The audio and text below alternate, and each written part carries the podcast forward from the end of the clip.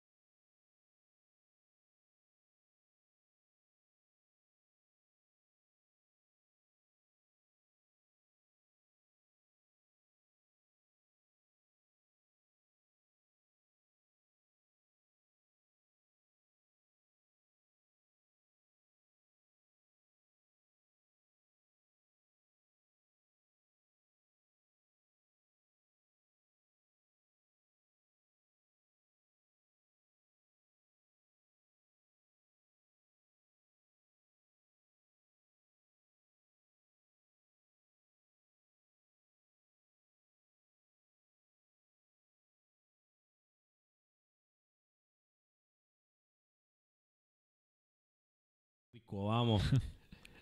Vreme je da počnemo. Ajde prvo da se dotaknemo nekih zanimljivosti. Može cepe. Da, da pričamo o tome šta se sve izdešavalo. Neki igrači su već jednom nogom van facilitija. Treba to reći. Šta, šta se još izdešavalo? Znači, prošli put smo pomenuli da je Bobby Wagner uh, se razišao sa Ramsima, umeđu vremenu krenuli su da ispituju trade za Jelena Ramsija. Koliko Da. ti je to bilo očekivano ili ne Malo očekivano? iznenađujuće, iskreno, ali Ja sam mislio da to... idu opet na, Tako na neki uspeh. Rebuild. Jalen do duše treba da dobije novi ugovor, ali prošle godine u finišu je odigrao dobro. Mislim, on, možda je ova godina bila njegova godina uspona i padova, jer ih je imao. A počelo od prošlogodišnjeg play-offa. Malo i tu ispada i protiv Bucksa i protiv ovih Bengalsa, Bengalsa, kraju, isto. Da. Pa prva utekmica protiv Tako. Billsa, ali odmah nakon toga je bilo nekoliko dobrih odgovora. Posljednji meč je bio, posljednjih par utakmica su Ramsi meni bili skroz ok i Jalen je tu imao na jednoj utakmici dva interseptiona. Bio i dalje ono top 5 ocenjen corner, kako ne, top, top 3 možda za njegove standarde je bio ispod proseka, ali opet to je, i to je bud- dalje top 10 cornerback u ligi. Jeste. Ako bude bio tradovan, da, šta misliš o Ramsiju? Mislim, onda meni deluje da oni nemaju neke ambicije. Mislim, njega će utopiti za pikove, to je možda nešto što im treba, pikove koje su dali za njega, ali Tako dobro, ovaj vidjeli su, su uzeli su Super Bowl. Sada, ako bi ga negde poslali, da li vredi onoliko koliko je vredao kada Ne. su ga doveli, a? Ne. Možda dva pika?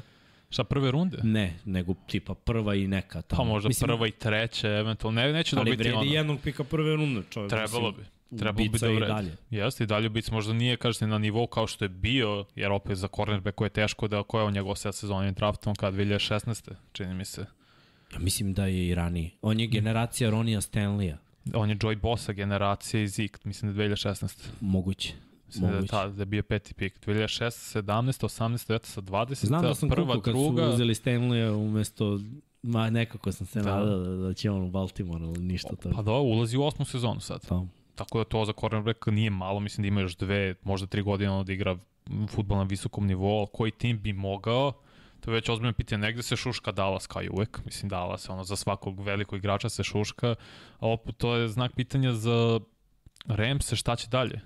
Oni Da. hoće vrate Bakera, to sam isto pročitao da su treneri i igrači baš zadovoljni s njime da, Da. žele da se vrati, da možda može se bori za startnu poziciju, pa to ja mislim. ali da li to znači da je onda ovo neka vrsta Čekaj sekundu, rebuilda? imamo ovde uh, Aha. da se zvuk nešto ne čuje, da je prikazano da nije bilo zvuka. A, znaš šta kako, Pero, možda kad pusti, imaš uh, scenu thumbnail sa zvukom, pa to pusti, možda je tad, možda samo, možda kad je bio thumbnail, bio je onaj bez zvuka. Ljudi, ajde sada, da, ne, da li nas čujete ili ne? Sve nas čuju sad. Da, moguće. Da, da, mislim samo zbog thumbnaila. Thumbnaila, da, da. Dobro, dobro. Ajde da kažemo, javio, valjda nas čuje, valjda nas čuje. Čuje, čuje, čuje. Mi smo ovdje ispričali sve ovo o Jalen Ramsey-u. Ne, to su čuli, ma da, to su čuli. Mislim da je samo zbog thumbnaila bilo. Evo ovde priče, postoji priča da tradamo i Donalda, Coopera Kappa i da radimo full rebuild, ali sumnjam u to. Dobro. Pa ne, verujem ja da će, Ja. le, to su legende sada. Znaš šta, meni je bilo u glavi da će oni dovesti još neki igrače, Mhm.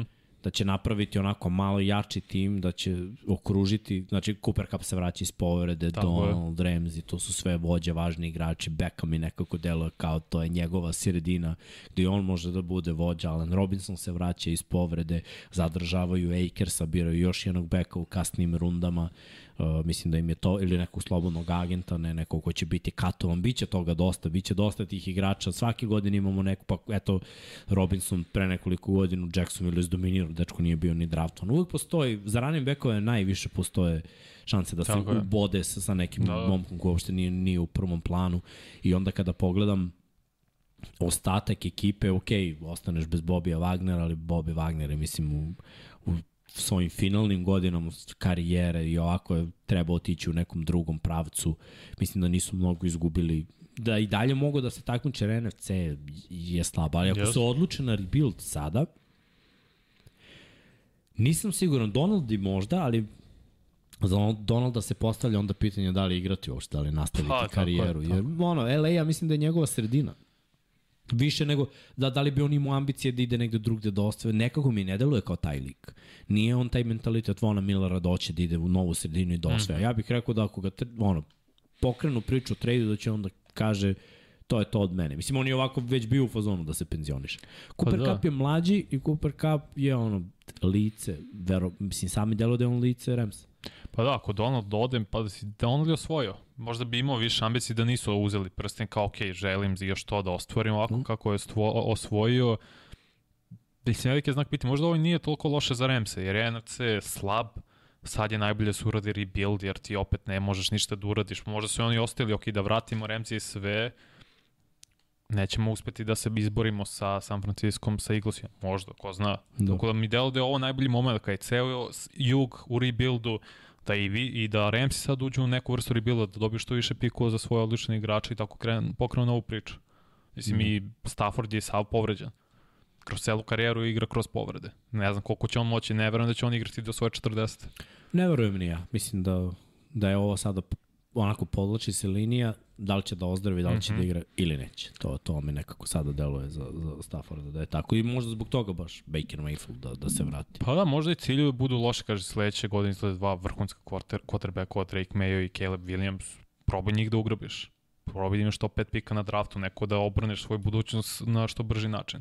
Jer do, za sada i da vratiš sve, ali nećeš, izgledaš je Bo, Wagner otišao, možda traduješ Remzija, nemaš sad nešto da tražiš u NFC-u, pored Eaglesa, San Francisco i vidjet ćemo dalje koga. Ništa, ljudi, ajmo neki like, malo da se pokrene. Algoritam. Da, da, za sada mi niste onako u elementu. Dobro, ovo jeste malo kasni termin, ali moramo da ispoštujemo. Moramo da ispoštujemo. Uh, šta je još? Čekaj da uđemo u ove vesti. Derek Carr definitivno ide dalje, bio je na razgovoru sa Saintsima. Opet, tako je. Šta misliš, drugi sastanak, je ti to deluje pa kao mi, srećni koliko, brak? Pa ne znam, dalje mi deluju Jetsi kao favoriti, ako ne potpišu, ne tradu za Rodgersa, tako se i piše po dosta izveštajima i sve, da su oni favoriti za Derek Carr, ali ja da sam Carr išao bio u Saints. Išao bio slabio konferenciju, išao bio tim koji ima pika u prvoj rundi, imaju i Jetsi naravno, ali opet, Jug je mnogo slabiji, imaš samo nekoliko dobrih quarterbackova koji treba da se brineš, možeš mnogo lakše se izboriš za playoff nego u AFC-u. Tako je. Otvorenije, mislim, divizija je potpuno otvorena. Da, da. Baš me zanima šta će tu da bude. Takođe kažu da Giants i Daniel Jones 45 miliona traže čovjek. Dobro li sada kažu da, da su pregovarali, da su mnogo bliže ugovoru. Pa da, ali... To, to su neke posljednje vesti sad. Čuo sam i ako od njega potpiše na duži ugovor da će te, uh, uraditi franchise tag na Saquon Barkleya koliko će njemu to se svidi, to je ogroman znak pitanja. Pa znaš šta, možda je i logičnije da urade franchise tag na Barkley, prvo manje kinte na tagu, Jeste. jer prosečne plate running backova su znatno manje, drugo, mislim dve godine je bio povređen. Istina. Danny, kakav god bio, igra tekme. Sekuan Barkley, eto, prošle godine i ruke godina, to su mu dve godine u tako, njegovoj karijeri koje je odigrao u fullu. Ovo ostalo, nije bilo dobro. Naravno, nije on kriv što se povređivao i sve to, ali kada želiš da platiš running back onako pipavo je zbog tih povreda. Čak i ovi koji su zdravi sve vreme, eto ko na primjer Elliot koji je sve vreme bio zdrav pre nego što je dobio ugovor, kako je dobio ugovor, krenulo je da pada produkcija i krenuo i on onako, to su sitne povrede, on igra kroz to, to je lepo, to je šmekerski, ali Produkcija nije, nije tu. Nije opravdao Pa tu ti znaš najbolje i pričamo stalno o running back kad krene na dole sa formom i sve redko koji se vraća na gore ponovno. Mislim, ja ne znam da li se iko nekad vrati, ne računam Adrian Peterson nakon povrede, jer je i pre toga bio zver, on je samo bio povređen jednu godinu celu, pa je se vratio na MVP nivo. Pa da, ti. eventualno promena sredine. Znaš. Naprimjer, meni je Reggie Bush bio dobar primjer. Reggie, ono što smo očekivali od koleđa nismo dobili u NFL-u, ali svaki put kad je menio ekipu u prvoj sezoni s drugom ekipom je imao 1000 yardi. Mm -hmm. Otišao u Miami, 100 yardi, otišao u Detroit, 1000 yardi. U tim prvim sezonama reč je dominirao. I mislim da kažemo da je to ono, ono igra loše, pa op, dobra godina, pa opet loše, pod nova ekipa, dobra godina, pa opet loše, ali opet mislim da koliko da hoće... imamo tih unikatnih mm -hmm. talenata, kao što je Reggie. Mislim da hoće neko Zika potpiše ne za ovu cenu. Baš da. je, naj, on je trenutno najplaćeniji running back u ligi, mislim nije više to. Je okej, okay, možda će imati 1000 yardi, imao je prošle godine, za ne, ne, pred, pred dve sezone zapravo, ali to je 17 utakmica. Mnogo. Pa to nije, nije više isto to. I to mu u poslednjem utakmici mu je trebalo 80 yardi da pređe tih 1000. Baš me zanima ovaj, da li će Pollard da se oporavi i da li će zadržati. Mnogo tamo. jezivo povrat. To, to me baš zanima. E, jer... po meni neće, vidjet će ljudi posle, ja imam što drugo na umu, da oni draftuju, ali ja bi katovao Zika, do sej par. Ja sam svesan i da njega i obožava Jerry Jones i on ga i draftovao i sve i sve. On svoje igrače mnogo voli, ali moraš nekad da odradiš taj teži posao i katuješ zbog dobrobita tima samog. Da. Dok videli smo kako se zove trener, sam mi stao mozak, uh, McCarthy je bukvalno bacio pod autobus ovog uh, bivšeg sada, ovog sija Kellen Mura. Kellen Mura, da. Hteli smo više da trčimo, a to uopšte... Lepo se treba, lepo sam on snašao i... Ne, on se top to... snašao, nego McCarthy prosto lagao, oni su imali, šesti su bili po trčanju. Da, da po broju nošenja, to što nisu imali, što su bili tipa 18 i po broju yardi po nošenju, to nije na muru, to je no. na Pollardu i Ziku. Može McCarthy mnogo da priča, ali činjenica da su više trčali u Dallasu nego za sve one godine kad je on bio, osim u jednu stvari, sa Eddie Laceyem u, u Green Bayu. Oni kad su uzeli Super Bowl, Green Bay bio 24. Da, da, ne, tad uopšte. Nego posle su imali Lacey, pa su krenuli malo ne, da, jes, da trče, nego, ali nije bilo ni pri... uvek je bio kritikovan. za, baš zato što nema, nema smisla šta je rekao, kaže, ja sam A. teo da se više trči, ne da dajemo što više poena. Pa dobro. Prodaju, prodaju manj.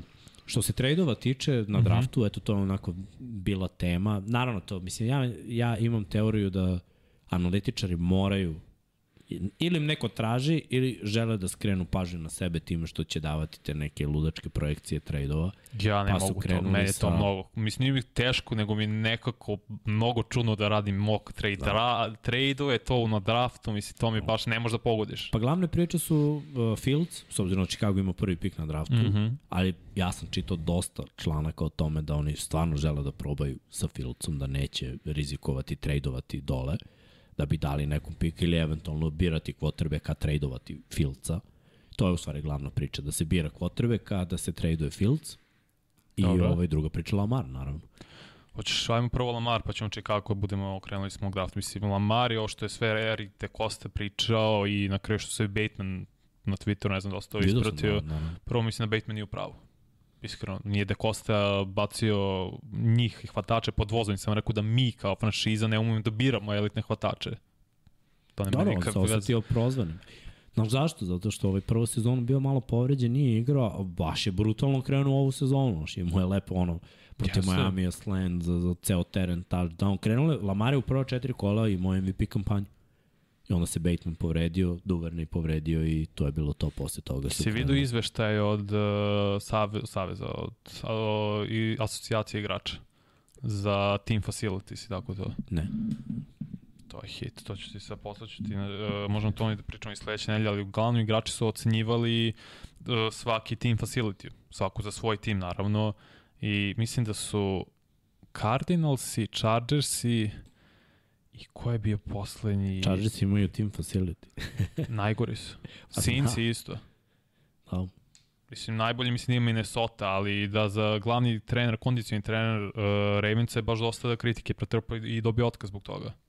Tako da mi je ovaj prvi put da su javno iznali svoje mišljenja. Nije prvi put, ovo je drugi put. Uh, prvi Jel drugi? Put, da, da ne, ne on dobio otkaz, nego strength and conditioning coach. Ne, ne, da su javno izašli uh, uh, asocijacija igrača da je javno izbacila ove kao pol ili anketu za, mislim, to su radili ranije glasne, samo je prvi put sad izašlo u medije. Pazi, 2015. mislim da je bilo, mm -hmm. znači Terrell Suggs, Poke Dahilovu, Steve Smith, Poke Dahilovu, Jimmy Smith se povredio tako i još neko je. Još neko to je bilo i pre dve, tri godine isto za cornerbackove kad su... Znači, oni su i, i neko iz ofenzivne linije se isto povredio. Znači, to je bila takva katastrofa da sam ja bio vozano, šta ove ljudi rade, kako se spremaju za sezonu ako ti imaš 3-4 igrača koji kidaju Ahilovu, da, da, da stradaju toliko tetive, mišići, nešto se ne radi dobro, jer, ok, postoji nekoliko načina na koji ćeš da spremaš ekipu, ali futbol se promenio, ne možeš više da, mm -hmm. da se mhm. spremaš za sezonu kao što je to bilo nekad, ne može telo to da izdrži.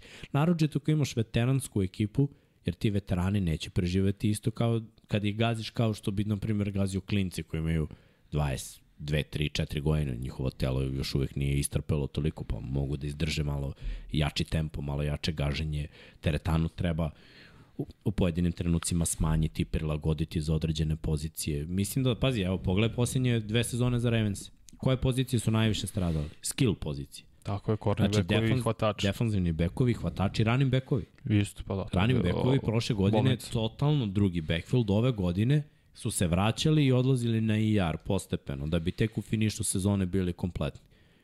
Znači, to nije dobro. Pritom se i quarterbackovi povređuju. Evo ti pogledaj osam koji su, pomožiš da pročitaš šta su ocenjivali osam stav, stavki. Dobro, tretiranje porodice, uh, nu, nutricizam, je tako bi rekao? Pa, da. Nutrition, dobro, koliko kakva je klopa. I gledao sam Steve'a Smitha kad je bio u Minnesota kako šta je ono, brate, Minnesota, tamo. kao oni su najbolji. Kak, kak, kakve obroke oni imaju, šta se ono radi. Teretana, uh, stav osoblje za snagu, training room, to verovatno spada i u teretanu i u, i u teren. Pa da, tako je. jedno tako i drugo, trening staff, znači ekipa koja je zadužena za treniranje, treneri, slačionica i putovanje. O, pa da, putovanja, i to je vrlo važno. Kakvi su avioni, šta se radi, sve to. Mislim, znaš šta, NFL bi trebalo da teži tome šta se radi u NBA-u za, za putovanje, jer ti si bukvalno ono čekiran iz slačionicu, ulaziš u avion Da, da, da. i već si ono na, na drugom mestu. Ali da, postoje ekipe koje, to su, znaš šta, ekipe koje Pazi, ili su Minnesota, mlade franšize, mm -hmm. ili Mhm. su mlade franšize, ili su neuspešne franšize koje nemaju tu kulturu kao što ove neke stare imaju. Naravno da ti Minnesota koliko god nije preterano uspešna, treba ipak reći da kad pogledaš sever i Minnesota jako dugo postoji kao franšiza i samo na izlazak sa onih terena i ulazak u ovu novu arenu podrazumeva da je facility brutalan. Dallas oni su, takođe. Oni su je njihov. svakom dobili ili A minus ili A plus ili A. Znači ispod Da. toga nisu dobili kao ocenu. Pa gledaj, koliko je star teren. Ajde da krenemo od toga. Nov teren, Možda četiri godine, pet. facility. Mislim, sve je to napravljeno moderno. Pazi, ja kad sam vidio na LSU, kakav je O, facility. bolno. College ima bolje. Brate, Alabama, LSU, ne samo oni, oni imaju bolje od većine NFL da, timova. da, ne, ali LSU kad sam vidio, na- pa vilica mi je ispala. Znači, bio sam u šoku. Znači, baš sam bio u fazonu, da li je moguće da college ima ovakav facility? Pa, a znam Ima, ima. da neki NFL timovi ne mogu da prismrde LSU. Znači, po onome što sam vidio. Tako da, Ne, ono, pa mislim, Jackson je imao problem s pacovima nekoliko meseci. da, Ne možeš zamisliš to, imaš problem s pacovima. Da, znaš klip ti si gledao? NFL tim. kad smo kod pacova, oplako sam. Likovi love pacove sa ovaj, psima i sa vidrom. Sa čime? vidrom, brate. Kako? Da, pa vidra može da se provuče. Vidra, mislim, isto K9. Može da se provuče tamo znao vidra gde lovi pas. pacove. Vidar lovi šta hoćeš, brate. Kad vidre, Brat. istrenirane vidre, brate, uleći kroz male prostore, samo ko pokida. Ja gledam ono i ne verujem, tipa ubili su fazon- gledao. Pa neki ranč, kao idemo istrbljenje, pa oni, brate, pobili su hiljadu i po pacova za, za Hriste. dan, brate. Znači, ne bi verovao šta je on. Kao, otrovi to nije humano, kao bolje ovako. I samo ih ređaju onako na poljani, ja gledam. Sad kad si opomenuo, čovjek je mogao da da kintu da dovede. 4-5 bukvalno. vidri. Pa bukvalno, mislim, to je stvarno strašno. Ti si Užas. NFL franšize, stvarno imaš takve neke. Mislim, Commanders su najgore ubedljivo. Commanders i sad sam pročeo, Commanders i Chargers i Cardinals imaju najgore uslove po njima. Pa da, Znaš, pa su dobro. Ali pogledaj, mislim, franšize. Franš, uh, franšiza Washingtona već 30 godina nije na nekom nivou, Arizona takođe. No, Arizona je, mislim, zadnja rupa nasvirali u svakom smislu u NFL-u. Par dobrih sezona za njih Istina. Sa vrhunskim igračima, čisto da, da se stekne neki utisak da su oni ozbiljna ekipa, ali tehnički oni su uvek ono, samo dno NFL-a i onda na to možemo da Mislim, mogu tu da se stave. Chargers, znaš šta je problem kod Chargersa? Oni će dobiti najjači facility za par godina.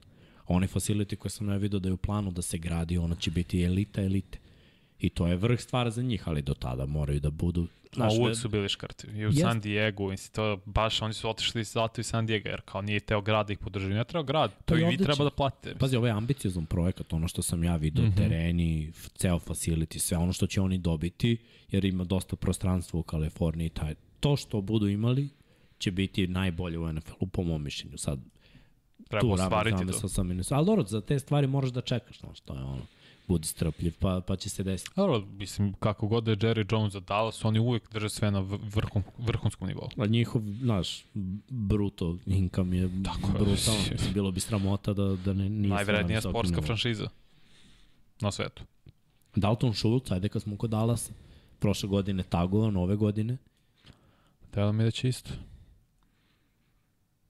Delo mi, delo mi da će isto, jer oni polako morat ćeš CD Lamba da platiš, Trevon Diggsa za par godina, Michael Parsonsa takođe, verovatno već naredne godine ćeš morati njega, tako da će verovatno biti tagovan, jer ove godine na draftu imaš tri tight enda, možda četiri koji, mogu, koji će ići u prve dve runde, možda ugrabe nekog od njih. Da. Kao im po ime potencijali budu kao Schultz, možda malo bolje. Ali opet- ovo je, ovo je takva konekcija već između Daka i Jeste, Schultz. To slažem se. deluje Oni su izašli iste godine, tako je. Je li draftovan Schultz 2016 sa Joj, Dakon? znaš da ne mogu da... Ne, nemam predstavu. Šulca sam primetio prvi put pre tri godine. Jer mm Mhm. hijerarhijski kako je napredovao, ajde da kažemo da se Vitem vratio jedne godine, da je Jarvin bio projekat koji je trebao da, Da, prođe, a Šulc je bio ono treći, četvrti taj ten i onda je samo odjednom počeo Dak da ga hrani loptama i da hvata sve, pritom je solidan bloker. Nekako mi je delovalo da, da to sve okej. 2018. 18. da, pa to ti kažem, kasnije. Četvrta Meni je u runda. glavi on samo tri godine. Znači ova sezona prethodne i prethodne dve gde je dobio, ajde da kažemo dve godine na visokom nivou Mhm. za jednog tight enda i pre tri godine to bilo okej, onako pojavljivao se. Sad je već, mislim, vreme da se naplati. Trebalo bi bar da, da razmišlja o tom. Što se tiče hvatača slobodnih agenata, znamo i da će tu biti Cardinals se pokušavaju da traduju od Andrea Hopkinsa, od Del Beckham je slobodan agent. Hopkins iće za pika druge runde. Neće naravno dobiti ono što su oni dali, ali okej, moraš neki draft kapital da vratiš. Da, ništa se nije desilo, nije im se to baš isplatilo. Pa nije povrede na kraju i bio suspendovan Hopkins zbog korišćenja ovih nedozvoljnih substancija.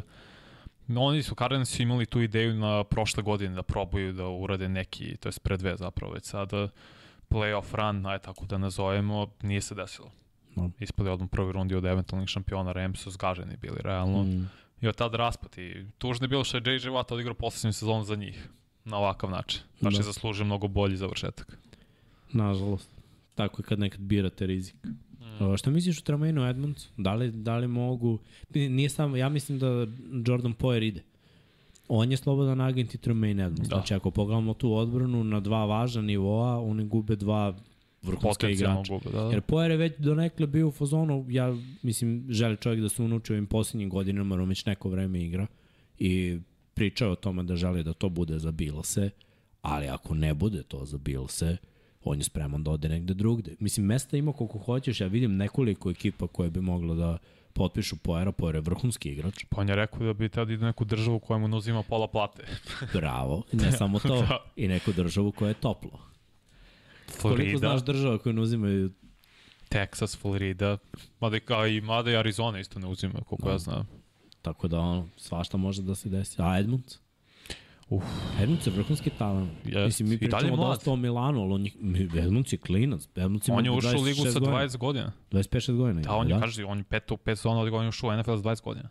Dečko ima ispred sebe još godina i godina vrhunske produkcije. Pritom je onako malo u senci mm. Milana, a neke stvari on radi vrhunski na terenu. Pa nemaš ono da onakve fizičke predispozicije sa 195 i 120 kila, 125 kila baš da zameniš tek tako. Da li, naš pokretljivo za tu Jest. masu, to, to je ono što me oduševlja. On mi je jedan od najboljih, ajde ako pričamo o najboljim slobodnim agentima na safety to je Poer, na mm. -hmm. linebackeru, definitivno Edmonds. Edmonds, jest. I Bez obzira što je Bobby Wagner bio ocenjen kao najbolji, moramo da uzmemo i dugoročno.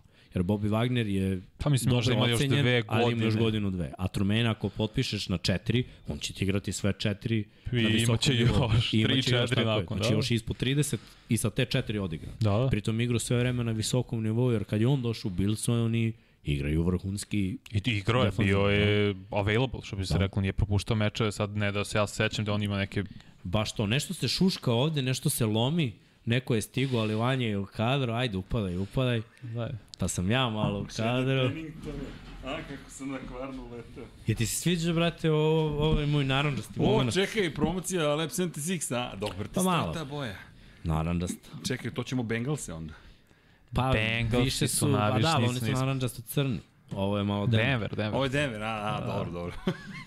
Ste živi ljudi, izvini. Yes. Vanja, oprosti. Zašto? Dakle, Sve večeras okej. je Vanjin mog draft. Ja sam do sad bio, ali jurio sam lovac na novac. Dakle, potencijalni sponzori.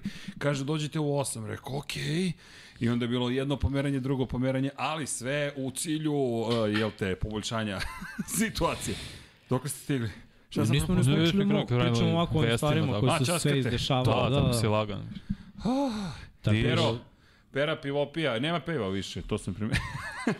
Pera nije probao, si probao makar sek, Pero. Ne, dobro. Pero, mo, može jedan kadar da se zahvalimo Čika Miletu. Čika Jao Mile je promovisao sek u svom podcastu, pa ko ne prati Jao Mile podcast, košarkaški podcast, gospodin Mile Ilić Najveći gospodin koji ulazi ovde, bukvalno. Ja svaki put ovako držim glavu. Pozvavam sam, ćao Mile. Znaš kako je to bilo zabavno u sredu? Da. Ne, ne smem da otkrivam ko je gost bio, ali Aha, aha. ali- pratite, pratite podcast, vi ćete Da, oduševi. mislim, ne, ne, Mile je car. Mi- Mile je stvarno gospodin. I, Znaš šta, bilo je ovo 3 A? sata i on kao je ti bilo dugo, je rekao, brate, da je bilo još 2 sata, verovatno bi se da bi slušao još 2 sata. Ne, ne, bilo je super. I, i u nekoj poslednje epizode mislim ima pola miliona pregleda ili tako neko ludilo. Tek će, tek će. Kida, Mile. Zale, za, zaleću se podcast, polako, ali Nek, sigurno. tek smo krenuli. Da, to je dobro. Zato udrite like. Dok je Miksa u kadru, do, Da. dok sam ja u kadru, kogoda je u kadru, Pozivali dok je smo Vanja u kadru. Pozivali like, smo. danas I? nam je...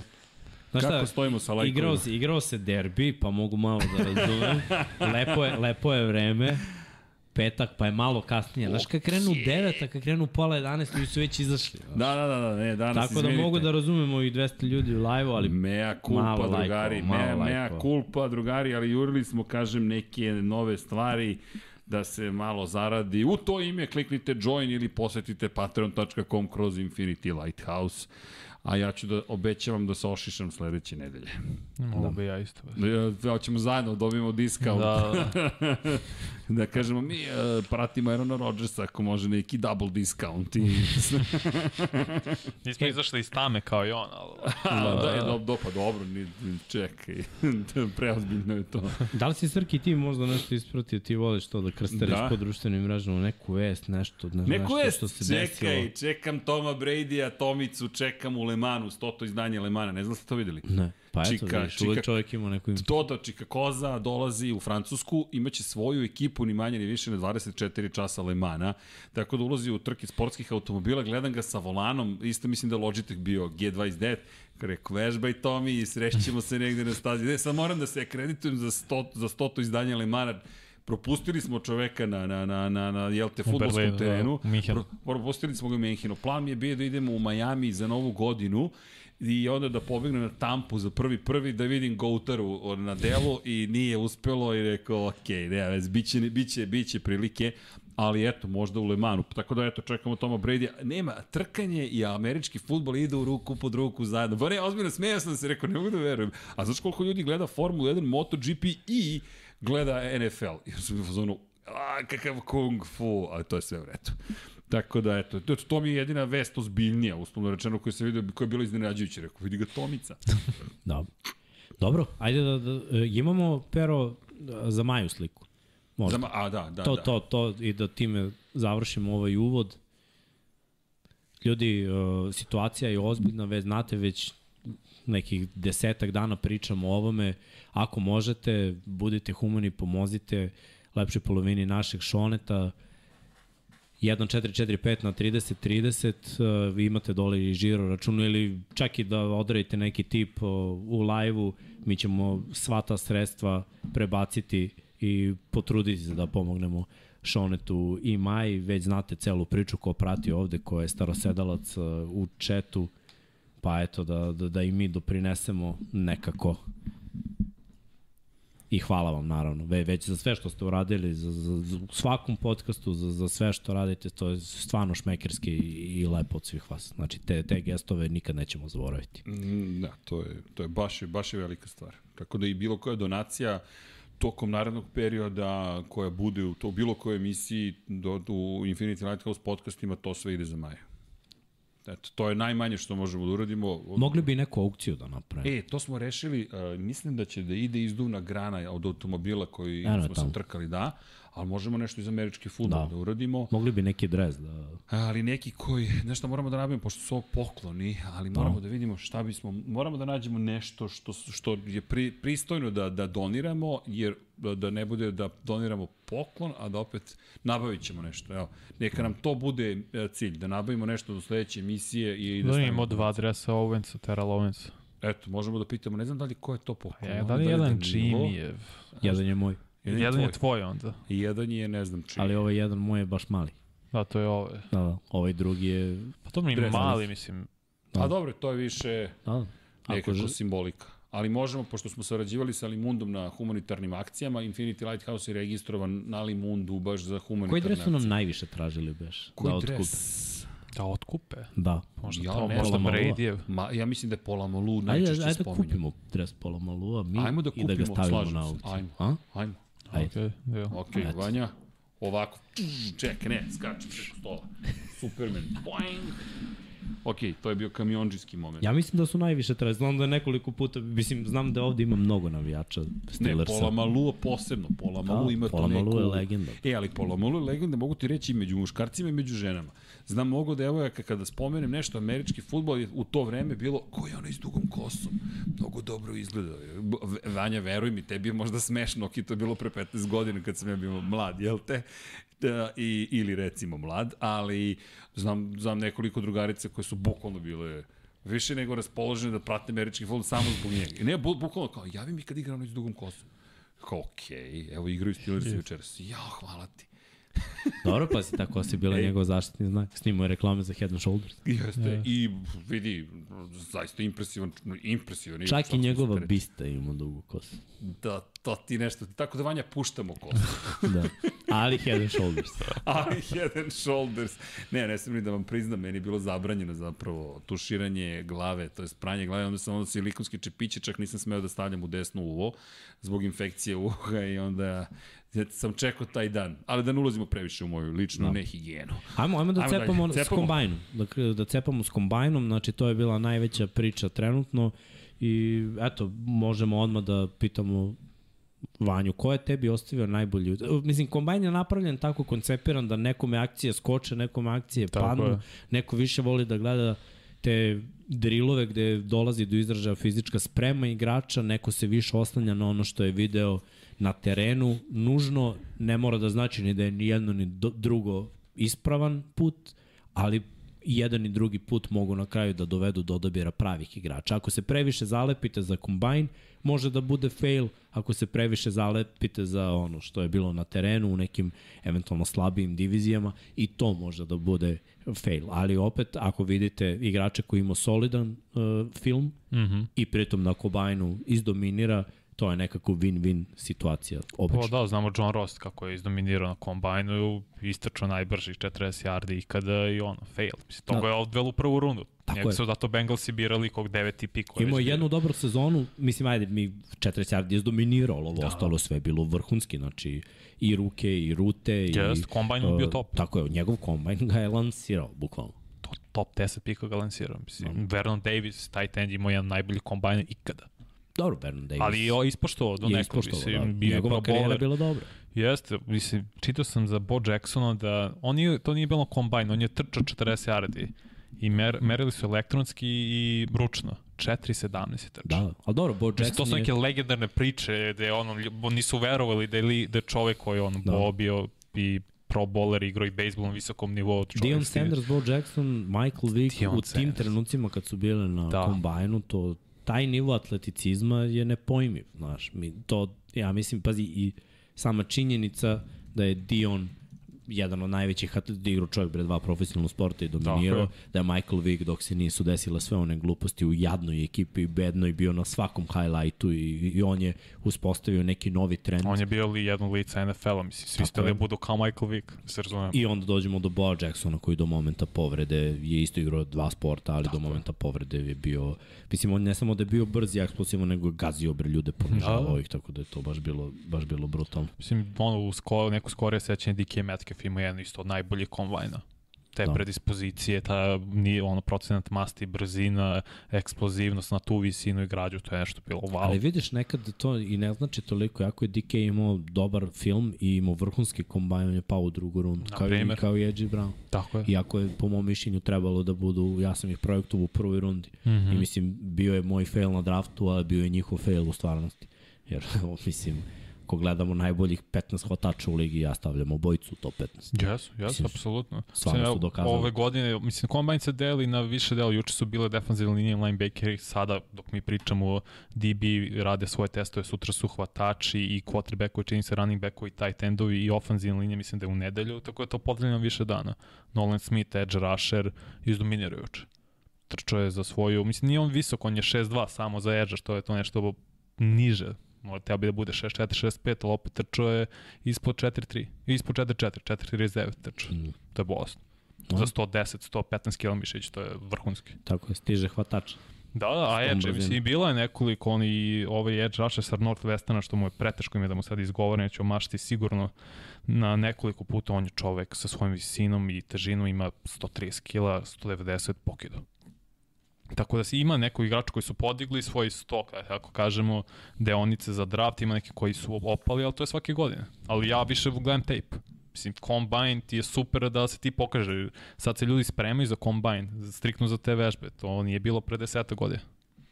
Sad baš. Se baš imaš trening da se spremaš da bi trčaš 40 jarde, bi digo što više iz benča, bi skočio što više. Pa znaš šta, i i gledao sam ovaj, da olimpijci, bivši osvajači medalja, mm. -hmm. učestvuju u treninzima Tako je. skill igrača. Znaš, ti, ako, te, ako ti savete na sprintu, korake, uzlaz, mislim, ja sećam mi kad smo trčali, mislim, mi prvi put je bilo stajanje na liniju i vuci pun sprint. I onda je došao Ruben i bio je u fazonu kako su nama govorili šta treba da radimo, mislim, pazi, on je prošao i kombajn i, i, i sve, sve te pripreme, ali nije radio s nekim individualno, on je samo bio ono nadaren atletski i došao je na stazu i rekli su mu bolje će biti ovako. Meni nije palo na pamet, na primjer, da u prvih 20 yardi glavu uopšte ne treba ni da digneš i da taj uzlazni ugao treba da ti bude fazon Što niže? Ne, ne, zapravo ne. Zapravo bi trebalo da, da kreneš od 45 i brzo da budeš na 60 stepeni i onda mm. -hmm. da se, ali do 20 yardi ti se ne uspravljaš. Onda kad se uspraviš, tu si dostigao punu brzinu i ideš dalje. Sad zamisli, uh, pošto mislim, znam iz atletike da se za sve te stvari broje koraci, da je sve to individualno, kao za rute. Znači, ja sam uvijek pričao kada treniram hvatače. Uh, kad mi neko kaže, na primjer, ne znam, 10 out je na sedmom koraku out. Možda tebi, meni nije, on veliki korak. Znači, meni je to peti korak ovom nogom. Znači, moram da znam s kojom nogom krećem, moram da znam tačno koji mm -hmm. je ugao. Kada trčim određenu rutu, tačno sam znao sa svaku rutu koja je to meni korak. Ja mogu da napravim neki adjustment, da napravim ono polu korak promenu ritma košarkašku, ono stani kreni, ali tačno znam svoje korake. Onda kad ih treniram, koliko njima znači samo što pričam o tome, znači ako vidim da ima sitnije korake, njemu dodam korake, razmišljam o tome i onda su rute mnogo bolje. I ti vremenom zaboraviš na korake, mislim, to ti posle postane normalno. Naravno Isto da tako kao u sprintu, 40 yardi za, za svakog čoveka je drugačije. Kako pravite prve korake, znači koji idu u stranu, da, da, da bi krenuo sa, sa koracima koji su napred, mora da znaš tačno koliko ih ima. Mislim, u svakoj disciplini atletskoj ti imaš određeni broj, skačeš u dalj, možeš da skačeš na različiti broj koraka koje napraviš iz punog sprinta. Skačeš troskog, tačno znaš kad ti je prvi Tako odraz. Znači, za svaku tu disciplinu postoji određeni broj koraka i e, tehnologija je otišla toliko i rad sa klincima je otišao toliko. Ti kad pogledaš današnje sprintere, čoveče, znači, pored je lik sa laptopom, ovako ko Srki, daju nam ovaj full, evo ga, Srki s laptopom, koji ovde ocenjuje pod kojim uglom, razumeš, jer ti kad odradiš jedan sprint, trener je već video, aha, evo koliko si pogrešio, tri stepena, na primjer. Gledao sam kako se radilo sa Sejnom Boltom, na primjer. Kada su dolazili do onoga, aha, uh, pošto je on imao jako slab start zbog svoje visine. Nadoknađivo je to drugim stvarima, ali toliko su gledali kad je oborio svetski rekord, njegov uzlaz je bio idealan, pod idealnim uh, uglom što se tiče stepeni. Za, zato je izdominirao, onoliko da je mogao se sprda posle 20 metara. 9,58, Da, ali, da. pazi, oni mogu još brže. Da, da, da je ono bio ozbiljan do kraja, celih 100 metara. Ali toliko je sve bilo idealno u toj trci, uh, ako gledamo taktiku i tehniku, mm. -hmm. Da klinci sada sve to više i više primenjuju, jer budeš pametan. Mislim, ti ćeš dobiti kintu ozbiljno i ideš u NFL. Uloži, brate. Uloži nekih Jest. ono 100-200 hiljada, plati tog trenera koji ceo život trčao sprinteve, neka te spremi za 40 yardi, jer ćeš ti verovatno, da, danas je tako, evo neko je pitao koji je procenat da ti poboljša akcije, da odeš na, na kombajn i da iskidaš 40 Trent. Simpson, linebacker, će vrlo vratno sad biti prva runda. Imao je super juče kombajn i brzo je bio i u ovim određenim drilovima i pogotovo kad je išao pozadi pa se vraća i imao dobre snalaženje s loptom. Odradio super posao. Što sebi je, ja mislim, obezbedio mesto u prvoj rundi. Iako linebacker ove godine nisu ništa vao, može se biti 1-2 u prvoj rundi, on će biti jedan od tih dvojica sigurno. Tako je. Imaš Veliki par, college, odradio super kombajn, dobar tape, to je to. da, još par drillova, tu iskida i... Bill da je Anderson, dovoljno. koji će možda biti prvi pik na dartu ili top 5, sigurno on je otišao i takmičio se. Za njegovu poziciju za edge za tu visinu imao je pristojno vreme, 4-6. Da. To je okej. Okay. On, je, on se takmiče sa linebackerima, on je edge igrač, nije linebacker. Da, da. Tako da je on pokazao poprilično bio dobro na drillovima, samo je za mene zacementirao svoju poziciju kao top 3 igrač. I to je to, to dovoljno je da to uradiš. Ni on nije morao da ide na kombaj. Jer Da. već znaju svi svoj njegov tape, tako da on. ali vole da kada odu mladi igrači prospekti da se takmiče sa drugime, to baš radi kod NFL GM-ova. Da, pa između ostalog. Znaš, i opet, to je ono velika scena, na, Jeste. vidiš, pompa je velika, mediji su svi tu i tu su ovi bivši igrači i sve to to nekako lansira u žižu interesovanje. Ti ako ne ideš na kombajn, ti bi trebalo da budeš ono, Joe Burrow, da bude toliko izvesno da si ti ono najbolji igrač prvi pik na draftu, onda možda kažeš ne treba mi to. Tako je. Znaš, ono, videli ste na filmu, bio sam Heisman osvajač. Svi ostali, naročito skill igrači, velika je konkurencija da bi neko rekao neću. Ja očekam i hvatače, jer ovde nema neko ko je ono broj jedan hvatač, sigurno. Ne možeš da I to je omašiš. razlika, tako je. Kad imaš, i, pazi, čak i kad ih imaš dvojicu, trojicu, svi će doći da se dokažu. Tako je.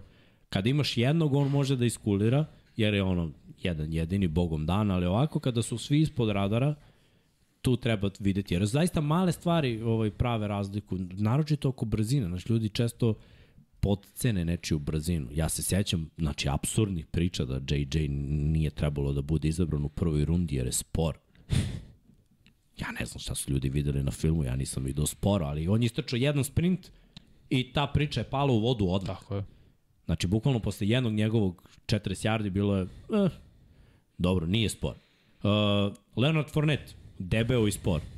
Došao je sa 10 kila viška, 10 funti viška. Da. Stao Borazer, istraču 4-5 i rekao, neću više ništa da radim, nisam spor. Dovoljno. I niko ništa nije mogao da mu kaže izabran u prvoj rundi. Mislim, a znaš, to, to je kad skrenu te priče, znaš, kao krupanje i sporije te si ti vidio da je on spor. Kao to je neki subjektivni osjećaj dok si ga gledao kako trči svoj dva, 25. nošenje na utakmici istrčao sporije. Pa Da, da, izvoli, da, da, da. izvoli istrči 15 nošenja pa da te vidim kogo si brz. Pa pazi, Bryce Young neće dodavati sutra što je meni baš šteta, ali na tab, on je na kombajnu, on je na tabli pokazao neverovatno znanje. Sve trenere, general menadžer, draft, scout, šta god, on je oduševio svojim znanjem na tabli, na tim testovima, na razgovorima i to je njemu dovoljno. Kao, znate kako ja da odem, znate kako igram, osvoj sam Heismana pre dve godine, Kako razmišljam. ali to je bilo bitno. To, to. Kako će on da razbije odbrane, oni su postavili određene defanzivne šeme, on ih je sve provalio. Da. I to je radio ovaj, za 5, za 10, kako god hoćete. Tako da on neće dodavati sutra, ali ovi ostali, Will Levis koji ima raketu u ruci, Anthony Richardson koji počne na Cam Newtona ima raketu, oni moraju se dokaže jer su neprecizni. I sad moraš na tim dodavanjima, još na kombajnu ako budeš top, ok, kao ovi su ozbiljni quarterbackovi. Da. Vidjet ćemo, svakako očekujemo dosta igrača na toj poziciji da bude izabrano, jer ekipe kubure, ako ne u prvoj rundi, onda u prve tri runde definitivno. Ali, ajde, šta, pričam ja o tome što mi očekujemo kad vanjem spremljen mok. Čekaj, ne spreman, nego Vanja. Vanja, Dobro, Dobro, ja ej, čutim, nema, to je njegovo. ja čekam, bukvalno, zato se zove Vanjin mock draft. Dakle, Imamo meni miksenu čovjek po školu i ovog- mok. ne, ne, ne, Ne bukvalno, nema tu šta. Okej. To je temelj ove emisije. Ali bukvalno, ovo je Vanjin, Vanjin show. Ljudi, uživajte. E, ja volim kombajn, ja volim draft i Ne, prospekte, vidi, pratim. Tvoj osmeh da, na da. licu sve govori. Pisano 4-5 strane. Ne, a najjače mi kad dođe sa ovom sveskom. Osjećam se kao da je broj 1, samo što nije crna, razumiješ, ko zna šta unutra piše. Znaš ga, Ej, momak se spremio, pusti ga. izvinjam se. Hoćeš da krenemo? Ajde. Hoćeš ti da najavljaš koji. Ajmo. Chicago Prvi, Bears? da, prvi pik na draftu ovogodišnjem imaju Chicago Bearsi i ako ga ne budu tradovali, ako ne budu otišli dole i nekome predali tog pika, oni biraju prvi, a Vanja misli da oni biraju Vila Andersona juniora je. sa univerziteta Alabame. Vrlo prosto. Ja mislim da Will Anderson mogu da izađe prošle godine bio bi prvi izabran igrač. Toliko je poseban kao edge rusher. Podsjeća me na Von Millera, ne možda toliko sad, ti ćeš najbolje prevesti band, to da se Da. savija toliko, ali sve ostalo je tu. Ima 34,5 seka na Alabami. To je samo Derek Thomas, Hall of Fame, ima više od njega. Mislim, stvarno je, baš je poseban Pritom talent. ove su godine kada Alabama ne dominira, da se razumem. Da kažem, da. da. Nije ono kao imaju All-Star ekipu, pa se on Tako je. tu zeza, šeta i stiže do Ne, 10 uopšte. sekova po tekmi, Alabama zapravo nije relevantna posljednje dve godine. Pa i ove godine isto, mislim da neće biti puno odabranih igrača, pogotovo odbrane na Alabami. Will Anderson je stvarno poseban talent i Chicago je neophodan u neku defensivnu liniju. Da li će biti on ili Jalen Carter defensivni tackle sa Georgia, pričat ćemo u njemu, to je nevažno, jer Chicago... Imamo ovde komentar, izvini odmah kad si, da je Mhm. Jalen Carter uhapšen, jesi pročito? Jeste, ali je oslobođen zato što je za... Zato što je top 5 pika. Da. Ne, uh, to se desilo pre mesec dana gde se trka mislim, volim te ono rekles vožnje i sve i da drugi auto je na, nažalost udario nešto, otkotrlja su i poginuo je igrač i član uh, stručnog štaba. Mislim, nije on izazvao to da se razumemo, ali opet to je tako, grozno ponašanje i nepotrebno skroz. Jer je već imao uh, Slobo. Izvolite, izvolite. Ne, ne, Ja, imamo, vidi, imamo. A, imamo i to. A, pa čekaj, nisi skonto. Nisam vidio, nisam pa vidio, zato nisam vidio moraš ti da se vidiš, pa Ma, nema. lag. Ali Tera i kaš, ovde svašta radimo. top, top. Ne, ali kažete, to je ono, mislim, reckless driving, stvarno tužno zato što su dva života izgubljena. Kažem, ne njegovom krivicom, nažalost. Mislim, sva, to je sva sreća ne njegovom krivicom i os, on i on ništa ni uh, uhapšen je, odmah je pušten, platio je ka, ovaj, kauciju i sve, ali bez Mis- veze, ne, da. jeste Ajde, klinac. Posjećamo o tome, ajde da se zadržimo još malo na, na Willu Andersonu. Persima treba od Kalila Meka i Quina nisu imali. Queen je, da Tako kažemo, imao dobru sezonu, ne ovaj prošle. Kad su u. Chicago Bears znali da biraju nekog u napadu? Pa dobro, i to je činjenica. Nisu Mislim, dugo imali. Alshon Jeffrey, ja se stvarno ne sjećam poslednjih 10 godina su oni birali nekog kvalitetnog ofenzivnog igrača, vidjet ćemo šta je s Pa Matt Phillipsom. Forte je bio vrhunski igrač, ali Da, da. to je bilo i ranije. Da, nego hoću da kažem da to su te generacije od tada. Chicago Bears i dalje nisu imali quarterbacka koji ima preko 4000 bačenih yardi u sezoni. Pa, teško. U svoj istoriji Da. od 100 godina. To je suludo. To je mnogo, neverovatno. mno, mnogo igrača fale da bi oni to imali. Ali definitivno jedan od recepata da se dođe do balansa Mhm. jeste imati i dobru odbranu, oni su u play-off ulazili ne Jeste. zbog Trubiskog, nego isključivo zato što je odbrana zaustavljala protivnike i davala im dobre pozicije na terenu. Jer je. jedno je kad ti prelaziš 80-90 yardi, a drugo je kad imaš ono napad na pola terena pa pređeš 20 imaš field goal i ta dobra odbrana će da smanji pojene protivnika. Njima je odbrana u krvi, to im je Tako je. DNK, mislim. Uvijek su birali super odbrani igrači i tako će nastaviti i ovaj draft. Ajde da analiziramo, bez obzira što to nije u tvom oku, eventualni uh, trade down. Mm. -hmm. Ko bi ovde probao da ugrabi prvog pika Pazi, od Bears? Ja sam Bears i Houston sigurno, jako imaju drugog, jer su verovatno straha da će neko da ih preskoči. Ali opet da se Chicago ne bi išao ispod četvrtog, petog pika na draftu, što i Raidersima treba quarterback, Karolini treba quarterback, ali opet ako ti padneš na njihove A pozicije... kolcima? Kol, kolcima da, zato kažem, jer ako ti padneš ispod Seahawksima, treba neku defensivnu liniju. Treba i Lionsima. Ti potencijalno gubiš opciju da biraš ili Will Andersona ili Jalen Cartera. Da ne bi to hteo. Teo bi da ostaneš u tih top 4 ako je neko moguće. Tako Ok. okay. Colts i Texans, ja bi jedino s njima gledao neki trade. U situaciji da ne traduju pika, nego da traduju igrača, eventualno za Jelena Hurtsa, za bre uh, Justina Fieldsa, ovaj, koga bi onda Pa onda ko bi onda ugrabio, ko bi ugrabio Fieldsa od svih ovih ekipa koje Mm -hmm. Šta misliš, kome bi on mogao da legne kao startni quarterback? U kojoj ekipi? Pa ne znam da li bi dobili iskreno top 10 pika za Fields. Mislim da ne bi dobili. Da će pre neko, neko da izabere da krene sa novim quarterbackom. Možda Karolina, eventualno, pošto su ono imaju devetog pika i oni do, a do njih vidi da ćemo posle će možda otići svi quarterbackovi, možda Karolina eventualno proba. Ali Dobro. ovako ne verujem da će A dobiti ne misliš nešto visoko. kolci s obzirom da nekako Fields bi možda mogao da bude kao Hurts? Mislim da previše falinki imaju kolci. Jer CJ Stroud, ako biraju njega, je mnogo precizniji od Fieldsa. Nije taj fizički atleta kao Fields, a mnogo je precizniji Fields. Prosto sam vidio ove godine koliko ispod 60% Da. uspešnosti. I možeš da da... zamisliš backfield sa... to je, Sa Ali Johnom to- Taylorom i Fields. to je njih dvojica 3000 yardi. Pa da. Sa dobrom ofenzivnom linijom i, znaš šta, pritom trener kolca ima iskustva sa takvim quarterbackovima. Mislim, dobro, ajde sad da, da se... To je, Ne, to, dobro, to je neki ludački scenarij. Ajde, malo smo se dotakli Nema ih toga. hvatača, nema i taj ten, da moraš da dodaješ neko. Dobro. Uh, pik broj 2 imaju Houston Texansi po fanjenoj projekciji oni će izabrati Brysa Younga sa Alabama, quarterbacka. Najbolji Njima quarterback. treba quarterback. Uh, imali su epizodu sa Millsom, odradili posao, bili tu na dnu, ali pazi, bili su relevantni u 5-6 utakmica ove godine. Mm -hmm. Iako su izgubili, neke ozbiljne ekipe su namučili i mislim da ako ove godine odrade draft kako treba, pikova, hvala Bogu, imaju, oni mogu da naprave ozbiljnu priču.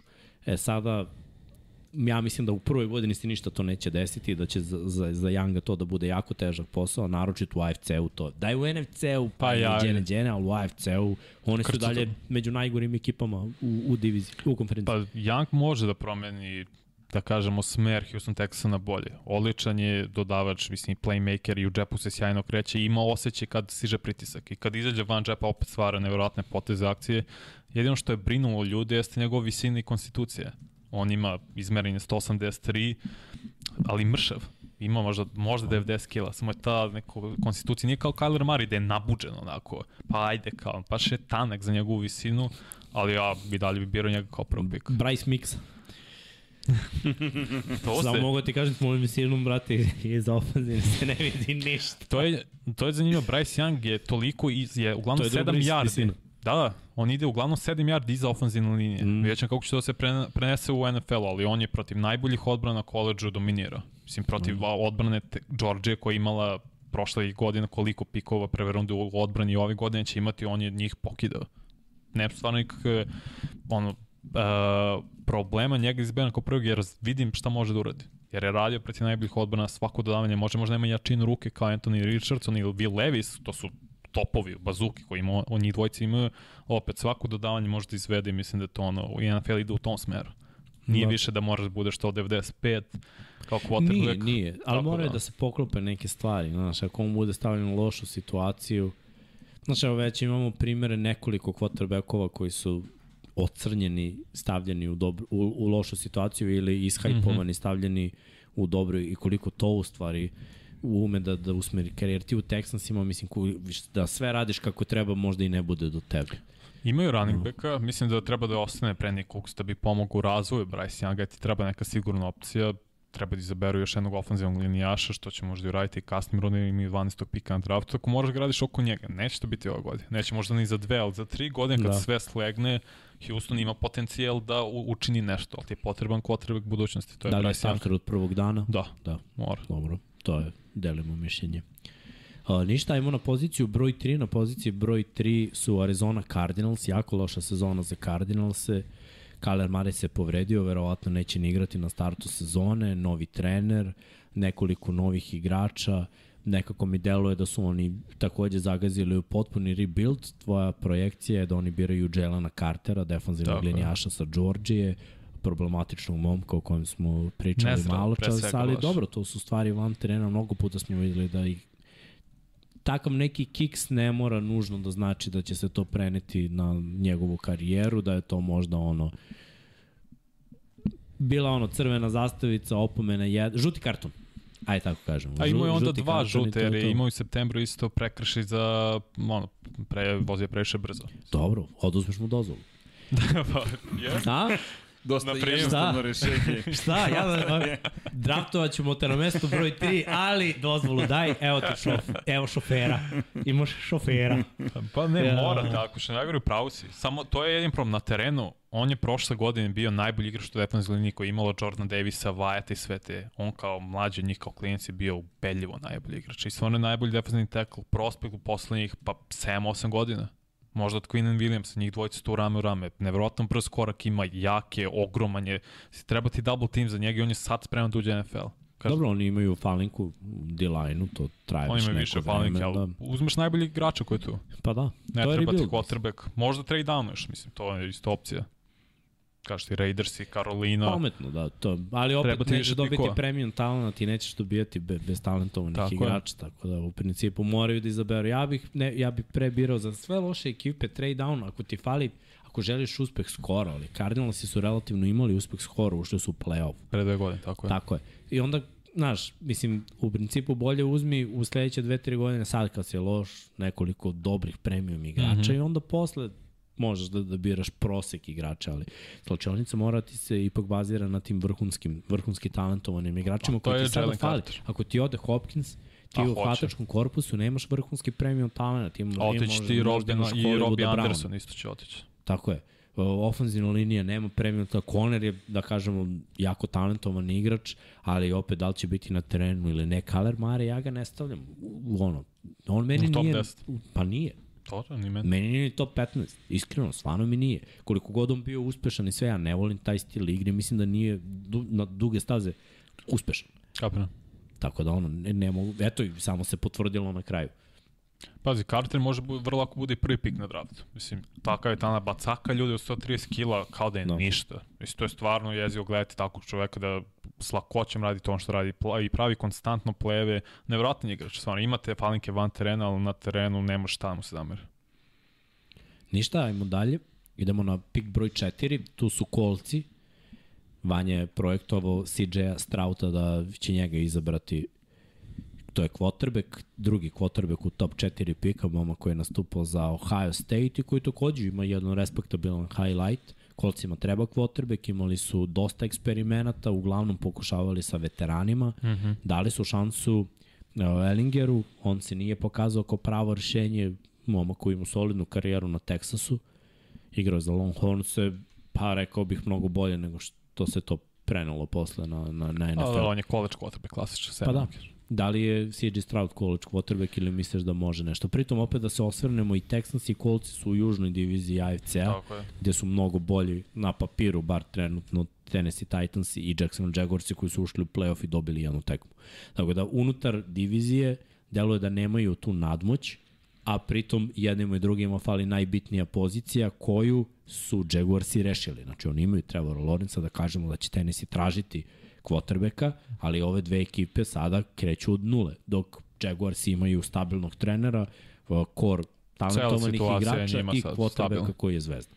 Pa da, mislim, CJ Stroud dvome se njega, između njega i Will Levisa, jer Stroud je vrlo precizan. Svaka ruta, kraća, srednja, duža, on je ultra precizan. Sad, da li je to proizvod igrača oko sebe, jer on imao, ili će imati zapravo potisnao pet hvatača koji idu u prvu rundu prošle godine su bili i Chris Olave i ovaj, kako se zove iz Garrett Wilson i Jetsa. Da. Marvin Harrison Jr. vrlo ako naredne godine može bude pik prvo, mislim da će biti top 10 pik. Emeka Ekbua takođe isto može bude prvi pik na draftu sledeće godine, ove godine Jason Smith na Jigba. Ti imaš pet hvatača u poslednje dve godine koji su prva runda. Mnogo ti lakši posao. Mislim, on je svake godine imao preko 40 plus touchdown dodavanja, što je impresivno i bio je uz Bryce Younga rame u rame najbolji quarterback u državi, ali nedostaje taj talent u ruci, taj top, ta snaga, on kaže, vrlo je predsa, ali nema to neko, ne može svako da mi da izvede. No. Imao je i vrlo dobru ofanzivnu liniju s obom, Pare Johnson je ofanzivni tako ko će biti prvo runda ove godine, znači, imao je sa kim da radi. Sad, da li to može se prenese na NFL, nešto slično kao Justin Fields, samo mislim da je mnogo bolji dodavač od Fieldsa, a ovo je mnogo bolje trči. Da.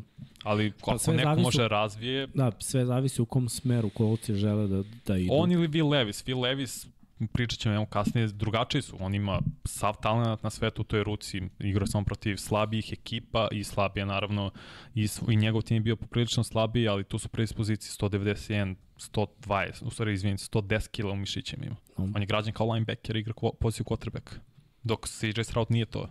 Da, ali znaš šta, opet sistem će reći mnogo toga. Nekada, ja opet nekad naginjam ka tim quarterbackovima krupnim, jakim sa topovima, mm -hmm pa da će on usavršiti preciznost, jer ti na koleđu ne treniraš kao u NFL-u, u NFL-u te, brate, smaraju za svaku sitnicu i vremenom dođeš do te preciznosti, naučiš igru, naučiš da su rupe i ne uspeju svi u tome, ali oni koji su istrani, koji su željni, kao Josh Allen, bio ekstremno neprecizan, sad je postao ono, bacač raketa koji je precizan. Ali može bude želo je, želo je da radi, tako je. To, to je jedan od kotrbekova koji može. Ali imaš kotrbekove koji su, mislim, kao Brees, koji nikad nimao jaku tako ruku, je. ali ono, cik-cak, cik-cak, cik-cak, Ali na liniji skrimidža no. odlično procesuira stvari, kao CJ Stroud. Stvarno mm. kad vidi, kad uđe u džep sve, on odlično vidi stvari i donosi brze odluke. Mislim, imao je šest presečenih lopti prošle godine, pre dve imao pet. Mislim, on je efikasan quarterback, ne pravi greške. Sad, no. da li to može se prenese na nivo NFL, to je pitanje, jer neće imati taj talent kao što ima na Ohio State. Neće, da to definitivno. Idemo na poziciju broj 5, Seahawksi biraju na poziciji broj 5, to je pik od Denver Broncosa, koji su Seahawksi tako pametno oteli. I sada imaju šan, znači ljudi su ušli u playoff, jako dobra uh, sezona za njih. Tako je. Uh, mi smo očekivali potpuni rebuild, rebuild je bio u play-offu, što je sjajno. I ako pogledamo sledeću sezonu, oni samo mogu da, da grade dalje, neke slobodne agente da potpišu. Meni miriše da bi Bobby mogao da se vrati i, i da bude jedan od linebackera. Oni Barton bi bili vrhunski tandem, pritom vraćaš legendu. Uh, Uh, imaju mlad tandem cornerbackova, jako dobar tandem. Ofanzivna linija se pokazala, dvojica ruki teklova. Tako je, uh, Trčanje je bilo mm -hmm. potpuni pogodak sa uh, Vokerom takođe. Gino odradio posao, mislim da treba potpisati Smitha koji je slobodni agent i šta je falilo nekako prošle godine, pa to fali već jedno 4-5 godina u Seattleu zapravo i zato mislim da, da si dobro ovde izabrao, da je njima najpotrebnije da izaberu edge rushera. Tvoj izbor je Miles Murphy sa Clemsona. Odlična kombinacija brzine, fizičke predispozicije, ono, ono uber atlet. Podsjećaj na Trayvon Walker od prošle godine.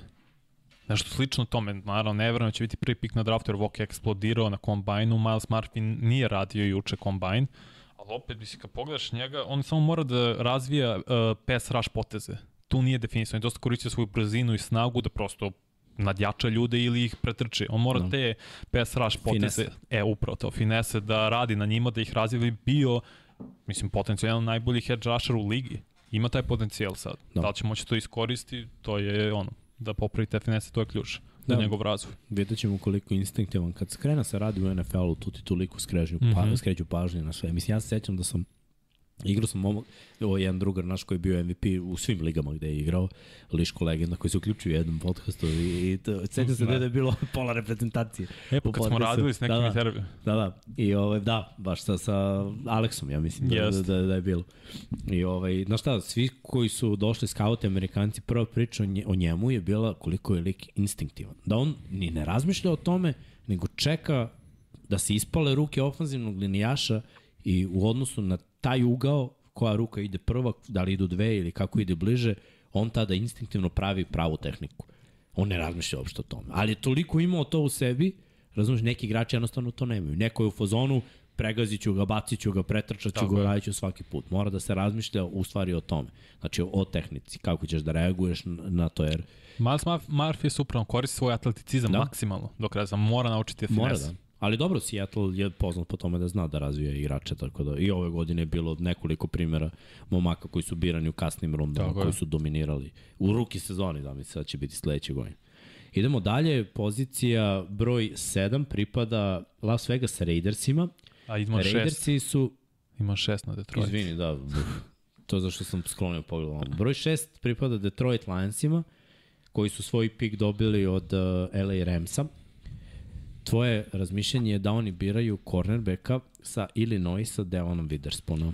Igra glavom poziciju. Igra nešto kao Richard eh, Sherman Darius, ali nema taj elitna talent, ali ima potencijal da bude shutdown corner. On sve akcije već na liniji skrimiča procesuira jer toliko ima tejpa i toliko već igra jer igra četiri godine na koleđu, zna svaku akciju već sad.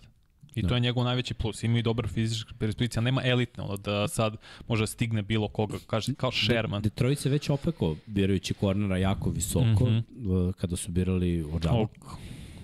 Kako? Kako se preziva? Ovo je sa Ohio State-a, što je bio treći pik. I Ođabo? Nije, ne, Ođabo je ovog što ste vi birali prošle godine. Da, da, Edge Rusher. Edge Rusher, nešto slično, pogledat ću sad. Neko afričko prezime. Sada baš da pogledam. Ali mislim, Witherspoon kaže se... Uh, mislim, on je bio povređen, nije mnogo igrao, ali su baš prokockali... Pa da, mislim, mora, imaju šanse da se isplati, ali potrebno corner preko puta njega. On je ove godine igrao ok, ali mislim da je Witherspoon, jer pozicija cornerbacka je puna na ovom draftu. Mislim da će biti petorica, šestorica, ali niko nije ono pa ima broj jedan to je da. to, moraš njega, kao što je bio Jalen Ramsey onih godina i tako dalje, Sos Gardner, na primjer, prošle godine ali Witherspoon ima taj potencijal da bude shutdown corner. Samo zato što igra glavom kao Sherman. To me užasno mm. ne njega. Pazi, moglo bi, moglo bi da bude i više cornerbackova sve. Tu uvijek zavisi od ono ponudi i potražnja. Tako Ako je. ode četiri, otiđe možda još dva, tri, jer će neko biti u frci da, da ih ne stignu u, u drugoj, trećoj rundi. Ali ovaj, Detroit je prošle godine bio ono baš na malo od plasmanu play-off Vidjet ćemo, znaš šta, mene brine za Detroit zato što su izgubili veliki broj stručnog uh, trenera u stručnom štabu. Toliko su odradili dobar posao za dve godine da, da su razgrabili. Okuda. Oku, znam da je na o, brate. O džabu, kuda. pa kao. Ovaj, ali dobro. Biće mi zanimljivo, nas da li mogu ti novi treneri, znači jak pritisak je sada Na Campbell? Da, da, mora da izabere dobre asistente koji moraju od svih ovih igra... Oni sad imaju standard. Meni je za njih standard sada 8-9 pobjeda. Znači, to je minimum, ali mora da mora play-off. Mora, mora, mislim, Jim Caldwell, prethodni trener, je imao 9 pobjeda, 9-7 pa je dobio otkaz. No. Zato što on ima uspeh u play-off po određenih broj godina. Tako je. Ali visok futbalski IQ ima Witherspoon i to će biti ključno. Mislim da je to neophodno generalno za odbranu de, o, Detroita. Mislim, ja to volim kod igrača, možda nema najbolje fizičke predispozicije, ali sam uživao da gledam Shermana. Kako koristi i da. manipuliše NFL pravila nad hvatačima. Da, da. Pa i ove godine, mislim, je bilo nekoliko dobrih, pa mislim, ajde da kažemo, ko je osvojio ruki nagrada za defanzivnog igrača, da, da. gdje ćeš više korišćenja rupa u pravilniku, dečko, pokretni holding. uh, broj 7 pripada Raidersima, Raidersi koji su ove godine failovali, i to ozbiljno, odlučili su da se rastanu sa Derekom Karom, to će sve biti zvanično za nekoliko dana. Derek Carr je već na razgovorima sa drugim ekipama. Jets i Saints, to, to su neke projekcije, to, to su ekipe koje se najviše interesuju. Uh, nisam siguran da, da će nužno birati quarterbacka. Ja, da to, ja sam bio ubeđen da će Tom Brady ići kod njih. I do pre, dok nije otišao penziju, ja sam rekao neće. Birač ofenzivno tekla kao što je Tampa radila, mm. ono, kad je došao Brady, pa Vir se otišao odmah u prvoj rundi, ali ovako, mislim, nema izbor, ne znam ko će biti quarterback. Pa ovaj momak kog je McDaniels dovao sa sobom iz New Englanda, koji je odigrao solidnu tu. Stidom, stidi. Stidom, da, stidi. Pa gledaj, čak i Devonta Adams rekao da ga je iznenadila hrabrost i sve. Mislim, nije bila njegova toliko loša tekma, oni, su, oni bi dobili tu tekmu da je odbrana se pojavila bar malo. Mm -hmm. Tako da, ove, a tvoja projekcija, tvoj mok, ti kažeš Will Levis, quarterback, ima smisla da se odluče za nekoga McDaniels da izabere, ali opet koliko je quarterbackova birao McDaniels i pogodio, i, i koliko je quarterbacka radio da se oni ne zovu Tom Brady. Malo, Jimmy Garoppolo možda. Možda njega potpiše, mislim. Da, da bravo. primer. Da. Mislim, ja Tako da ono... da razvijem nekog, kažeš, me, malo je 191 i 110 kila za quarterbacka je vrh top ima u ruci, odlično talent. Mora da popravi rad nogu Will Levis, zato što je dosta bio tralj u nekim Jest, određenim momentima. Zamisli sad ovo, ti si doveo Devonta Adamsa, uh mhm. -huh. I sad mu daš ruke koji nije preterano precizan. Da je. Seća se prošle godine kada nije Rodgers igrao i kada je Jordan Love igrao sa Devontom i kada ga je promašio na Muka pet otvorenih, znači savršeno istračanih ruta, ovaj ga promašao je pet puta i to je utakmica koju su oni mogli da dobiju, a nisu, zato što nije mogao da pogodi, ali frustracija Devonta Adamsa, znaš šta, kao GM i kao glavni trener ne želiš to da radiš jednom superstaru, iskreno mislim, za njega, za Levisa, bi ovo bila najbolja situacija, jer ja računam da je Waller zdrav, da će Jacobsa da potpiše ili da mu lupi ili tako, da, da. i imaš i Huntera Renfro, znači ti imaš vrhunske tri hvatačke opcije, ofanzivnu liniju može da pojačaš jer je ovo quarterback na ruki u ugovoru, znači cap ti se otvara, odbranu takođe pojačaš, ali za sve drugi igrače ovo je downgrade. Mislim, kako god mi to posmatrali, ne, Levis u najboljem slučaju će imati prosečnu sezonu Dereka Kara. I mislim, opet si na nuli malte, ali to je ti cilj, jer ti šta god se da uradiš, nema mnogo quarterbackova koji su na tržištu bolji od Derek Carra. Nema, to je, ali to je problem. ima ih koji su bolji od Villa Louis, uh. Ima, ne znam šta će da Me, ja, ako ostane ovako, moraš, mora da izberu quarterback. Ne vjerujem da će ići sa Stidamom, meni je Levis mnogo bolji prospekt što je Stidam ikad bio, koji je izlazio sa a, ovaj, obranu univerziteta i riskiraj. Moraš. Mislim, dao si kara, očekuješ da može nešto bolje da nađeš, sad da li je to uh, na pa draftu da ili da trade-u, to je da potpišeš neko kao što je Jimmy Garoppolo. Da. Mislim da ne žele nužno bolje koliko žele promenu, znaš, nekad je ono, nekad je zasićenje, Znaš, tu su, konstantno se ništa ne dešava, nije to loša statistika Dereka Kara, jednostavno se ništa ne dešava i, i to je problem. Mislim, neće se oni usrećiti, možda ni sa Garopolom, ali s njim bar McDaniels zna poznaje njegove tendencije. Mislim, mm -hmm. on ga je uveo u ligu, manje više. Tako da ono, bio je godinama s njim. To bi moglo da bude ono srećno, ali pritom Jimmy G je dovoljno sposoban da u tim nekim rutama pogodi Devonta Adamsa koji će da odradi ostatak posla. Što će imati više frustracije Adams sa Jimmy G-em ili... Ne, vi, više ruki. ruki. Znaš šta, Rukiju treba vremena nekad i da primeti neke stvari. Mm -hmm. Jer Audible Ruki ne radi. Ruki dobije akciju, on razmišlja samo da je prenese i nakon toga, naša, ne, nema tih improvizacija. Za to već treba neka ležernost, treba prođe neko vreme. U prvoj godini redko kad se dešava da kotrbek u ruki sezoni već bude u fazonu ono hvataču, e, primetio sam nešto u odbrani, ajde, ajmo audible. Kad si vidio ruke to da radi? To nisam vidio ni Herbert to radi da to menja ne radi, zato što je to mnogo za njih i ti kao trener što ne želiš da ih staviš u tu situaciju. Sad, Adams da viče sa kao outside receiver preko celog terena njemu da je video nešto, znaš, ko, koliko ljudi vidi to. Znaš, kad ti, znaš koliko puta ti se desi da si sam i ono moliš se da je quarterback vidi, jer ti ako kreneš ono da mašeš, videli su to svi, razumeš, tako da Vidjet ćemo, vidjet ćemo. Svakako postoji, postoji opcija. Ovo je možda ono, od ovih svih pikova, ovo mi je diskutabilno. Uh, broj 8, imaju Falconsi, Falconsi dve sezone u nizu onako sa nekim prosekom, govorimo o jugu NFC-a, diviziji koja je ove godine na izvolta, ajde još, mislim je prošla je bila bedna, ali Buccaneersi su je osvojili ove godine, prilično upražnjena je pozicije quarterbacka u svakoj ekipi, mislim, treba reći da, da ni Carolina, ni Atlanta, ni New Orleans, ni Tampa Niko. nemaju rešeno pitanje quarterback. Najbitniju poziciju nemaju ni jedni, ni drugi, ni treći, ni četvrti. Tako da je možda moguće da i oni se tu nešto umešaju, ali tvoj izbor je uh, Tyree Wilson, uh, edge rusher sa Texas Tech. Suludo građe. Nešto slično Miles Marković samo ima mnogo duže ruke i prosto ofenzivna linija što ne može da dođe do njega koliko, koliko je njegov raspon ruku. Od njih odmah skloni. Ti ne možeš njegov da uhvatiš za pedove zbog njegov raspon ruku. Ultra brz. Podsjeća na Trey Von Walkera, imao je sad povredu u, na polovini sezone, pa nije igrao, pa nisu mogli ljudi da vide koliko je zapravo eksplozivan i jak i on obožava kontakt. On svaki put da može proći će kroz ofenzivnog linijaša. E, Atlanti fali 5-6 pozicija. I treba im Mislim da im fizikalija i treba im edge, da. Ali, mislim, treba im i quarterback jer nemaju apsolutno nikoga. Mislim, imamo Monka kako Ne su birali Ridera prošle Ridder, da. godine, da. Ali Rider, mislim, je igrao malo prošle godine i to nije to. Mislim, Nije. on je izabran kasnije, Tako je treća, četvrta tako je, nisu ni očekivali verovatno mnogo njega.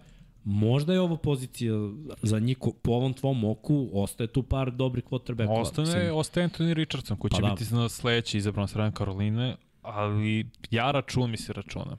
Misliš Ako da će daš neko- Karolini pa da te razbija dva puta godišnje? Ne, ako će neko je pokupi Lamara na trejdu, to će biti Atlanta. Aj prvo pomeni mesta. da krenemo odatle. Jesi li Ne vidi, ne vidi. Kao, ako neko pokupi Lamara. stvari, znaš, kao, ali nonšalantno. Da, kao. Znaš, kao, Kako je plasirao ne to? znam ni o čemu pričamo, kao to je, to je već za Gasi dan kameru tamo. Kakav lik. Izdaja. Pa ti da Zar i ti Ne, sine brute? ali ne, ali ovo nije čak, nije, ovo je više od izdaje. Miksa, ovo je bilo ono kao šljus. Lagano. Da, dobro, ajde. Oprostit ću. To je, to je da Kosta krivi, že neće potpiše čoveka. Dobro. Ne moraš ne moraš ti tu da... Da, od svih sam očekivao, ali... Ovo me boli više od Perka, što je bocno Jokića, znaš. Oj, ništa, ajmo, Jeste ajmo. pričali o tome, Ne, Nije Ne, to. pričat ćemo na kraju. to je za kraj. Moram, moramo da ostavimo. Moramo da ostavimo. Još još got, gotivim Perka i sam misli lik ovog, sad ga više ne gotivim. Ne, moj nikad nisu Kod gotivio mene je Perkinsa. ugasio. A, brate, Ne, evo gotivim toga. brate. smešan. Pa je to gluposti. A dobro, ne, mislim, ali ne, ne kao analitičar, ne ovako kao A, lik. kao TV lice. Što, komičar, analitičar. Kako tu sve povezano? uh, Pero, možeš da, da pustiš Možeš i da. O, ima fade in, fade out, opa. Ali, Možemo ali, da idemo ali dalje. stavio jedno dve sekunde, znaš, Da. kao, kao, Pa to je zbog ovog. To Vanju htio da ugasi. Kako? Mist klik. Oh. Rešio je, rešio je. Pera ga da. je rešio. Dobro, dobro. Dešavale su se sva, I luđe stvari. i luđe stvari ovde. ne, nema brineš. Ovo je mri. Jel neko A. ugasio svetlo? Ne, jednom se ugasilo Jednom se svetlo. ugasilo, da, jednom smo ostali bez struje. Ne, ne, ne, ne, ne, ne, ugasilo se svetlo, to je bilo za SK NFL pot, bukvalno se ovo veliko ugasilo, da, da. Dešao se. Da, Samo random, samo ono, je previše radio sam se ugasio. To show. Show Što biznis. tako je, stvari moraš se Bravo, šaj. Miksa, bravo. Znaš kad mi je rekao, rekao, ja, pa znaš gde se da ovo? I? Improvizacija. Tako. A bre, Bob Marley upucam pa održi koncept. E, Bob Marley koji je lepo rekao, što jurite savršenstvo? Pitam da vam se neko dopada. Niko Tako nije je. savršen, samo da vam, da li vam odgovara ta osoba. Se A- slušao Boba Marley? Malo, Malo. nisam kao vidio. Neiskusno, neiskusno. Ali imaš frizuru. Dobro, to je. Radi na tom. Radi na Da, tom. Polako. radi, pusti. Negativni Gusta mi je kosa, Da. pa ne može da ide to na dole. Mogu Ti možda hoćeš da budeš Šta? Rasta. Rasta. Rasta, nekad sam bio Rasta. Jo, čekaj, da, ako nađem fotku, šaljem ti pero u Slack. Sad Mislim da set, znam sad je fotku što je najgore Znaš da sam fotku? vidio. Da, Znaš, da mislim da sam vidio već. Da, Ali da. pusti, da vide svi. Dreadlock. Ajmo. Eto ti, Anthony Richards, Karolina.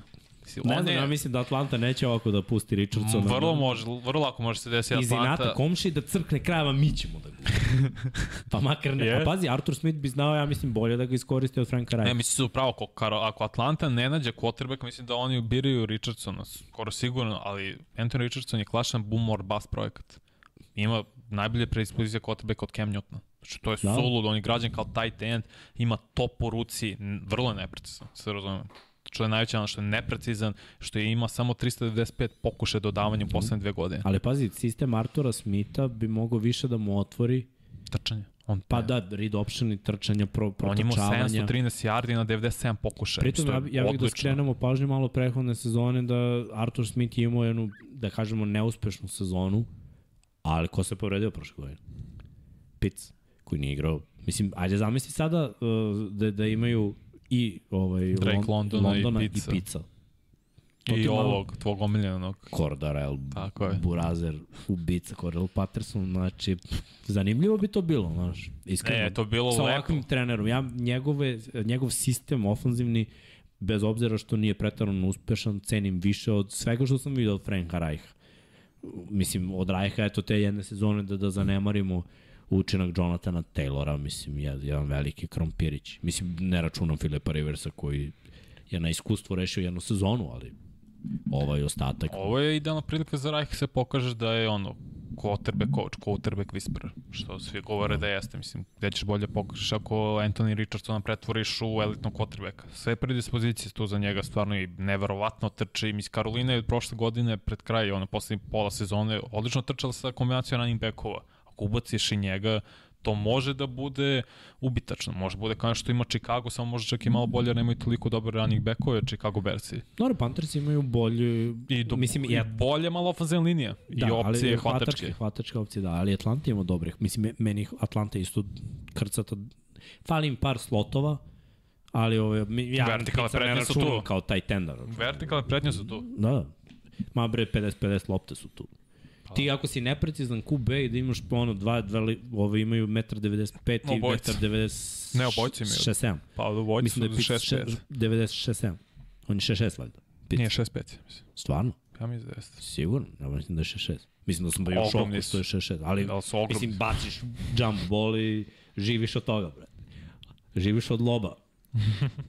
Lob City, kao Chris Paul, brate. Samo još šigneš na tablu, brate, ko, ko Jason Kidd u, u New Jersey nekad. Oh. Kreneš nulu i samo šikneš na tamo, neko će da je pokupi, brate. neko, je, neko je zakucao. Vince Carter, Kenyon Martin, Richard Jefferson. Samo igraš na tablu. brate. Ne, ne, ne, ne razmišljaš previše. Ajmo dalje, idemo na pik, pika broj 10, tu imaju Philadelphia Eaglesi, to je pik Saintsa. Mhm. Uh, oni ove godine uh, su stigli do Superbola, ja mislim da im jedna pozicija fali, apsolutno se slažem, ja to pričam već od ono polovine sezone da Bradbury ide, a da oni biraju kor- cornerbacka koji će biti broj 1, tvoj izbor je Christian Gonzalez sa Oregon. Pa sjajno se kreće svoj visinu, on je 6-2, on je veliki cornerback. Ima preko 90 kila, odličan je obarač. Ono je ono što Fili treba, jer oni će vršiti dovoljan pritisak sa defensivnom linijom. Christian Gonzalez neće biti cornerback broj 1, će i dalje Slay. Tako što on moći da uči od Slaya i da bude, da uzima sad slabije hvatače i tako da stekne iskustvo. A sa, to, sa tim predispozicijama, kaže, super se kreće, igra dosta press coverage tako da on za Eagles će ovo biti vrlo dobar pik.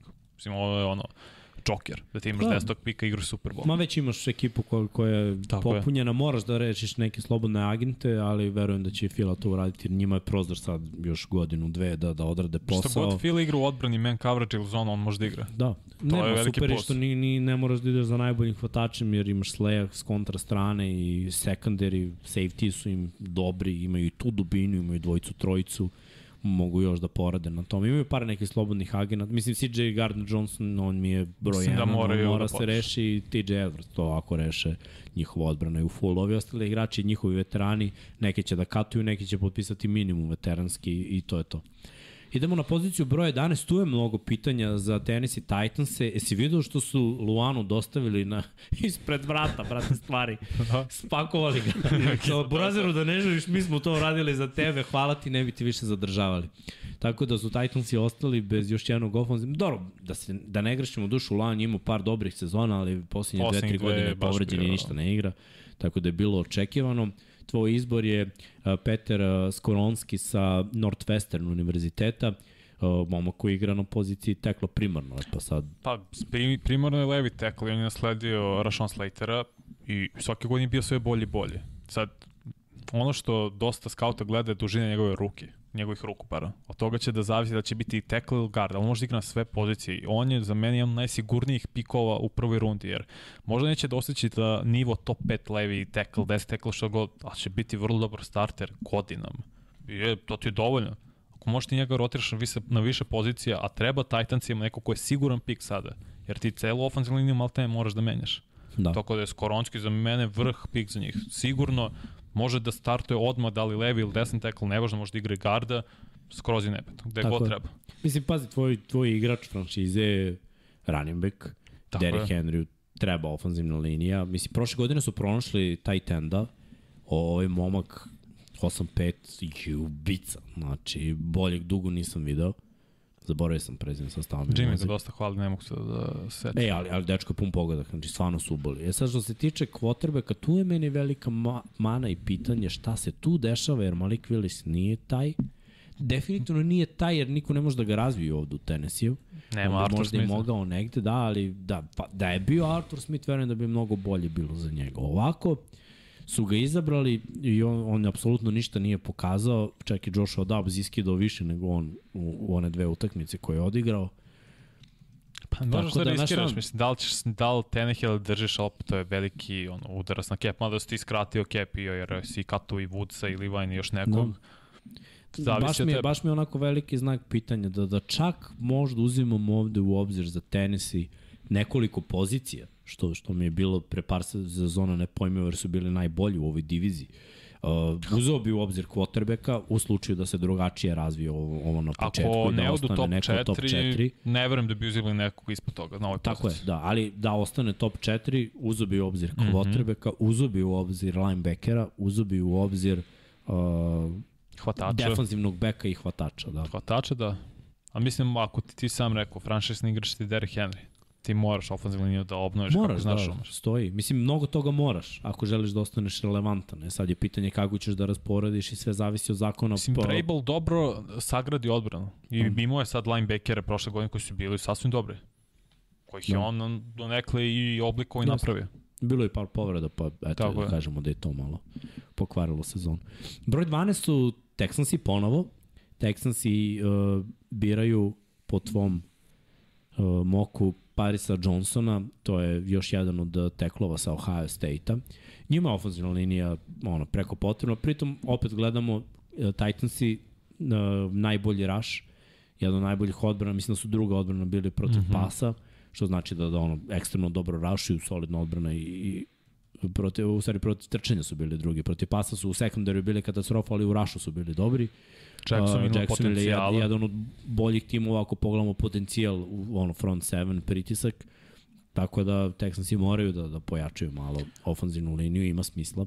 Moraš da čuvaš Bryce Young ako će njega da draftuješ. Ti moraš da sad uložiš u ofenzivnu liniju. Barry Johnson, jedini man njegov, on je stvarno vrhunski atleta, ima sve predispozicija, bude pro bowl levi tackle. Nema dovoljno iskustva na toj poziciji. Go je samo jednu godinu kao starter na Ohio State-u i bit će tebi problem možda prve godine dok se on uigra, to su on dečije bolesti, prosto da ima dovoljno, da skupi dovoljno snapova na toj poziciji. A kad se to desi, ako sve uklopi, može bude, on kaže ti, pro bowl levi tackle u narednih decenija.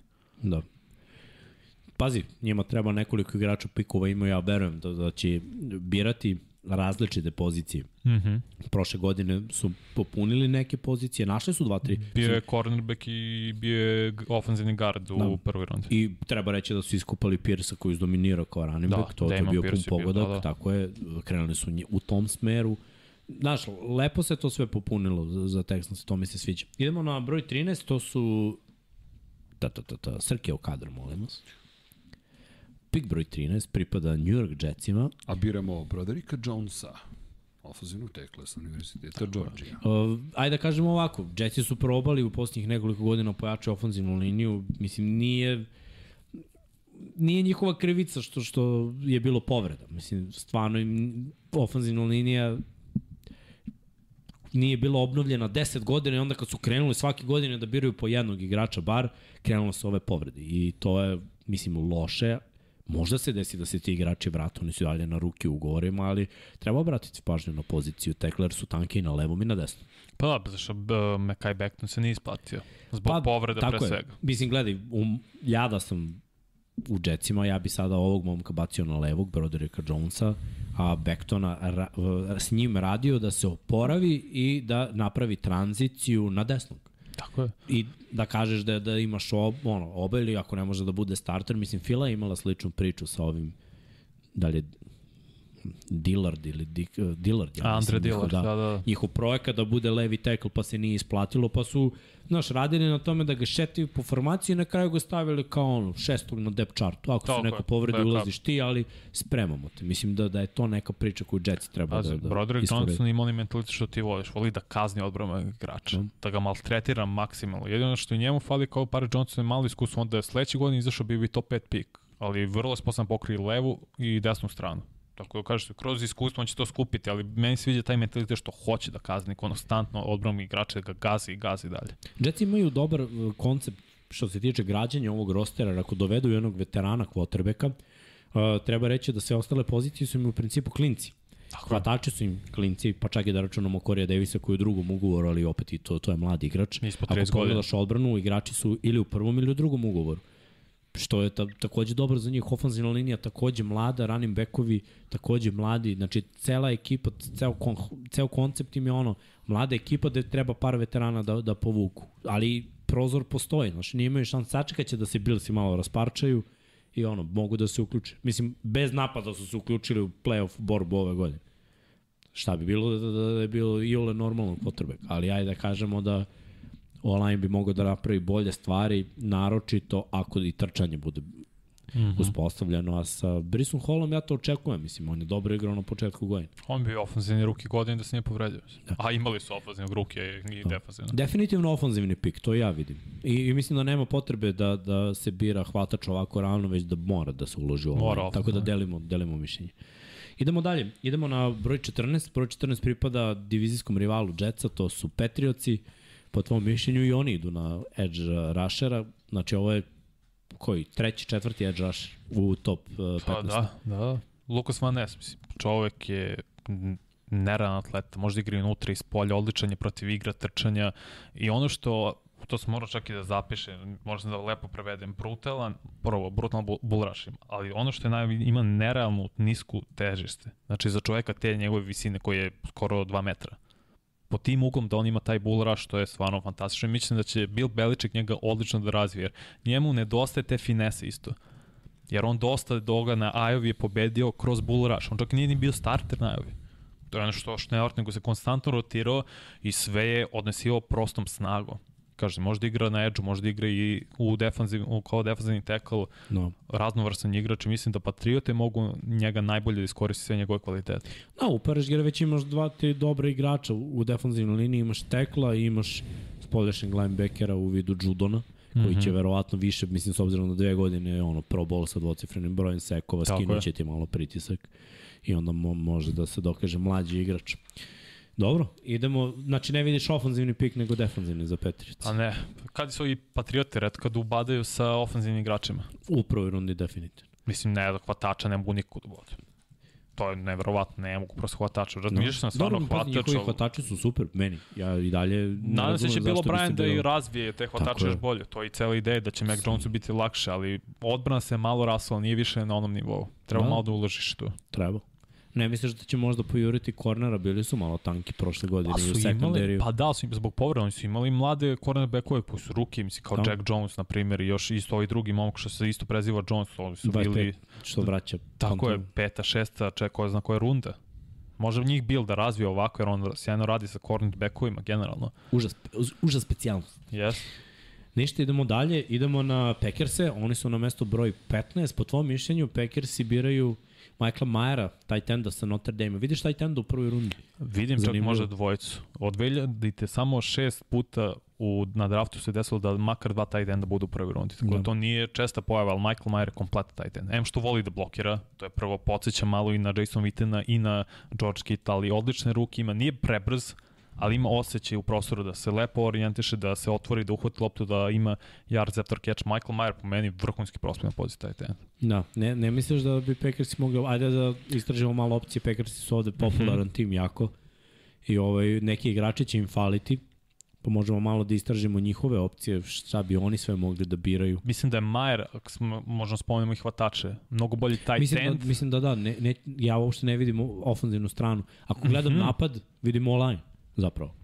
Da, da, da je to pozicija... Oni su imali top 10 online, oni nek, opet No. pra, naprave neki online. Vrat kad biraju visoko, sada mogu da izaberu nekog vrhunskog o, ofenzivnog linijaša, ali naprave ono što, sa čim imaju, da bude No. dovoljno dobro. Nisu No. imali tight enda dobrog, mislim. Nisu, da. Znaš kako, ja sad zavisi kakav cilj postavljaš za Packers. Da li je cilj Packersa sledeće godine da osvoje? Ajde da budemo realni. Zavisi ko je. Ajde da budemo realni. Ja mislim da su oni jedan edge rush igrač i jedan hvatač od ozbiljnog playoff implikacija sa Dobro. Rodgersom. Mi vidimo nešto drugo. Ja vidim da ono, Rodgers je tu još godinu, dve Mm i -hmm. da im fali pet igrača. Šta im fali po tebi najviše? Po meni prvo im fali konstanta u ofenzivnu. Svake godine se, se šite od prošle godine Bahtjari hoće, neće, spreman, nije spreman. Uh, Elton Jenkins. De, de, desni tek. Znaš, ono, bi, bilo je problema. Ajde da kažemo, neka konstanta se uspostavlja na Ali gardovima. opet su bili top to nije- 10 Ne, ofenzivna ne, linija. stoji. Stoji. Ne, ne kažem da nisu, ali ajde pogledaj, kao online su bili ok, ali kao napad su bili šta? Kant. Da, ali Maj, Majer, pošto odlično blokira, može pomogne na ofenzivnoj liniji. Pa. Igre i trčanje. To, to je već znak pitanja. Ajde uzmemo defanzivno šta im sve fali, pošto po Edge. mišljenju im to fali, ba, fali im dosta. Znači, ajde, prošle godine je bilo povreda. Rashawn da kažemo Gary. Rashon Gary koji je imao sjajnu sezonu, pre se povredio, ali ja bih rekao da im fali edge. Linebackera su sad rešili, prošle godine se to iskristalisalo, Devondre Campbell kad se povredio, ovaj mali izlet u prvi plan i izdominirao. Draftovali su i defensivnu liniju prošle godine. Wyatt i ovaj I isto linebacker okej. iz, uh, sa Georgia, mislim, imaju to Jair. Alexander je bio povređen već Igrao. deo sezona, ali kad se vratio bilo je, bilo je okej. Uh, safety, Imaju solidan ja misliš Am- Amos Savage da, da mogu da... Mislim da Darnell Savage i Amos, mislim dalje Amos, ja mogu. mislim da je slobodan nag, nisam siguran, mislim, Opet, pa ako bi safety bio, onda bi bio Brian Branch, koji je sledeći za Commanders, ali mislim da je Michael Mayer potrebniji za napad, jer ako Jordan Love quarterback tebi neko, potreba neko ko će biti sigurnih ruku.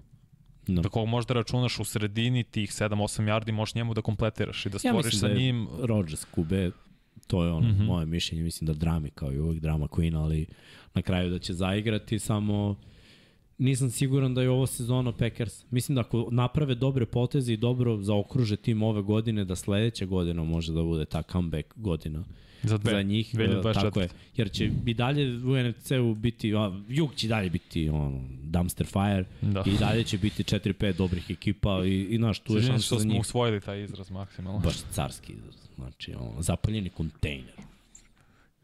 To može da bude rubrika zapaljeni kontejner.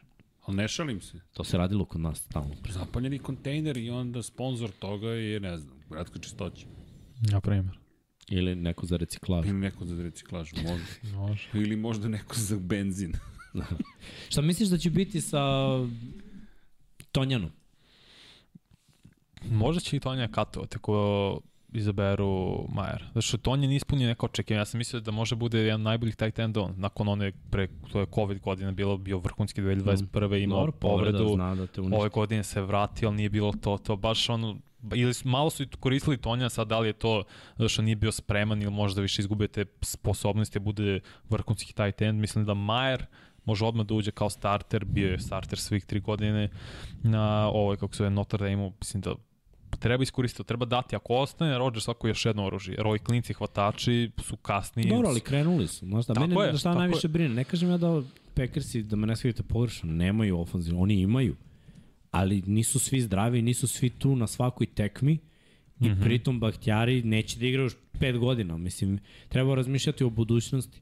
I sad je možda situacija da se napravi Plaši se ta, ako ta odu tranzicija. tri ofazina linijaša, tri tekla u 11, 12, 13 do njih, do 15. Znaš. Da. Šta ako ne odu?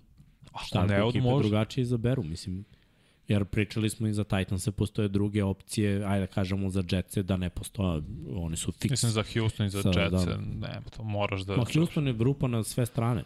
Ne mora. Mogu da razmišljaju, ok, neka beže ruki. Znaš ono, treba nam još mnogo igrača. Mislim, znaš šta, mnogi ekipe rade to. Malo, evo gledaj šta su radili Bengals. Kad smo svi mogli da se zakunemo da će izabrati online, šta su oni rekli, daj mu chase i nek baci brzo. Šta se desilo I povredio? odešli u Super Bowl. Da. Znaš ono, tako da ono, ne, mora, ne mora da znaš. Ma dobro, ima smisla, baš ima smisla da bude i, i, i taj ten. Ali ovaj, ja mislim da, da Packersi treba da razmišljaju malo o nekom manjem rebuildu i fokusu na onu tamo godinu.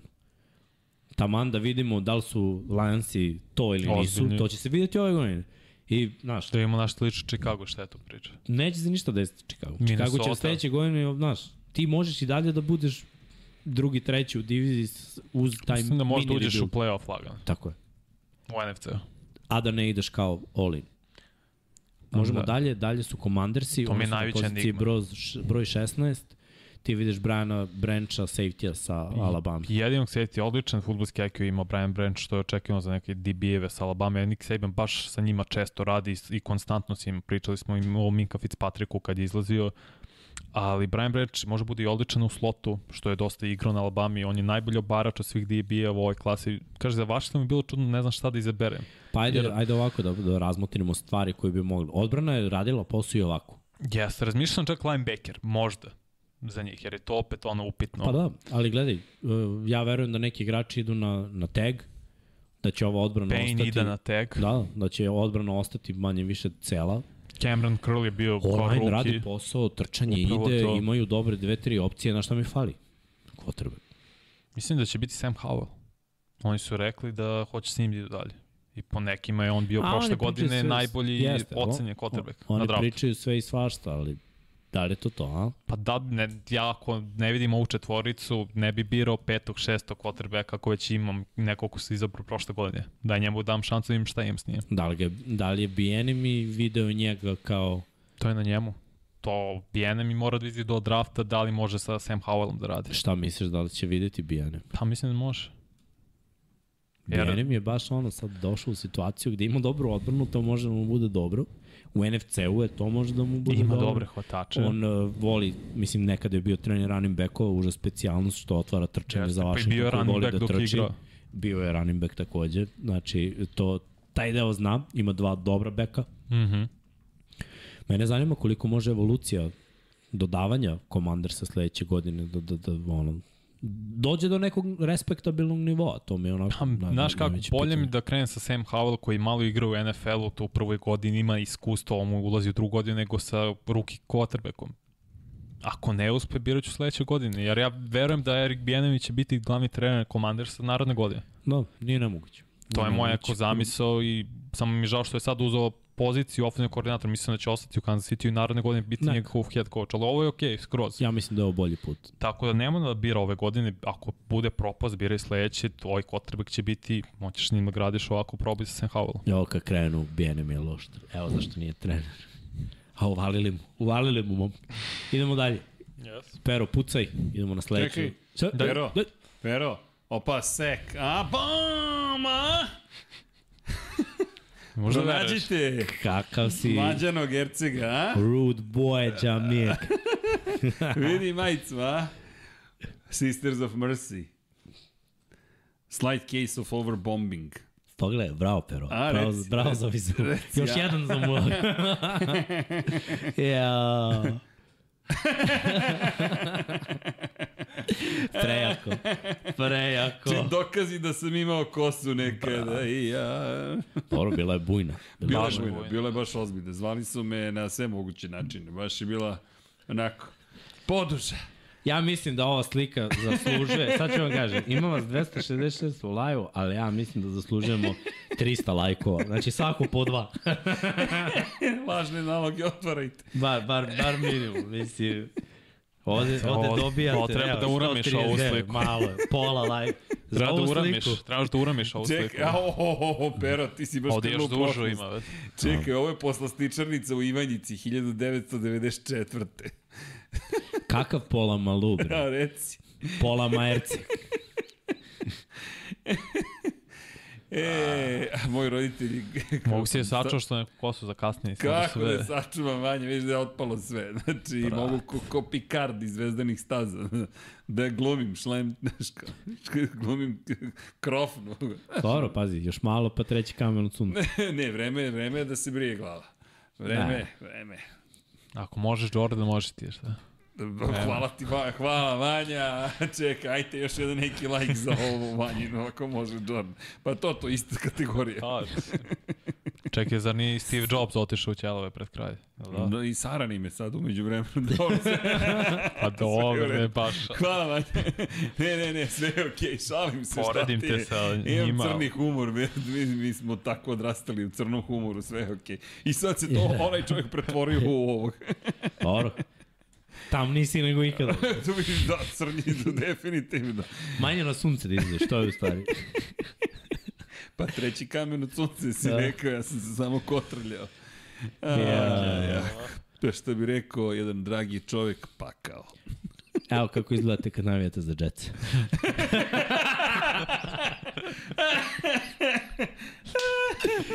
ja. I živite u Srbiji. Propadnete. Ajmo, ajmo treća stranica. Ajmo, pero, idemo na ozbiljne teme. Idemo na vedrije teme, ovo su ove bolje ekipe. Ovo su depresivne teme. Od 16 pa na bolje. Prosječni navijač Jetsa u Srbiji.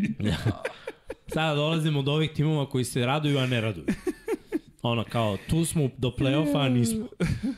17. mesto, meni uvek dragi Steelersi, ti vidiš da oni biraju Joya Portera juniora, A malo me nostalgija udarila. Morao sam sačuvam Joy Porter Jr. Mislim, njegov otac igrao za Steelers i bio vrlo dobar igrač. Može neki slabiji igraš možda za Steelers. E, al ne može. Palim cornerback i Lagano. jako... Prvo mi traduje Lamara, Znači, to ti kažem, znači... onda mi uspostavlja ovde nasledđe u Pittsburghu. Mislim, ima, što je normalno visok futbolski IQ, nema neku eksplozivnost, nije atleta, ima odlične predispozicije i visinu za poziciju cornerbacka i on ima skoro 190 i 90 plus kila, ogroman raspon ruku i to pomaže na press coverage-u. Ne mora da, da bude toliko blizu hvatačima, ali njemu će biti olakšan posao jer se nalazi iz, iza brutalnog front sevena Steelers. Njemu u odbrani jednom fali cornerback još jedan i to je to. I zato Da. Joy Porter, mislim, možda nije freak atlet, bilo šta, ali ima ono što ti voliš, nasledđe futbolsko. Da. Da. Tata mu igra na visokom nivou, videli smo sad koji dolaze, koji su i, mislim, bili u prethodnih godina, e, sinovi od bivših igrača koji on odmah doprinose. Koje su najveće potrebe Steelers? Cornerback, ofenzivna linija. Hvatač? Ne. Mislim, tanki su. A mislim da mogu oni u kasnim rundama Pa prave ne, oni hvatače. biraju i to, nego, ne Kad- pričamo o prvoj pros- rundi, nego generalno. A, pa naj- hvatači, da, da, mislim na prvu rundu. Ne, ne, ne, Ne, generalno, hvatači, okej, generalno. u kasnim rundama, da, apsolutno. Mislim, izbrali su Pickensa, ima još par opcija. Ima Diontea. tako je, Friermont je dobar tight end. I to je to. Fali mi neko. Pa ne, Neko mi ne, je- od, tradovali su. Dobro Mapletron je otišao, naš, i ostatak ekipe, tanko mi je, prilično mi je tanko.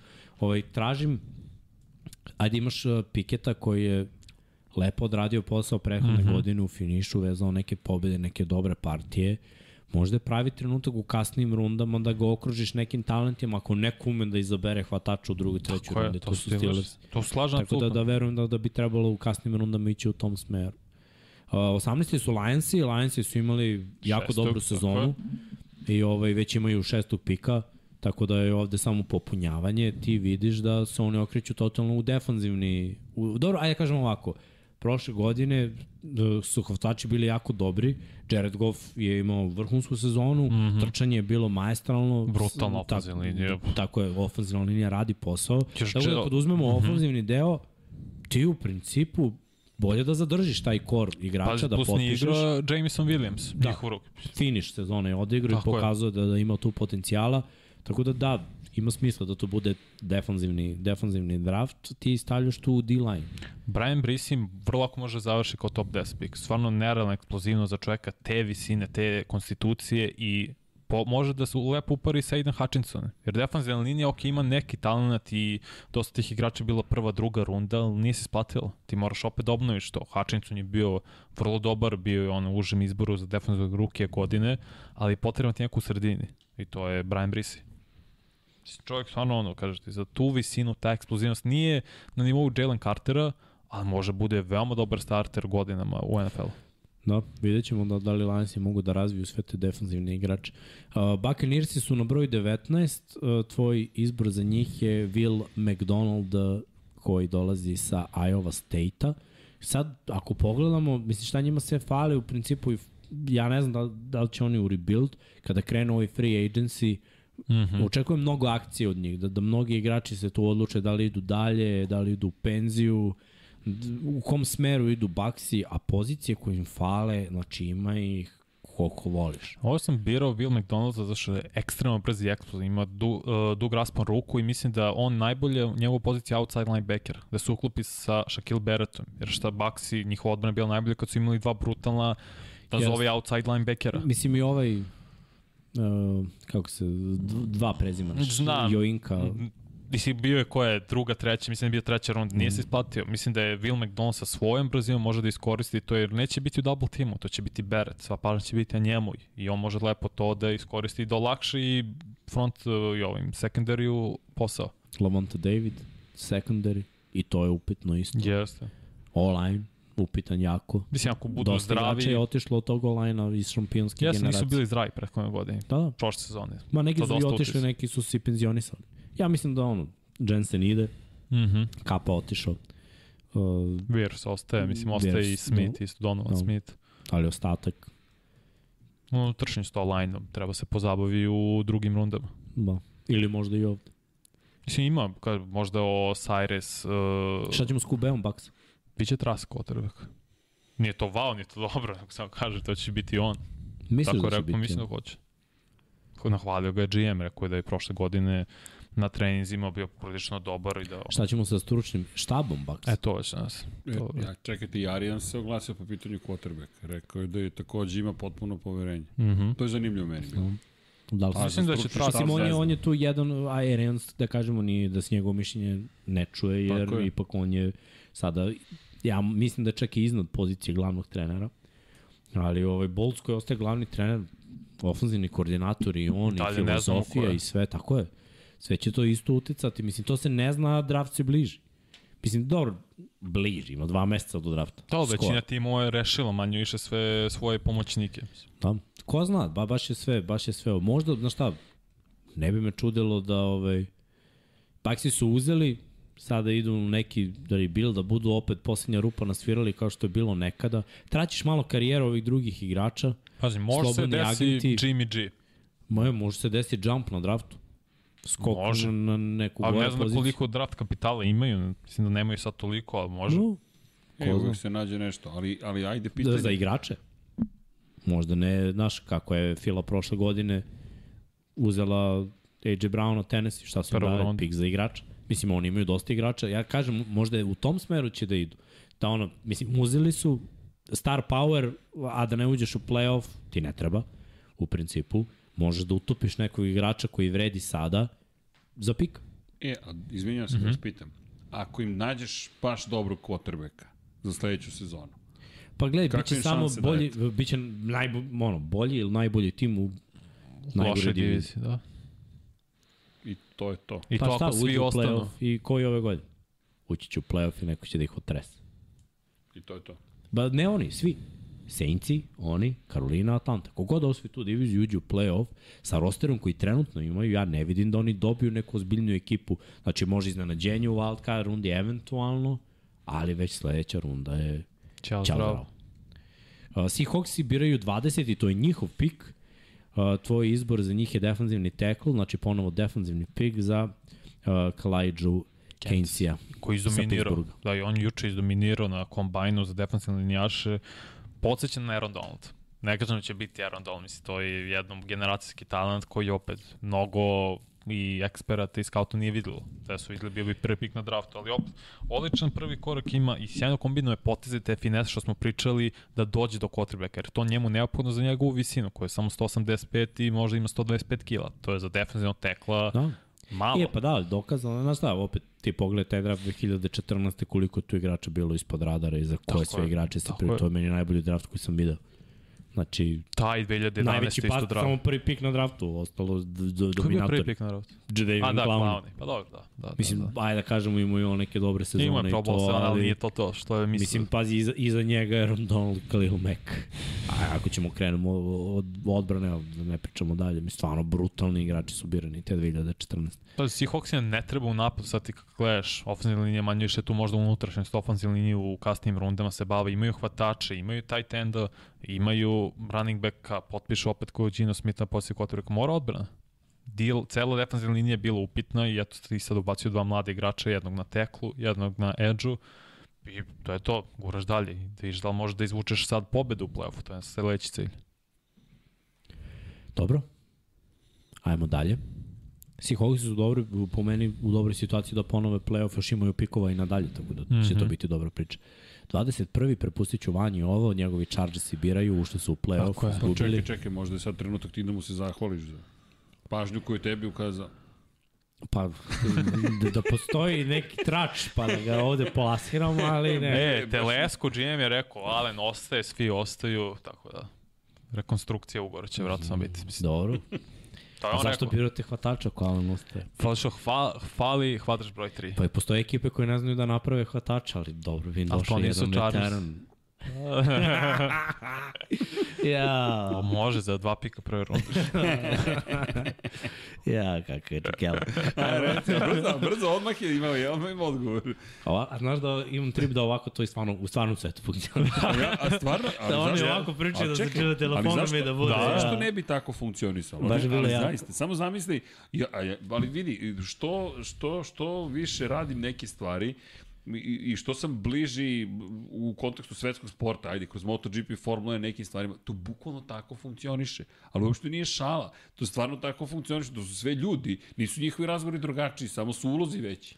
Znaš, ali to je isto to. Kao, eh, kao treba me ovo, daj ti meni, ovo, daj te. U Formuli 1, bukvalno, veruj, veruj mi, da, bukvalno, Da. i znam za MotoGP neke situacije koje su, neke zaista ne ni da pričam, jer sam obećao ljudima, dao sam reč da neću govoriti, ali verujte mi, pomislili biste da, ne znam, da smo na, na ne znam, da me, da me ne svati pogrešno sad bilo ko na pančevačkom buvljaku, bukvalno. Dakle, ne, ozbiljno, Pančevački buvljak je dobar i tamo može se naći mnogo stvari zanimljivih, ali ozbiljno ti kažem, bukvalno su priče, ako sediš i kao ne, ne, i oni vidiš da su ozbiljni ljudi koji ti pričaju. Ali to je drugo. Pa jesi, mogli, u Lab 76, kada nam je Kotur pričao, Miodrag Kotur, i izvršni direktor, to je čovjek šef ekipe Leopard Racinga u Moto3 šampionatu sveta. Čovjek koji je legenda Ferrarija, bio šef logistike Ferrarija, u eri Schumachera. 15 godina je bio u Ferrariju kad su bili na vrhu sveta. I on kaže kako smo izabrali svetskog šampiona, kaže imamo tog dana, poslednji dan za prijevu vozača, čoveka koga imaju im otkazuje. Ispred garaže na motociklu prolazi momak, koji je inače potpisao kacigu koja je negde Iza tebe. ovde. Da, iza mene. Dakle, dakle, imamo i potpis znači, u celoj priči. I ovako prolazi i kaže, ajmo njega da pozovemo da vozi za nas. I on postane šampion sveta godinu kasnije. Mislim, potpuno suludo miksa, ali Da. čovjek se ne šalio. Preozbiljan čovjek kaže, ja nemam rešenje. Meni treba vozač sad, koji ima licencu, ima dozvolu, ja moram da nađem potpis. I, i, i, i prolazi i to je Dobro, bio je jedan dvostraki MVP koji je pakovao kesu u supermarketu, šta? to. To ti je Da. to. Dešava se. Ajde ovako da pitamo Vanju par stvari, s obzirom da e, da li je ovo pik za budućnost, jer prošle godine Carter igrao solidno, Gajton takođe i Palmer su tu kao hvatači. E, da okej. kažemo da je sve to okej, da, ali zašto bi pokrenuo ako ostaje Da li misliš da je ovo zaista najpotrebnije Chargersi? Mislim da da, zato što se dešavalo da i Allen i Williams budu povređeni toku sezone. Tebi treba neko kao Jordan Addison koji odlično trči sve rute, vrlo je fleksibilan, super rad nogu ima. Ono što on ima problem jeste na, na press coverage, on je slab fizički. Njega će jači cornerbackovi da izguraju, ali ako ga drži cornerback ili čuva cornerback broj 3, broj 2, mislim da neće imati problem uz Herberta da razvije tu igru i konekciju. On je osvojio pre dve sezone nagradu najbolje hvatača na koleđu dok je bio freshman, to je pardon, sophomore.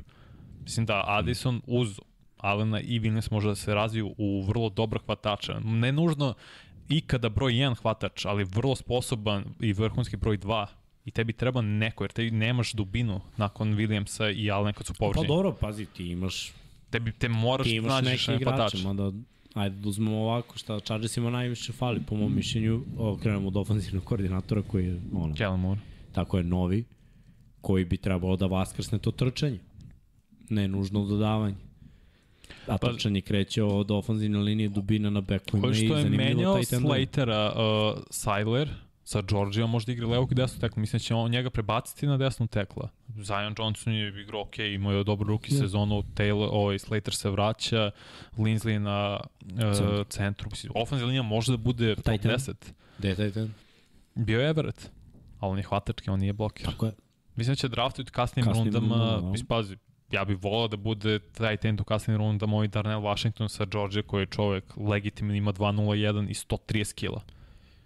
Dobro. Ali je nerealno eksplozivan i brz. I voli da blokira s tom, mislim, kilažom, visinom i očekuje se to. Dobro. idemo dalje sa ovih vanjenih na ove moje. 22. biraju Ravensi. Tvoj uh, pik za Ravensi je Jackson Smith uh, Jigba, hvatač sa Ohio State-a. Siguran da Ravensi biraju hvatača? Pa moraju, valjda. Treba im slot. On je odličan slot. I potkovanje, i pouzdanje. Kažeš ti, ako je stavljen u pravu situaciju sad sa novim ofenzivnim koordinatorom Ravensa, može bude jedan najbolji slot hvatača da olakša ako ostane Lamar njemu pre svega igru. Ta brza konekcija bude sa njim imaš Batemana koji može da bude vertikalni, imaš Andrews, ali tebi treba slot hvatač koji će te takve kratke situacije brzo da reši. A to može da bude Jason Smith na Jigbe. Da. Ajde da kažemo ovako da, da šta su još potrebe Ravensa, pošto potreba ima, jer za razliku od Chargersa koji su neki igrače potpisali koji su mlađi, koji imaju da odrade ugovor, Ravensi su prošle godine potpisivali igrače koji su na pa jedan loš dan od penzije. Gde je ono, Calais Campbell, Justin Houston, Eto, to su edge rusheri, mislim i defanzivni teklovi, zavisi Calais igra iz polja i unutra. Uh, Ođabo je bio povređen prošle godine, Odafe ovo je mlad, ali da kažemo oni Ođabo da budu tandem. Ja vidim tu da možda se razmisli i o uh, edge rushu, takođe pozicija cornerbacka, gde, gde Humphrey, Peters, nisam siguran ni tu verom da neko može da ode. Možda da će neko katovati. Pa, gledaj, svaki draft nije samo draft za ovu sezonu, jer mislim, mi možemo da uzmemo u obzir, ok, Baltimore može da uđe ono, Super Bowl ove sezone. Ali Ko je bio, izvini što da nam, uh, safety pre Hamiltona? Čak Clark. Clarka i, mislim da će da, kato. Clark jer... je bio prošle godine već u priči za trade. Uh, Ja, njegov, Hamilton je igrao baš dobro, mislim, tako najbolji ocen safety. možeš da staviš da bude sa Williamsom starter, ali ti dalje možeš da potpišeš. Clark je igrao, oni su igrali s tri safety prošle godine, to je bilo meni skroz ok u, mm -hmm. u nekom sistemu. Ali i taj sekundar je takođe upitan, jer ti si izgubio dve, dve sezone od Petersa i, i Hemfrija na njihove povrede pritom su nosioci kepa sa, sa jako Veliki dobrim udarci, da, da. Mislim da su obojica do oko 20 miliona. Ako želiš i Lamar da nosi jak ugovor, mislim ti mora da obratiš pažnju i na backfield, gde si Edward, gde si Gasa potpisao za, za male pare, ali mora da uzmeš u obzir da, Jackie da Jackie Dobbins treba da dobije neke pare takođe. I ovako malo po malo, malo po malo, kad sumiraš i pogledaš iskreno, Pritom Baltimore ne zna da razvije to hvatača koliko god on bio dobar u prvoj rundi, to ne mora da zna. Ja bi iskreno pre izabrao ono, trade za D Hopa dao mu neku kinticu da, da igra i Znaš, stavio Duverna je u slot. Ali ti ne moraš da ješ pika prve runde. Tako je, to ti kažem. Mislim, ali gledaj, druga runda je za Baltimore. Ako 110, to je super, onda ideš u drugom smeru, apsolutno.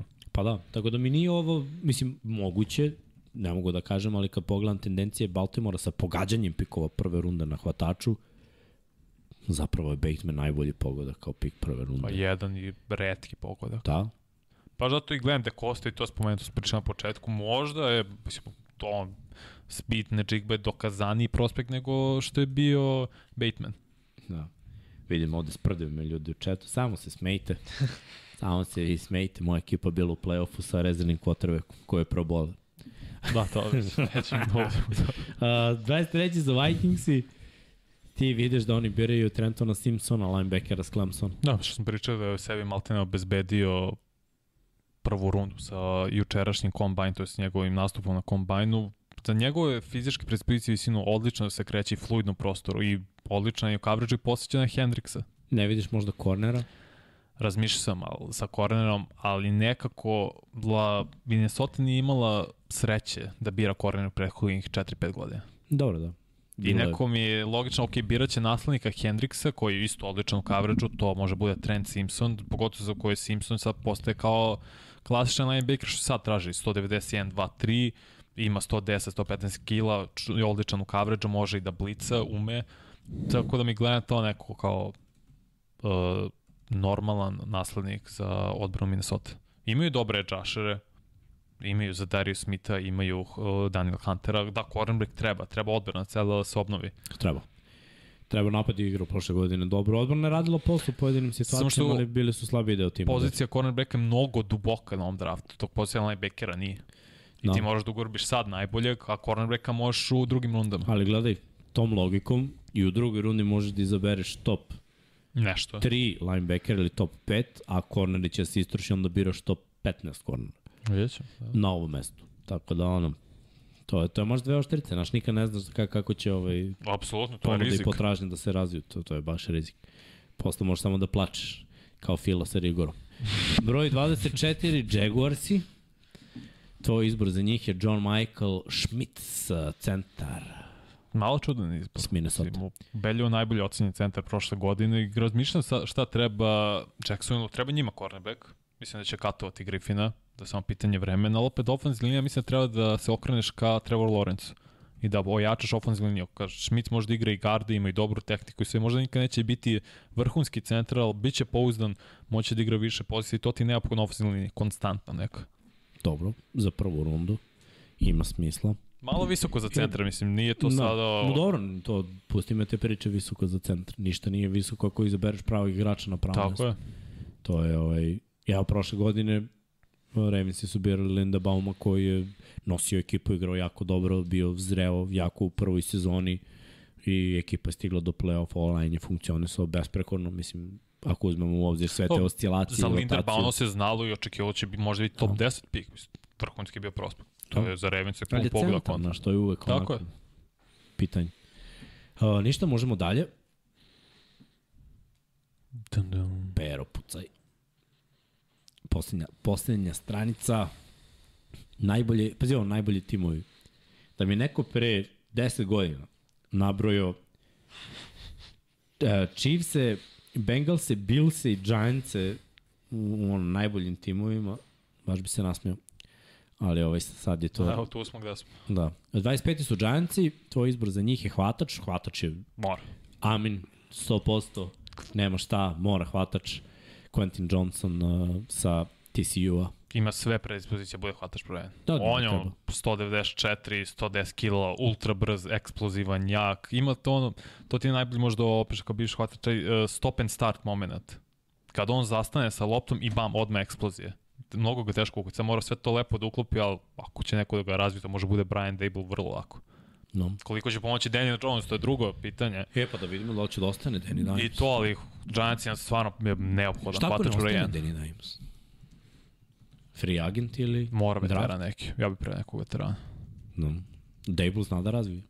Zna, ali ovako kasno biraš sa 25. Mislim, mora bi baš da skočiš tipa kao što skočili Chiefs i ono sa 25. 6. na 10. za Mahomesa. Dobro. Svašta je moguće. Ali ajde da kažemo da očekujemo da Danny ostaje da je ovo najlogičniji izbor. Cowboysi su na broju 26, tvoj izbor je hvatač. Ne. Ovo je trkač da, sa Texasa. Kako, kako njega čitam ime? Robinson je prezima Bižajn. Ž, a? Pa više Dž, nešto između. Će da vidim. Će ga pitam. Jesi Bižon ili si, brate, Bidžaj? Ili Jay? Stići će u putstvo. Da. Mislim, bazi sve... Ja mislim da će katovati zik. Ne znam kako je stanje Pollard i koliko će njegova povreda da utiče na njegovu karijeru generalno i Bijan Robinson je ubedljivo najbolji running back od Saquon Barkley što se tiče prospekta stvarno i cele godine baš smo pričali pre kako da to najbolje opišem 104 omašenih obaranja on proizveo. To je sulud. Mislim, on je nezaustavljiv i kompletan je bek i blokira i hvata iz backfila, možeš lagano ga staviš u slot, bit će vrhunski hvatač, stvarno je jedinstven i on generacijski prospekt. Zašto je ovako kasno? Zato što nije, nema tolike potrebe za running backovima. Ali ako neko voli zvezde, to je Jerry, plus je sa Texasa, direktno ne mogu da ga gleda, mislim da je Bijan Robinson za Cowboys je ono što je bio zik kad su ga draftovali. Jer tad bio Dallas najopasniji. No. Ja ću ga zvati BJ. A? BJ. Ima smisla. Može. Lakše, brate. Dobro. Volim tvoje predloge. Da. Vaske, Vaske je usvojeno. Vaske da Ne, smo usvojili. brutalno je, mislim, 183 ima 100 kila, to Da. je za running backa. Ja ne mogu wow. da zamislim, brate, da napakujem 100 kila. Znaš da ono, ne mogu, brate Nquan Boldin je bukvalno s mojom visinom imao 100 kila igra hvatača, ja ne mogu da zamislim 100 kila, ali da ne, ne bude ono stomačina. Baš mi je, ne, de brate da rokneš još. 220 funti. toliko, nije to kao, Jasno, ajmo, jasno. ono, 5 do 10 kila i da zamislim da, da, ono, da dodaš, ali brate, 15. 15 kila skoro, brate. Ne, brutalno je, stvarno ni highlight, sve punje, pa stvarno vrhunski, vrhunski porob. On je najbolji prospekt, kad kažeš suv prospekt, to je Bijan Robinson najbolji. To što je poziciju running backa malo smanjuje njegovu deonice. Možda hvatač?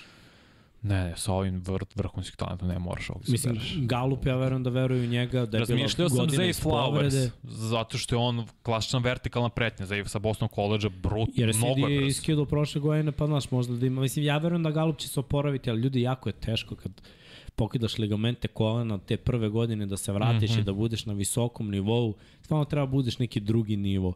I mislim, mora playbook da bude otvoren ka tebi. Zašto je Galvin bolje izašao iz te povrede? Zašto je slot, a slot kraće rute, više lopti, s polja, bude to jako teško. Stvarno. Više verujem da će Gallup da se oporavi pre nego Pollard.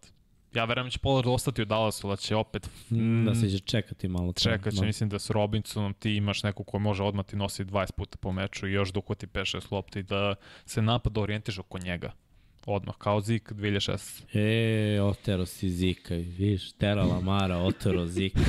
Moja, kao to godine Zika. Strašno, ljudi samo teli da jedu, brate, ali nemo, vanja. Nema ko da ih Kašiku nahrani. im uzeo. Nema ko da ih nahrani. Ništa, ajmo, 27. mesto Billsi. Po tvom izboru oni biraju Garda, Osirusa Torrensa sa Floride. Mora Dobro, njima, linija. njima fali, mislim, dosta toga. Ako se desi slučajno mm -hmm. ovo što o čemu smo pričali, da Poer i Edmunds zapale, Mora i odbrana onda. oni su onda slabi na safety-u, na linebackeru, tako da i to su neke, neke opcije. Mislim da Osiris može, on je klasičan guard. On ima 195, ima 160 kg. Gromada, ne može, on pomera ljude s lakoćem. Znači, to je neverovatno, on uživa u tome i bil se mu je potreban neko koji će biti na kažemo novo lice te ofenzivne linije. Jer Ko je sada? Možda Dawkins koji je imao lošu sezonu Dawkins, pa dobro bio Pro Bowl. pre dve. Sad je bio Pro Bowl. Nije valjda sad bio. Pa, dobro, bio na Pro. Dobro, možda nije izabrano, ono, odmah, ali Da, dobio nije poziv. izabran odmah. Da, I odmah iz... dobio poziv Dobro, kao i Huntley. Huntley je bio na dobio Pro poziv. E, e, Je bio na Pro Bowlu? Bio je. Pazi, Izvini, ovde čitam Ne, Osiris Terence mislim da je... Oni moraju da obnove ofenzivnu liniju ponovo, jer postoji problem. Očigledno. Treba novi identitet tu. Da. Dobro, ima smisla. Mislim, vidjet ćemo njihov free agency, mene mnogo zanima jer imaju nekoliko igrača ko, koji su onako... Koliko je 347 funti? U kilogramu. To koji čovjek ima. Ja mislim da to 160, možda 150. 300 je između 130 i 140, pa dodaju ovih 47, ovih 20. 30. 30. 20, 47 i 20. 20 kila 45. Da, pa eto ti sve to. Znači, malo preko toga. Pa ne, on ima 47. 347. Aha, izvini, ja 67 računam. Ne, Dobio sam... mnogo je bilo. Da, što? Ogromno mi se gromadi, ovo je mogo ogromni su to ljudi. 150 kila, brate. 157 Ah, kila. cimio. Šta? Nije čudo šta? što pomera ljude s lakoćem. eto. Mm, pomeri njega, bre. Ne možeš. Izvinite, gospodin. to je neko oplako kad sam ja komentar, Sean i ja komentarišemo 49ers kad je Trent Williams lera ovog nekog, ne mogu setim koga. Kikera Dallasa. I ovaj, stavo mu da ne, ne može da šutira, znaš. I, i ja bacim foru. Morao sam. I sad prilazi šest ljudi Trentu Williamsu, ali svi onako metar od njega i kao vidim pričaju mu nešto, ovo je kao aj palite. Kao paljba i ovi se okreću i odlaze. I Sean se smeja, rekao, zamolili su Trenta da se pomogne. ne, ne bože da mu neko, znaš, ono koji aj skloni se. Kao, Izvinite, ja. I- Izvinite, izvinite, da li biste mogli? Kao, samo malo, šta je bilo, aj paljba i ovi su... Still normalni. kao autobus, izvinite, Da. molim vas. nema šala, nema šala. Dobro, to su ti ljudi, to su ti gardovi. Dobro, gardovi obično nisu tol, Nisu toliki, toliki, da, te, to su- teklovi su uglavnom toliki. To su nekad bili gardovi Da. od 10 toliki. Da, da. Dobro, nekad je sve bilo drugačije. Pazi što je zanimljivo, i teklovi su i dalje krupni, samo što tehnikom centri gardovi danas i ti ta trčanja s polja otvaraju malo više. 28. su ovi moji naranđasti Bengalsi, iz moje, ponos moje divizije. ovaj, tvoj izbor za njih je cornerback, dobro, ima smisla, jer pa kaj da kažemo da, da su tu tanki generalno, mada bi moglo da se desi za njih safety u slučaju Jesse Batesa Tako ako ako bude ode. razlaza. Su draftali prošle godine ovog sa Hola, sa Michigan, koji je DB, mislim, igrao Da. safety, ali tako da, neka Pa vrsta za... Ali dobro, cornerback im je ono, E, Banks ima sve predispozicije, bude all pro cornerback, samo mora bude konstantni s tim. Dosta je agilan, ali opet njegov konstantnost sa tehnikom, to je najveći znak pitanja.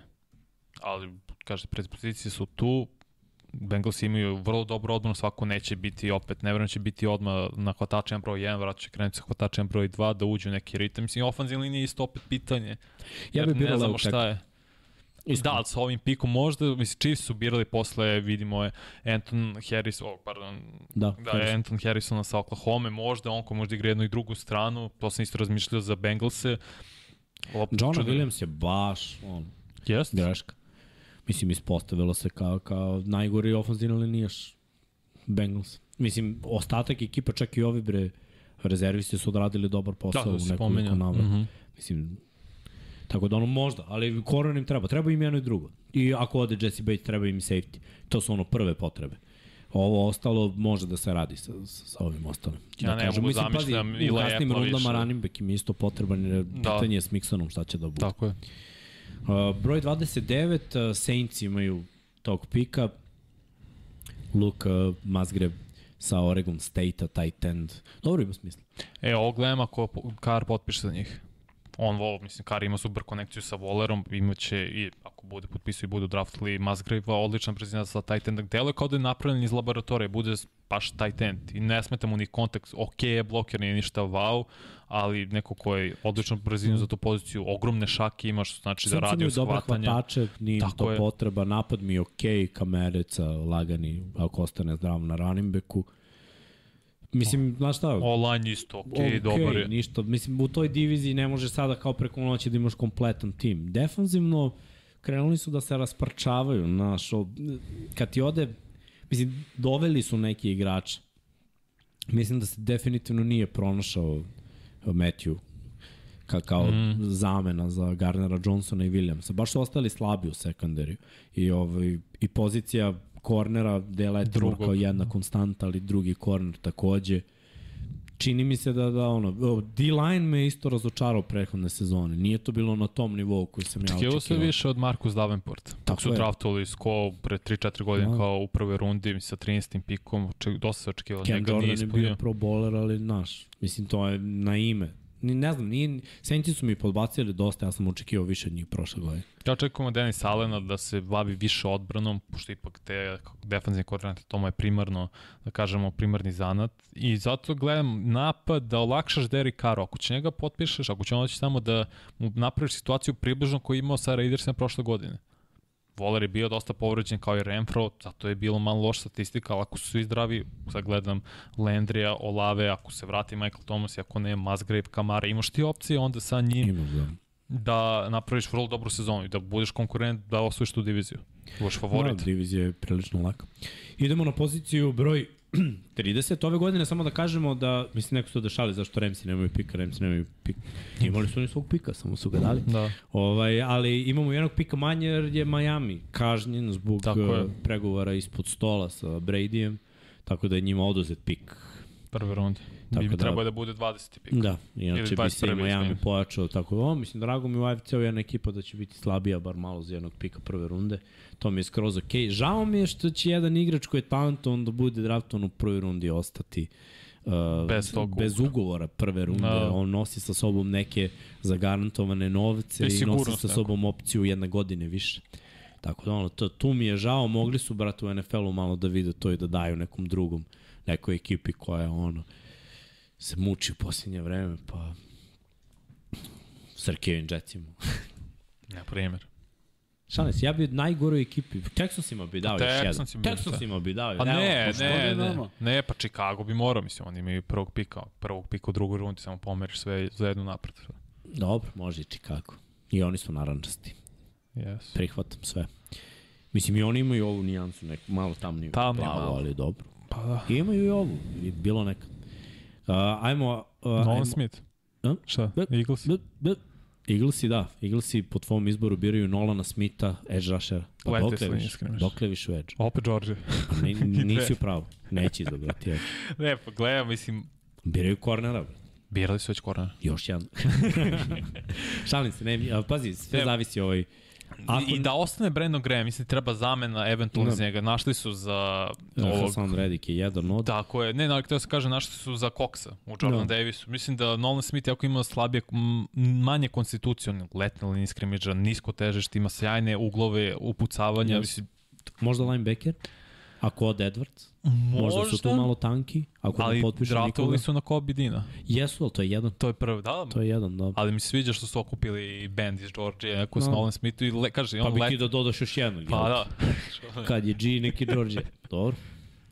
Pazi, bilo bi, stvarno bi bilo Davis, Dini i ovde Smith. E, dosta ljudi na kombajnu je nahvalilo Nolan Smitha i svi sa Georgije gledaju njega kao pravog lidera to, tog tima. I to je neverovatno, stvarno mislim, on je bio nezadovoljan što je trčao 4.39, on je rekao ja nisam trčao najbrže što sam mogao. Jer je vidio sam posle snimka bacio telefon iz uh, frustracije zašto To da ja istrče rekao. sporo. Oberiš rekord karijere kad brži se minut. Vidjet ćemo kako će da se prebaci u igru sam. Oni se bruče marketingu od malih nogu. Dobro, fora. Da. Ništa, idemo na posljednjeg pika prve runde, a to je pik zvaničnih šampiona, Kansas City Chiefsa. Tvoj izbor za njih je ofenzivni tackle, prepostavljam da vidiš Harrisona na desnoj strani Ba ili da, vidiš da se Orlando Možda. Brown seli. Ni on nije dobio ugovor, Nije. tako da je moguće. Anton Harrison možda igra obe pozicije. Kreće se kao tight end s njegovom konstitucijom. Mnogo je bolji u pas bloku što više odgovara čini se nego u run blockingu. Tako ćemo vidjeti šta, kako mislim da treba se oko njega uključiti jer Wiley možda će i otići, može će odigrati još jednu godinu, ali Harrison može bude upgrade u poređenju s njim. I ako vrate Orlando uh, Browna i Harrisona, oni su kompletno obnovili ofenzivnu liniju. Za dve, tri godine. Da, ajde da kažemo ovako, 32. pik koji bi bio pik prve runde, a pošto je prvi pik druge runde ima Chicago, Chicago je dao tog pika Steelersima za Claypoola, Jest. tako da Steelersi imaju Eto ti pika ofenzivna prve linija. runde, mislim, malo te ne. Ofenzivna linija online. Možda hvatač. Da. Što da ne ostalo, možda baš taj Zay Flowers koja je vertikalna pretnja.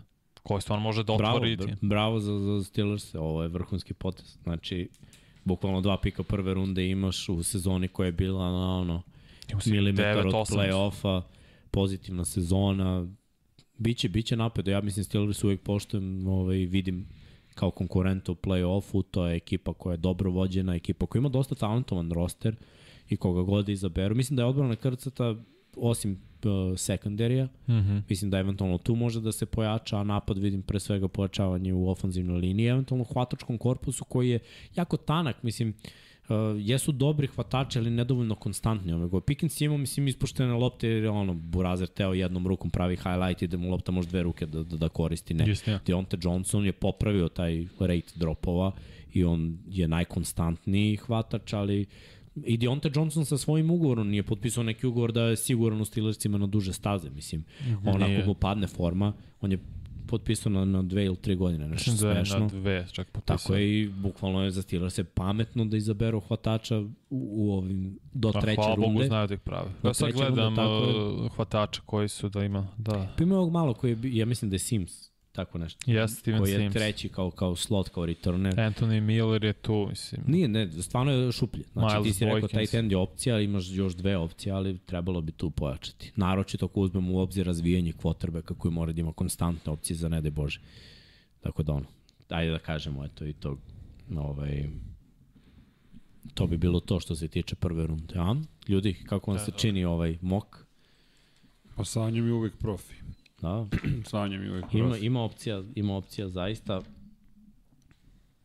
Tako da ovaj, vidjet ćemo. Vidjet ćemo svašta. Mislim, još uvek je kombajn, kažemo, tek kreće. Sledeći petak baš možemo se dotaknemo free agency jer zvanično kreće Tako da, da, četiri dana, pa možemo da ovaj, povučemo. Da izvojimo, možemo da izvojimo listu najtraženi, kao prošle godine što smo radili, mm. -hmm. najtraženiji slobodni agenti, pa ih samo otpisujemo ono, kako budu odlazili. Tako je. Ali ja verujem kada se budu pojavili da će već u prvih, pa već do petka sledećeg, šta, šta kad pada sedmi? Sedmi pada, Sedmi pada u utorak. ti Utorak je, da. Mart. da, da, U ponedeljak. ponedeljak. Ne, ne, utorak. Ne, utorak, utorak, pravo si, utorak, pravo to. si.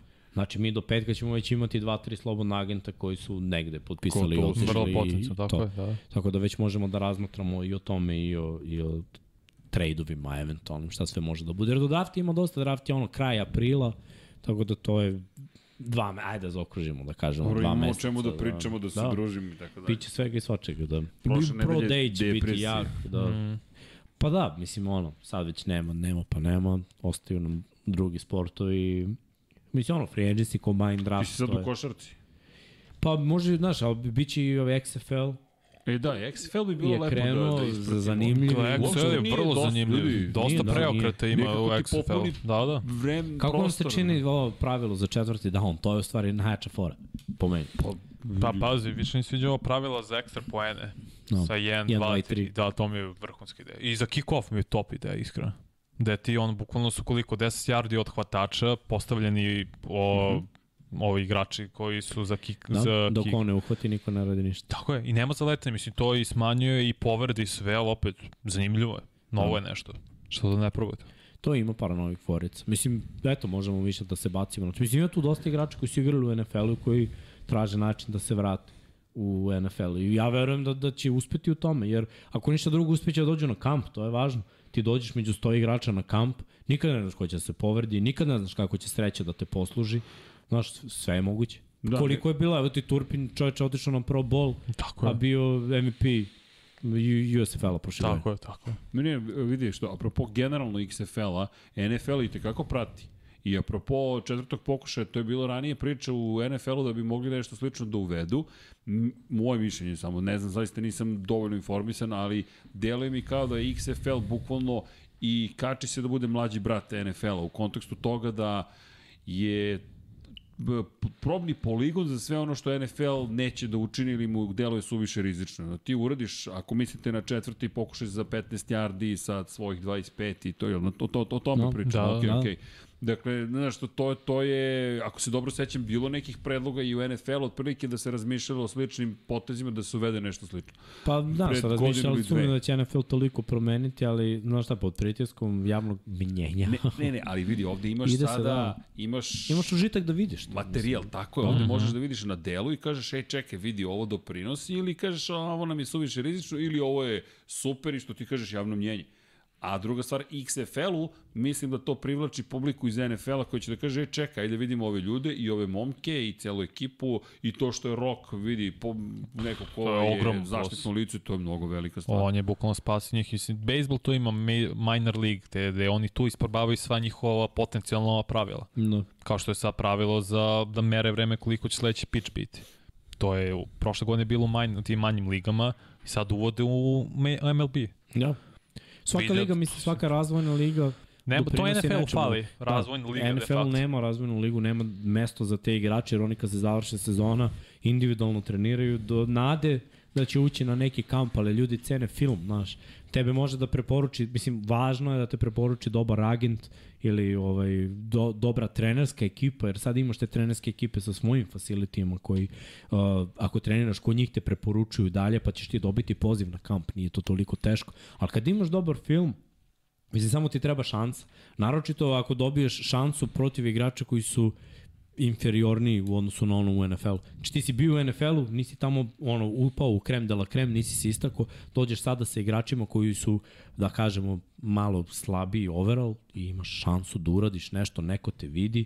I eto šanse, mislim, gledaj, ti da uđeš na roster, na preti squad dobijaš neku platu, a da uđeš da na roster da, da igraš tekme. Među 53. Mislim, tako je. Pritom, mnogi igrači će tu verovatno biti aktivirani kao igrači specijalnog tima. Znači, to je najtraženije u NFL-u. Jako to deluje, mi uvek gledamo ko su imena, ko će igrati ovamo, specijalni tim. Ljudi, tako se ulazi u ekipu. Mi klince tako bodrim, znači, kao mladi igrač ulaziš u specijalni tim. Ja kad sam se sećam kad sam u prvi tim, nije bilo priče da uđem da budem starter, vraćaš kick-off. I pa, će da vraćam, šta, šta problem je. Razumeš, to je ono vrh, brate. Da, da, pa Shannon To- to Sharp je to pričao. Ja sam krenuo kao specijalni tim, sedma runda, tim, brate. To guraš je malo to. po malo. I onda odigraš par akcija, kreneš nešto i probijaš se vremenom, mislim. To, to je normalno. Tako je. Tako da ovaj... Ja sad gledam, evo, cornerbackovi trče 40 yardi, neko istrčao, ti- to je DJ Turner istrčao 4.26. Bravo. Deontay bravo. Banks, ovo što je prva runda 4.35. Dobro, gledaj, sve, po mom mišljenju, sve što je ispod 4-4, znači pa čak i 4-3-9 u, u To toj brutalno. situaciji, to se računa kao vrhunska brzina. Jer opet moramo da, da razumemo, to je pravolinijska brzina.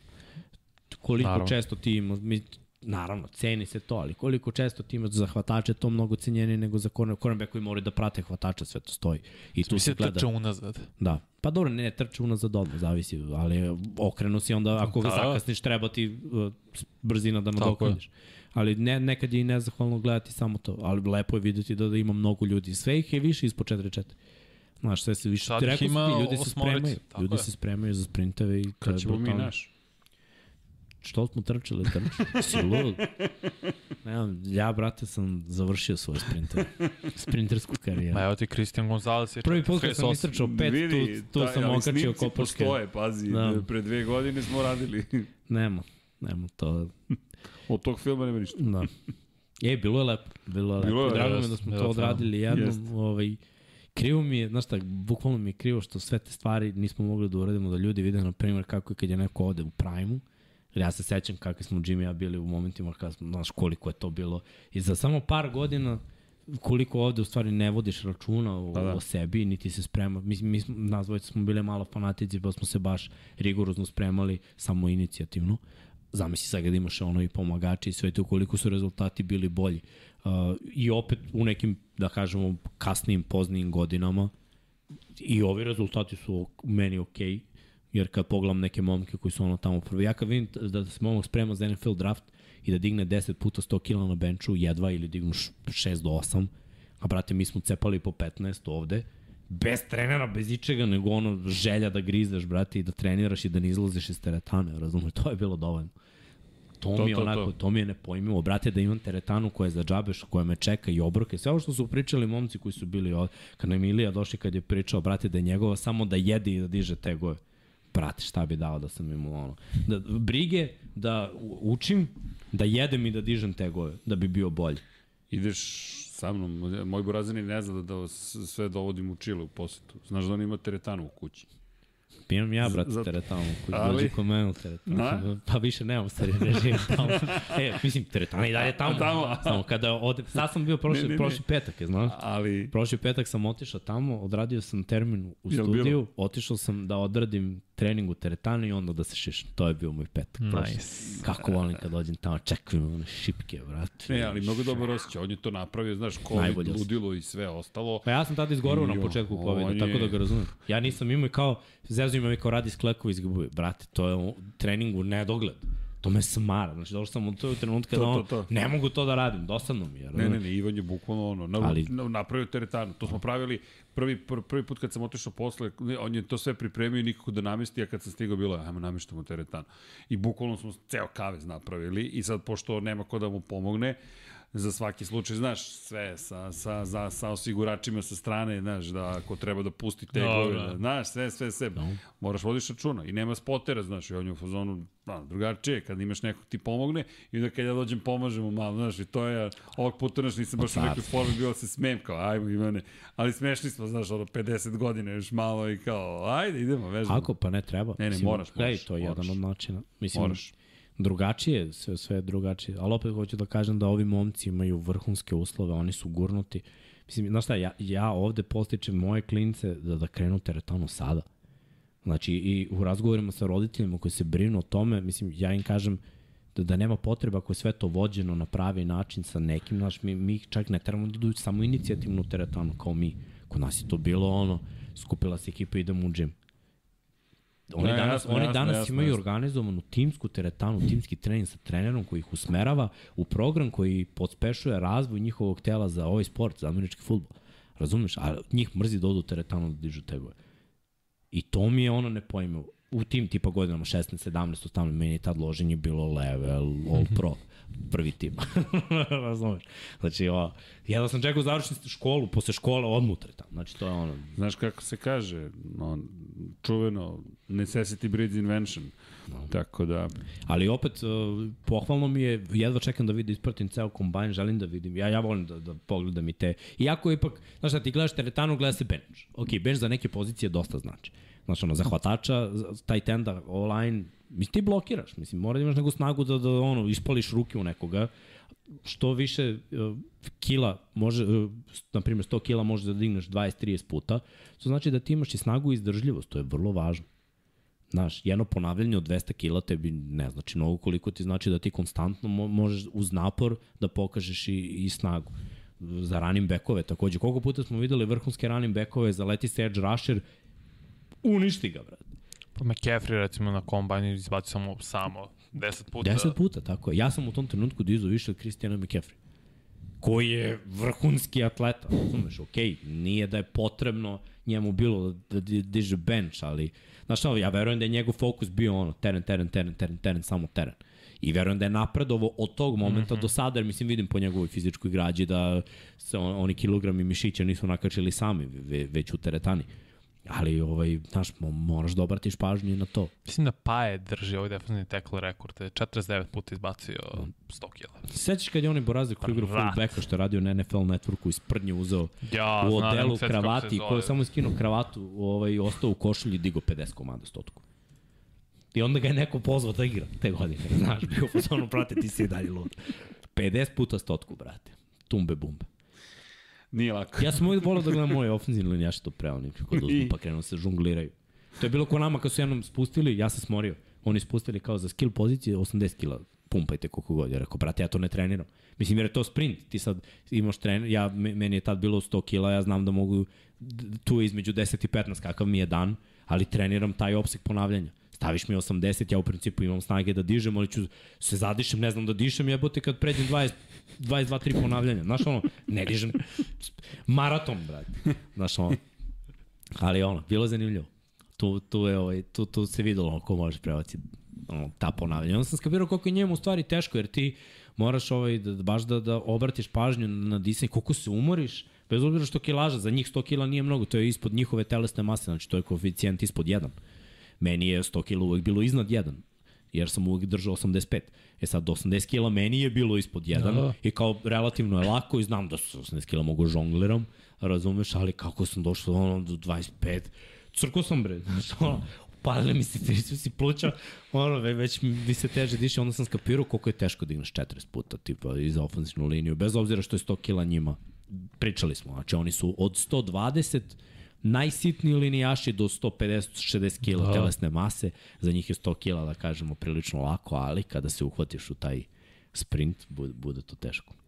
Ali gledati te kretnje, spojiti teren i teretanu, opet, znaš šta, oni kad ih teraju neke te pozicije da skaču u skoku dalje.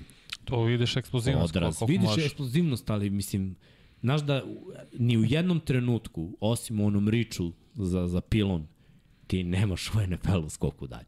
Ne, nemaš, ali kaže, za Nolan ti Smitha koji je tu je. bio sjajan, taj prvi korak, ta bam odmah, kad da. krene s linije skrimiša, ta eksplozivnost, da li može da odmah uh, pobedi ofenzivnog linjaša? Tako je, pazi, te testiranje ja podržavam i treba da ih bude, samo, ja razumem igrače kad su Fortnite da budu u fazonu, ono, Šta vama znači moj odraz iz skoku dalje, brate? Trčao sam 40 yardi, to vam je bitno. Debel sam, ali brz. Dajte mi loptu i to je to. Ne skačem, ja trčim pravo kroz ljude. Mislim, imalo je smisla. I dečko ima super karijeru. Uh, dobro. Dobro, malo sam se zanao, jeste, priznajem. ajde, Ali zar to nije u redu? Da. E, mogu ja da vam dam jednu informaciju koja ajde. nema veze sa američkim futbolom. Iako je sada već juče, ali u danu kada ste vi počeli podcast, a i u danu u kom sam se pridružio podcastu, je tačno, ovo mi je teško da izgovorim, 37 godina od kada je obljen treći studijski album grupe A Master of Puppets. S obzirom na činjenicu da je to kultno muzičko delo, samo da napomenem da eto 37 godina Master, pa 30 kad su prošle, jao. Leti vreme. Kad su prošle i zašto su. Ma, brate, pa ako juče Kuzmo postavlja pitanje za neku nagradu, kaže ka, kako se zvao prvi album grupe Babe, Luka, ja krećem u plač, brate, ko te, brate, si iskopo Babe, mislim, prvi album, kad je to bilo, Čak nije ne znam kako se zvao prvi album, dakle, ali dobro, i dobro mu je pitanje, pazi, Metallica 37, okej. Okay. Nemam ništa da dodam na tu temu, po pola je suviš, ali to je u redu. Šta, yeah. šta ima u četu? Kaže ljudi, tumbe bumbe već ušlo u rečnik srpskog jezika. tumbe bumbe. Evo, to je jedan ortak izali u bloku pre nekih 10-15 godina i od tad se to ustalilo i, i, i nema. Ne može da izađe. Mi volimo inače dosta da ubacujemo to iz tih klipova nekih. Tako da ovaj, tegovi su nam tengovi i dalje. tengovi. da, ma nema to kad se vežeš. Magije su manđije. I tako. Ajde, ajde da vidimo, ovaj, ljudi, pucite neka pitanja, pa Ja, kaže, 20 godina od Get Rich or Die Trying. Uuu, bravo. Okej, to nisam 2003. znao. je 50 Da. Cent, brat. Da. Zaboravio sam to skroz. Da, mislim da je 2002. On je 21. Da, Sigurno? da. Pe, brate, ja verujem da sam bio osmi razred. Znaš šta, bila je pauza između, to leto između, mi smo slušali to na pripremama između osmog razreda i prve srednje. Doduše, nismo sve pesme, neke su bile izbačene. Rich. Možda zvanično izdanje vidimo. 2023. Izašlo ali... je 6. februara 2003. snimljeni 2002. ali objavljen da. 6. Da, februara da, da. 2003. In the. Club je već bio kao single izbačen ranije još neke Jest, pesme. To, jest. znam, pazi, tačno se sećam, ti, te pripreme su bile I najjače. 7. januar 2003. Da, pozdrav za, In za celu tu ekipu moju iz uh, škole košarke Rebe Ćorkovića. Kak, Meni kak man. to sprnja bila na Koponiku. Ček, mogu ti pokažem jednu košarkašku fotku. Ovu nisam, ovo nisam smeo da pošaljem Peri, bilo bi previše. Kad bi ja budem krenuo da vadim moje, brate, slike, imao sam i... Pogledaj ga. Karim Ab- Abdul Erceg. A, jel može? Skyhook. A, reci. A, ne, tu su me kao podigli bili, ono, bilo je fora kao, ajde, da kao, klinci smo u srednjoj školi da zakucam. Ja, ali da. Čekaj, Pero, šaljem te, ti proceni da li ovo zaista treba da se ikome, ikada Da. pokaže. Ajde da vidimo ovde, ajde da vidimo ovde neka pitanja. Ajde, ajde. Kaže, kako komentarišete prozivke bivših igrača Ravensa, Judon, Wolf, Davis, Bradley na račun kondicionih trenera Baltimore? To je ono što sam na početku spominjao, Da. da. za taj što si e, ovaj, asocijacija igrača izbacilo, mislim, zato je dobio otkaz čovjek. Da, da. Loše znaš šta, radio. Loše, da. Mnogo povreda je bilo. Mislim, godinama se to, to ono, baš se gazi igrač. Neko, nečije telo može izdrži, nečije ne. Čekaj, čekaj, izvinjam se. Ward Prowse nas se pitao, nisam vidio na Twitteru. Pitanje za sve u studiju, a i van njega.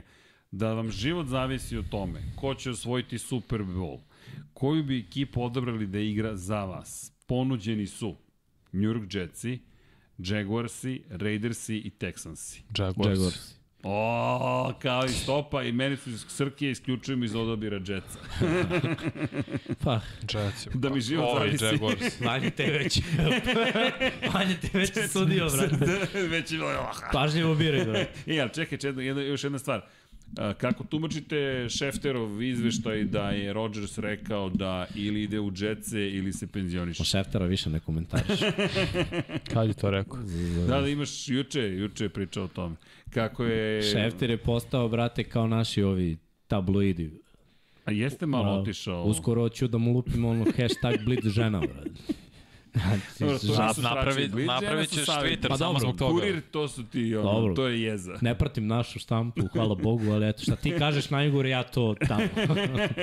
Užas, brate, krenuo je lik da bude jedan od onih. Jeste. Baš nisam Malo. očekivao od njega da bude Da, jedan ali nekako čudno kako je skrenuo i to već kad je izgradio ime i renome stekao. E, pa treba da se održi, brate, pažnja. Aha, brojevi, to. Ma da, bre.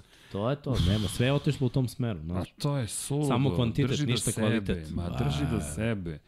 Ko još gleda tako, Srki? Niko. Ah, evo mi gledamo tako. Dobro, zato smo tu da jesmo. yeah. Tumbe, Pakao, pako. Ništa, ajmo. U jedan ujutru u studiju Da. na kraju univerzuma. Ma samo u jedan. Zašto? Za, Ja se tek zašto? razbuđujem Sve tu. sa perom. Zašto masakra ovako kasno? Ja posle ovog idem u teretanu, moram se razbudim. Ja Spremam i ja idem na sport klub, imam u 10 sati prenos. Video sam, 10.05 kreće trka Formule 3. video sam da svašta nešto radiš. Da, da, imam sutra gimnastiku. Mm, dobro, dobro, dobro. Uh, Da, ali volim to gimnastiku, tako da sve cool. Šta, mislim, šta mislimo o ofenzivnom koordinatoru i defanzivnom koordinatoru Phil? Je li, Su određeni koji su? ja ni, nisam ispratio. Ni ja mislim da nisu određeni. Uh, video sam da postoji šansa da se unapredi uh, A mislim da je quarterback, trener, Quarterback coach. da je on izabran, da je on unapređen. ali nisam siguran da li je ovo sili neki uh, kvalitet, a? OC... Da li je izabran za OC-a? Svakako, mislim da je za Filu, ovaj, svakako kogoda je izabran. Biće jako teško napraviti za godinu dana posle ovako dobrog rezultata tu tranziciju da i ti budu jako uspešni. Brian Johnson jeste ovaj koji je Brian- bio, coach, da. da. on se zove isto kao ofenzivni koordinator Lionsa zapravo. Da, dobro. Ovaj, to sam ovaj, isto pročitao, a da i defensiv?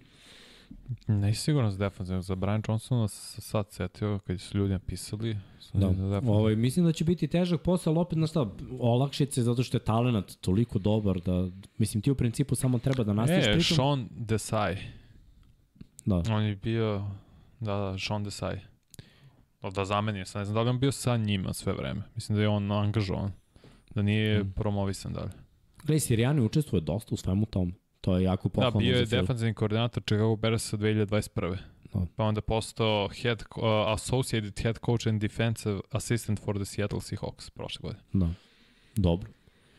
Mislim da, da, da, da je Fila izabrala ok, to lepo je unaprediti. Mislim, pametno je u ovoj u ovom odlivu talenta što se tiče stručnog štaba, pre svega koordinatora, bilo ih je 10 koji su menjali.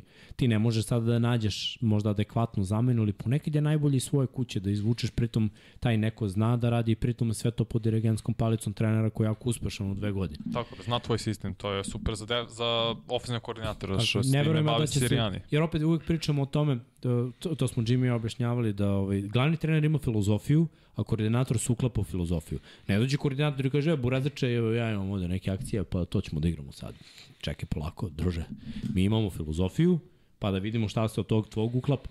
Tako da mislim da je to s ofanzivne strane dobar potez, a s defanzivne strane, mislim, njihova odbrana meni nije bila spektakularna prethodne godine, osim tog graša, sve ostalo je bilo okej, okay, radili su posao, mislim, šta znam, mali je prozor, dobar su tim, uspešni će biti vrlo verovatno, da li će ponoviti ovaj uspeh, mnogo je faktora koji odlučuju o tom.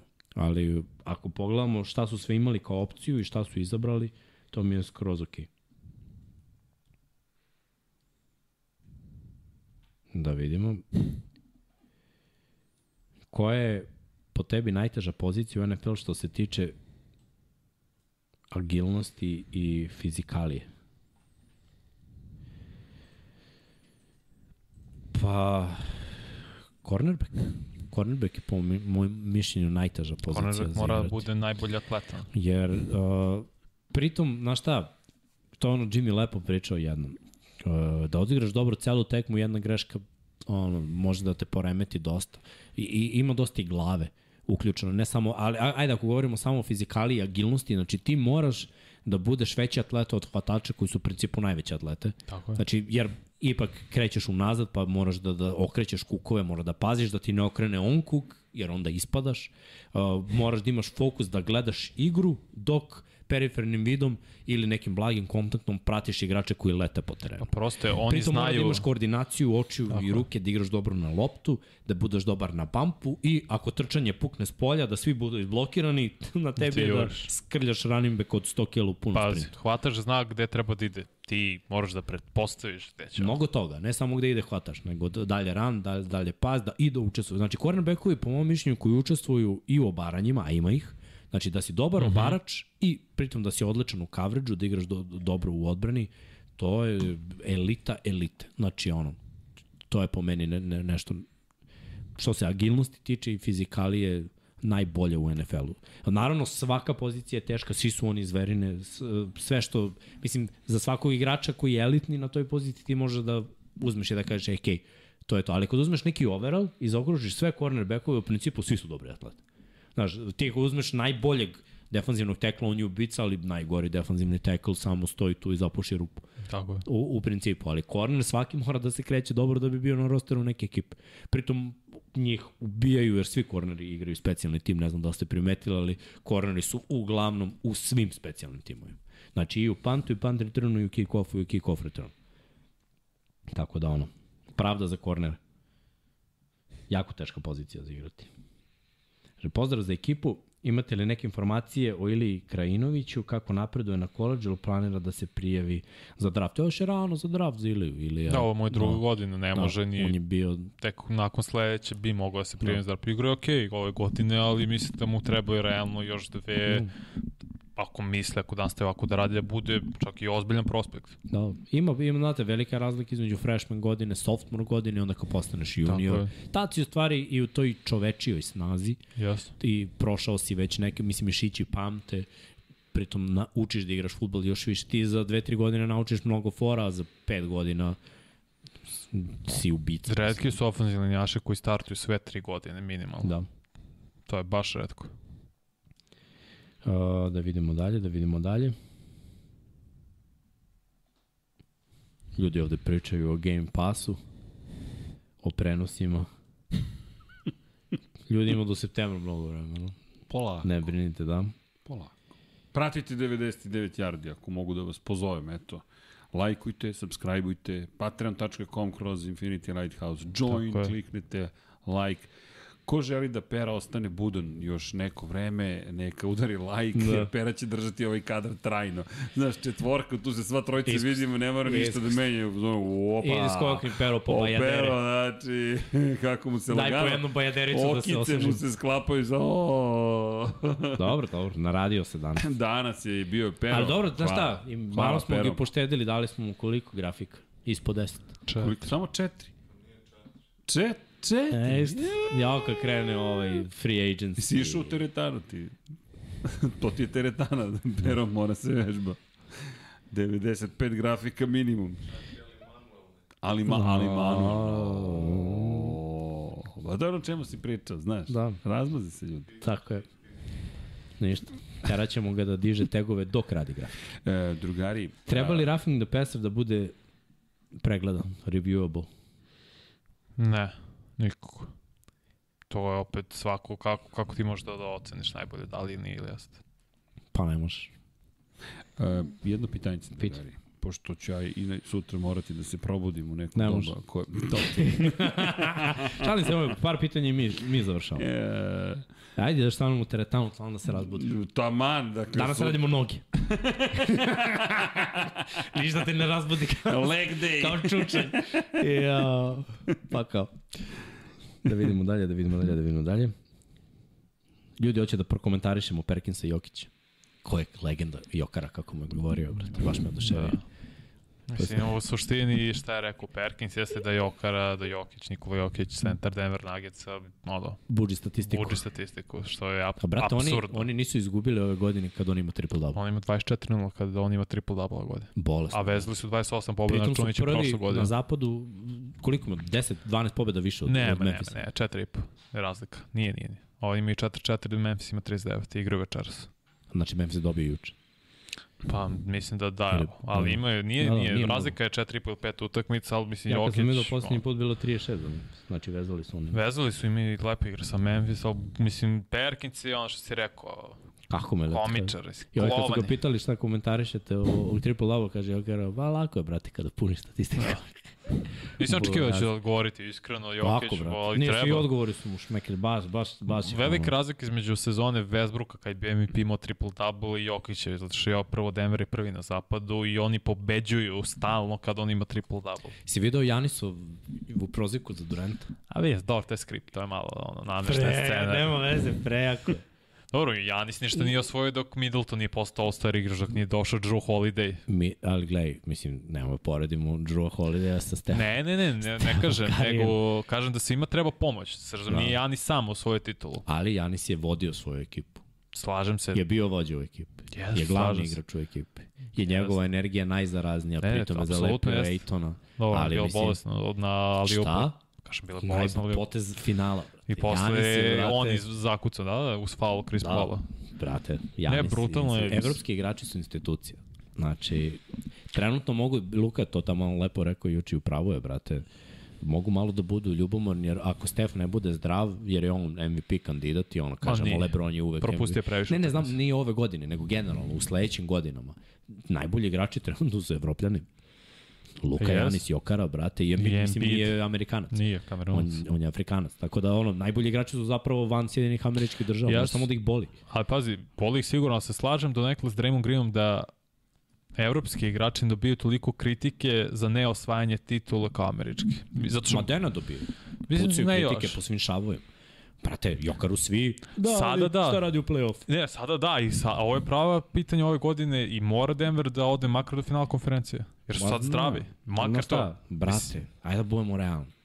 Znači, od svih ekipa koji imaju ono broj dva igrača, mislim, Jokar ima ekipa igra najbolje jer igraju timski, ali brate, on stvarno nema ono star power oko sebe. Pa Mare je... Ali on nije onaj Mare od pre. On, je to ovaj Mare, Mare koji naskoči pravi 360 u vazduhu i polaže levom rukom, brate, u padu. Nije, ali može da je 30. Pa, može da 30, a može i da, da ne da ništa. Mislim, dve godine nije igrao. Treba, znam, dana nije igra, nije dve. Godinu i po. Ima više od godinu. I nije igrao na tom nivou. Sad se vraća polako, ali opet, ja nekako verujem da će ti Warriorsi da, da se oporave tamo Ja, vreme i da onda ne može igra s Mislim da će. Phoenix sa ovima je mnogo ozbiljno. Baš deluje lepo. Pa nikad nisam volao te plaćeničke ekipe. Nije, ne, naravno, moguće, vrlo, ali ono, ne znam, te plaćeničke ekipe obično dobro, samo je jedan ne plaćen. prođu. To je Durant. Mm, Pa pa- samo je Durant došao. Mislim, ovi ostali su njihovi. Vidjet ću. Baš me zanima šta će to Clippersi. se dešava. Jedva čekam play-off. Eto, nema NFL-a, gledajte NBA, najvijete za Jokaru. Svima u ina, Denver da osvoji i onda Perku, Jokar okrat. Da, ne, pa dobro. te- Kaže, šta je bre? Ma dobro, te sve izjave i zato što Show je, ne znam, kao belac za evropljanin, bla bla, truć, itd., itd., itd. Jeste, ima i Da. toga. Mislim, dosta je besmisleno. Pa jeste. Pa, Da. mislim... I to je bez- malo za, za, za brojeve. Brate, sva ta, generalno, cela ta priča, bez, sad, to, to čoček, mislim, koliko je bitan on, Perkins u celoj priči. Bitan je samo zato što je to izjavio. A brate, znaš šta? Moraš da, ba, ba, ja, to je ono što Znaš si malo pre pričao. E, i samo da navučem brojke Tako i je, da, brojevi. ono, ketchup na glavu. Brojevi, Ja, Ima, brojevi ima, da se priča ima on svoje TV momente na ESPN-u i pojavlja se tim svim emisijama, mislim, ono, kao Znam, ekspert. ali, znaš, ako staviš čoveka, ono, milion puta na TV, imaće svako svoje momente. Drugo, znaš, pitanje Slažem je ko je njemu pisao to što on čita. Ok, ajde vidimo, kako se ti spremaš za emisiju? Jel si ti sam pripremio? Ti si se sam pripremio. Miksa se sam pripremio, ja sam pripremio.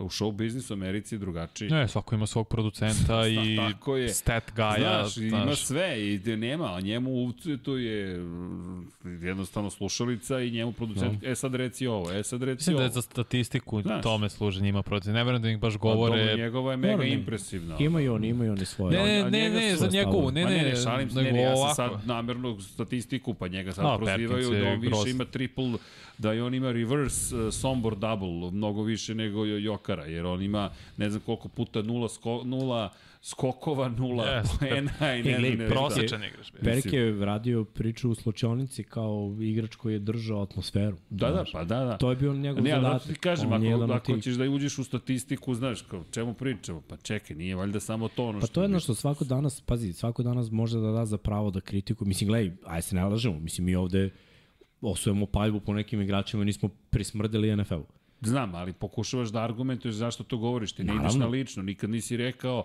Ma, zato što je neko nekog porekla da je A nešto to da, dobio. to ne, Pa to nikad. kad Ma to je to- meni nebitno, ja Pa, da sam drugi lik, naravno. ali zato kad igraš loše, brate, kod mene si ga ugasio. A da, ali igraš loše. Ali nikad ne bih Ali- rekao za nekog igra. tako je. Znaš, ono, kao, to, to je kao ove godine kad neki kube baca 50 puta pa da kažeš buđi statistiku jer baca 50 puta. Treba on, oni da mogu da, da trče i da igraju odbranu i da on baca 25, ja verujem da bi trener to zvao, ali pošto ne, mislim, ti igraš Tom tvoja Brady ti ekipa je pobedi. najbolji Pritom, primer. jedno je statistika da tvoja ekipa igra loše. To je stat padder.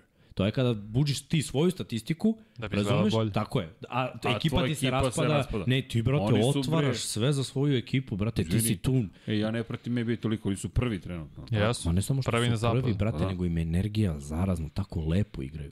Znaš, oni igraju, ono, to ti ko nekad San Antonio, to je lepa košarka. Za Jasno, gledati jasno, bila. jasno.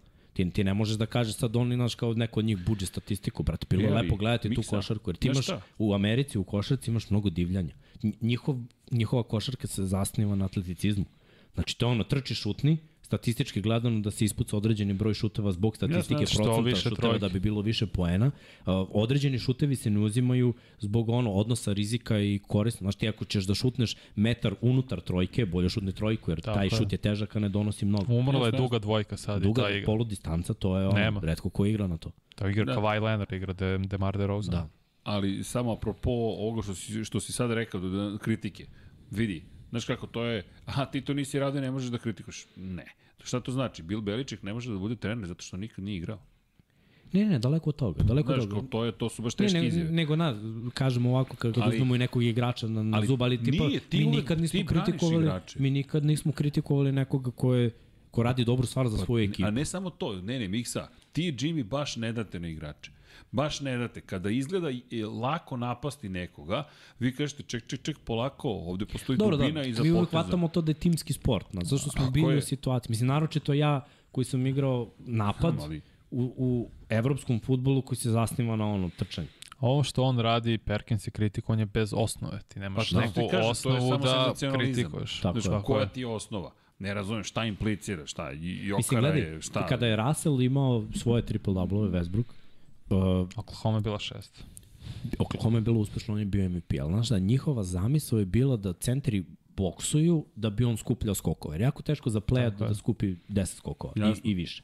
Ali njihova zamisao je bila da oni grade visoke igrače, tako da on sa svojim atleticizmom se zaleti, pokupi skok, ali on je takav atleta da on kad pokupi taj skok za dve sekunde već na protivničkoj polovini. Znači ono on mu uzme, šikne loptu napred, da sebi for i eto ga na protivničkoj polovini. Centri pritom ne gube vreme da dohvate, da daju pa da krenu, oni su već izboksovali i krenuli napred. Tako da je čitava zamisao bila ok, mislim, to je bolji primer stat pada od ovoga, mislim, ovaj dečko Igra. asistira centar bre de- 10 plus po tekmi. Šta to pričamo, stat to- to je bolesno. Vre, Westbrook je neke stenice tad bila u poslednjim sekundama. Ne znam šta ću s loptom, a, daj da uručim To. tebi, uvolim tebi, ako daš super, mene stenice, ako ne, nikom ništa i to je to.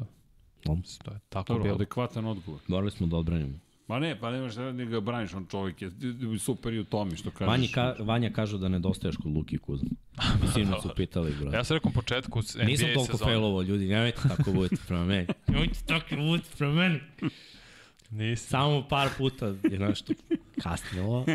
A dobro, dešava se. Dešava se. Dešava se. E, kažete, ja sam rekao u početku sezona, ako Jokić bude bio prvi sa Denverom zapadno, treba bude MVP uz dobru statistiku, jer desilo samo tri puta pre njega, ili ako on bude, naravno, četvrti put da neko osvoje MVP nagradu u NBA-u tri godine za redom. To je Larry Bird, to je Wilt bio, čini mi se, to je bio Bill Russell.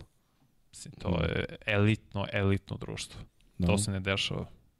Baš bih volao, stvarno bih volao. Ne samo što, što je ono, momak iz naše zemlje, nego, nego zašto stvarno, bre, lepo je gledati ovo, lepo gledati. Znaš, Dobro, ti i to kad je njegov gledaš, uticaj na ekipu. Tako je. MVP. Jes, pa. Šta je MVP? Most valuable player ili je nešto drugo u pitanju? Pa znaš šta, Najkorisnije. to, to, između Pa to, ostalo, to. to je jedna stvar koju smo Vanja pričali o tome šta cenimo. Kad neki igrač effortless, znači bez, bez nekog napora radi neke stvari, Mm. njegovi potezi, to je sve laganica, brate. To je sve tako suptilno, šmekerski, u, znaš, odrađeno. I, I to gotivim u svakom sportu. Znači, uh, ti, ti, ja gotivim dve različite stvari. Surovu atletsku dominaciju i ovo. Znači, to nekad ne ide zajedno. Ja razumeš, Ko ti ali je pada lepo... prvi na pamet u nekom trećem sportu? Znaš kada to izgovoriš ko meni pada na pamet? Messi. Okej. Messi, to je Tebi neko iz automota, Ne, ne, ne, Ne, meni nego- iz tenisa. iz tenisa. Djokovic i Federer. Roger Federer, kako sa Federer, koćem njegovi igra. potezi su, je- wow, čekaj, šta ovo bi, ko te tako Pa da eto, pravi primjer vam je tu taj Znaš. treći Nadal koji je ono, isključivo zahvaljujući sili On upao u to sila, trojku. To je sileđija. Znaš, a, a, Došao da prangija, brate, ali- levi forehand. ali moje mišljenje je da je Đoković zapravo fizički najdominantniji. Zašto? Zato što se Spoj. najmanje povređuje, Ne, zato što ali se on je priprema i jeste, On je spoj je spoj jednog i drugog. Da. Tako je, tako je. Znaš, i, i to, je, to je prosto lepota gledati, zaista. A dobro, ali pazi, pošto ima Nadala, pa ti tu, koliko ti moraš biti čoveče rešen da uspeš. Da, pa to ti je Cristiano Ronaldo. Rešen da uspeš. A? To ti je Ronaldo neverovatno. futbol, to, to je ono, on ti je sileđer. On je, da, Sa on je radnik.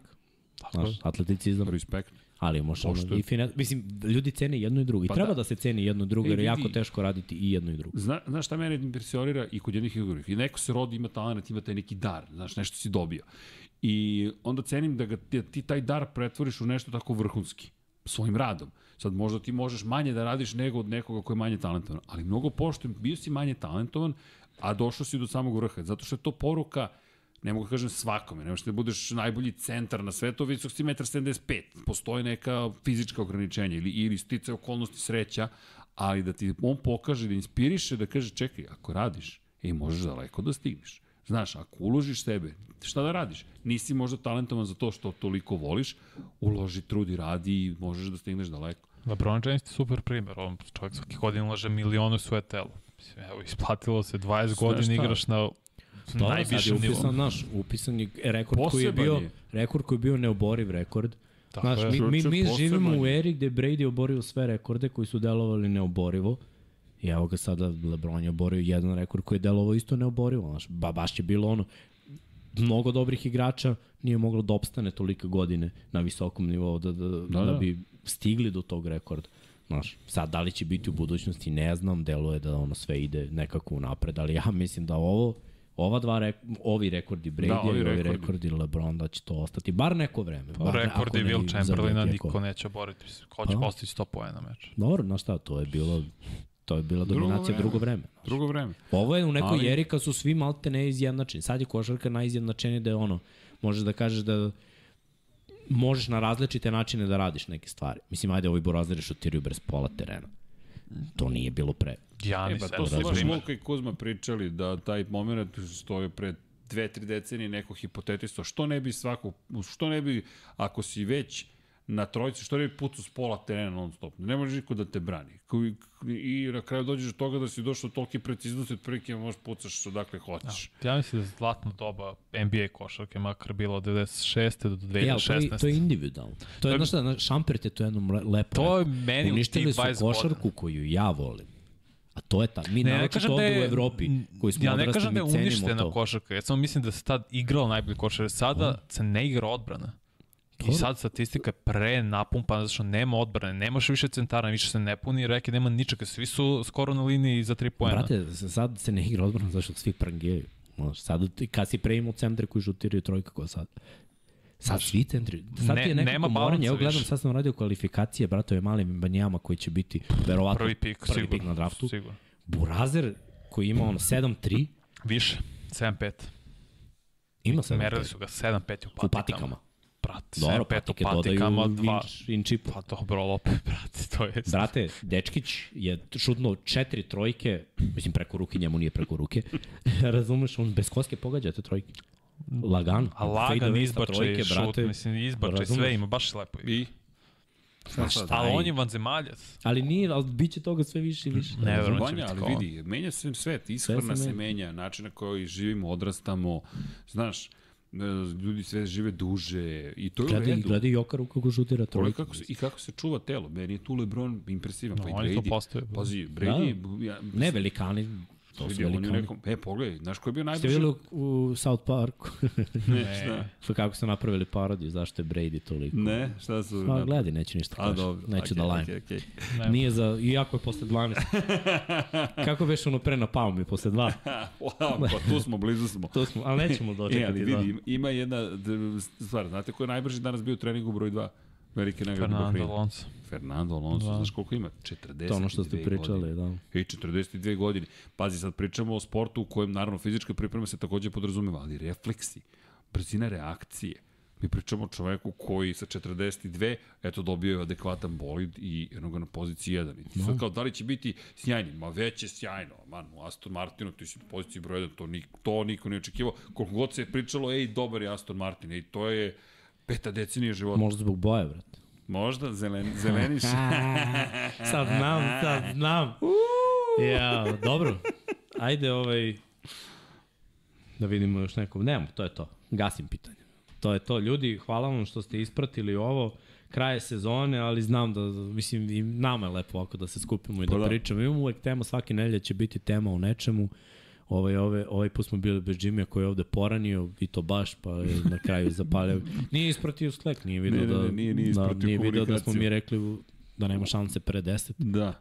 Inače bi mi volili da smo u 9, ali eto, sudbina. Pa sudbina ne, nas je da, omela. neko, neko nam je zamerio, a nikad nekako da se skupite. Ljudi, verujte, Nije, to je kad, znaš šta, ima dva, tri posla svi na, na sve strane. niko ovde, da. Pa, evo, Najlakše bi bilo da, da je ovo... kliknite YouTube subscribe i like i join i patreon.com kroz Infinity Lighthouse i shop.infinitylighthouse.com pomozite. Ne pomoć ljudi, vi ste nam sponzori i bit će još sponzora, ali nama je cilj, bilo bi idealno savršeno da možemo ovim da se, samo, zamislimo ovim da, Da. se bavimo. Idealno. Pa to je san. Bukvalno. To je triple double. To je triple double. To je, to je, ćemo stat Da padding. sad samo triple whopper. Be. I to kad se ode preko čak ode. ne. Ali dobro, može. Može se napravi ovako, kod kući, kod kući. To, to. Ništa, a, sve o svemu, hvala još jednom. Pero, možemo još jednom za Maju. Da, to nam je To- to- najvažnija stvar. moramo da, da pomenemo još jednom, ljudi ako možete pomozite 1445 na 3030 da pomognemo Maji, da pomognemo Šonetu, ako ste u mogućnosti koliko god, ili tako, ili čak i ovde preko tipova, napravit ćemo i tu neku aukciju, imamo uh, stvarno želju da, da pomognemo što je više moguće u ovom vremenskom periodu. Važno je da, da delamo sada, da delamo odmah, da ne bude posle ono, stvari nema, za koje sad- žalimo. Nema, znači Mora sada, da sada rešavamo to. Maja. Nedić inače. Tako. Maja Nedić, mnogo je bitno, moramo da dodamo prezime, jer mnogim ljudi na banka odbija uplatu. Odbija uplatu, bukvalno. Tako da Maja Nedić, i važno je, ukoliko uplaćujete, da znate i hvala vam. Ima, ima puno uplate i iz regiona i nemamo reči. Stvarno vam hvala. Da, ovo je jedna jako lepa zajednica koju mi imamo ovde, koju smo stvorili. Zaista moram da primetim da ono, svi ljudi koji su konstantno u četu, da imamo jako dobru energiju, čak i kad nam se mišljenja razilaze.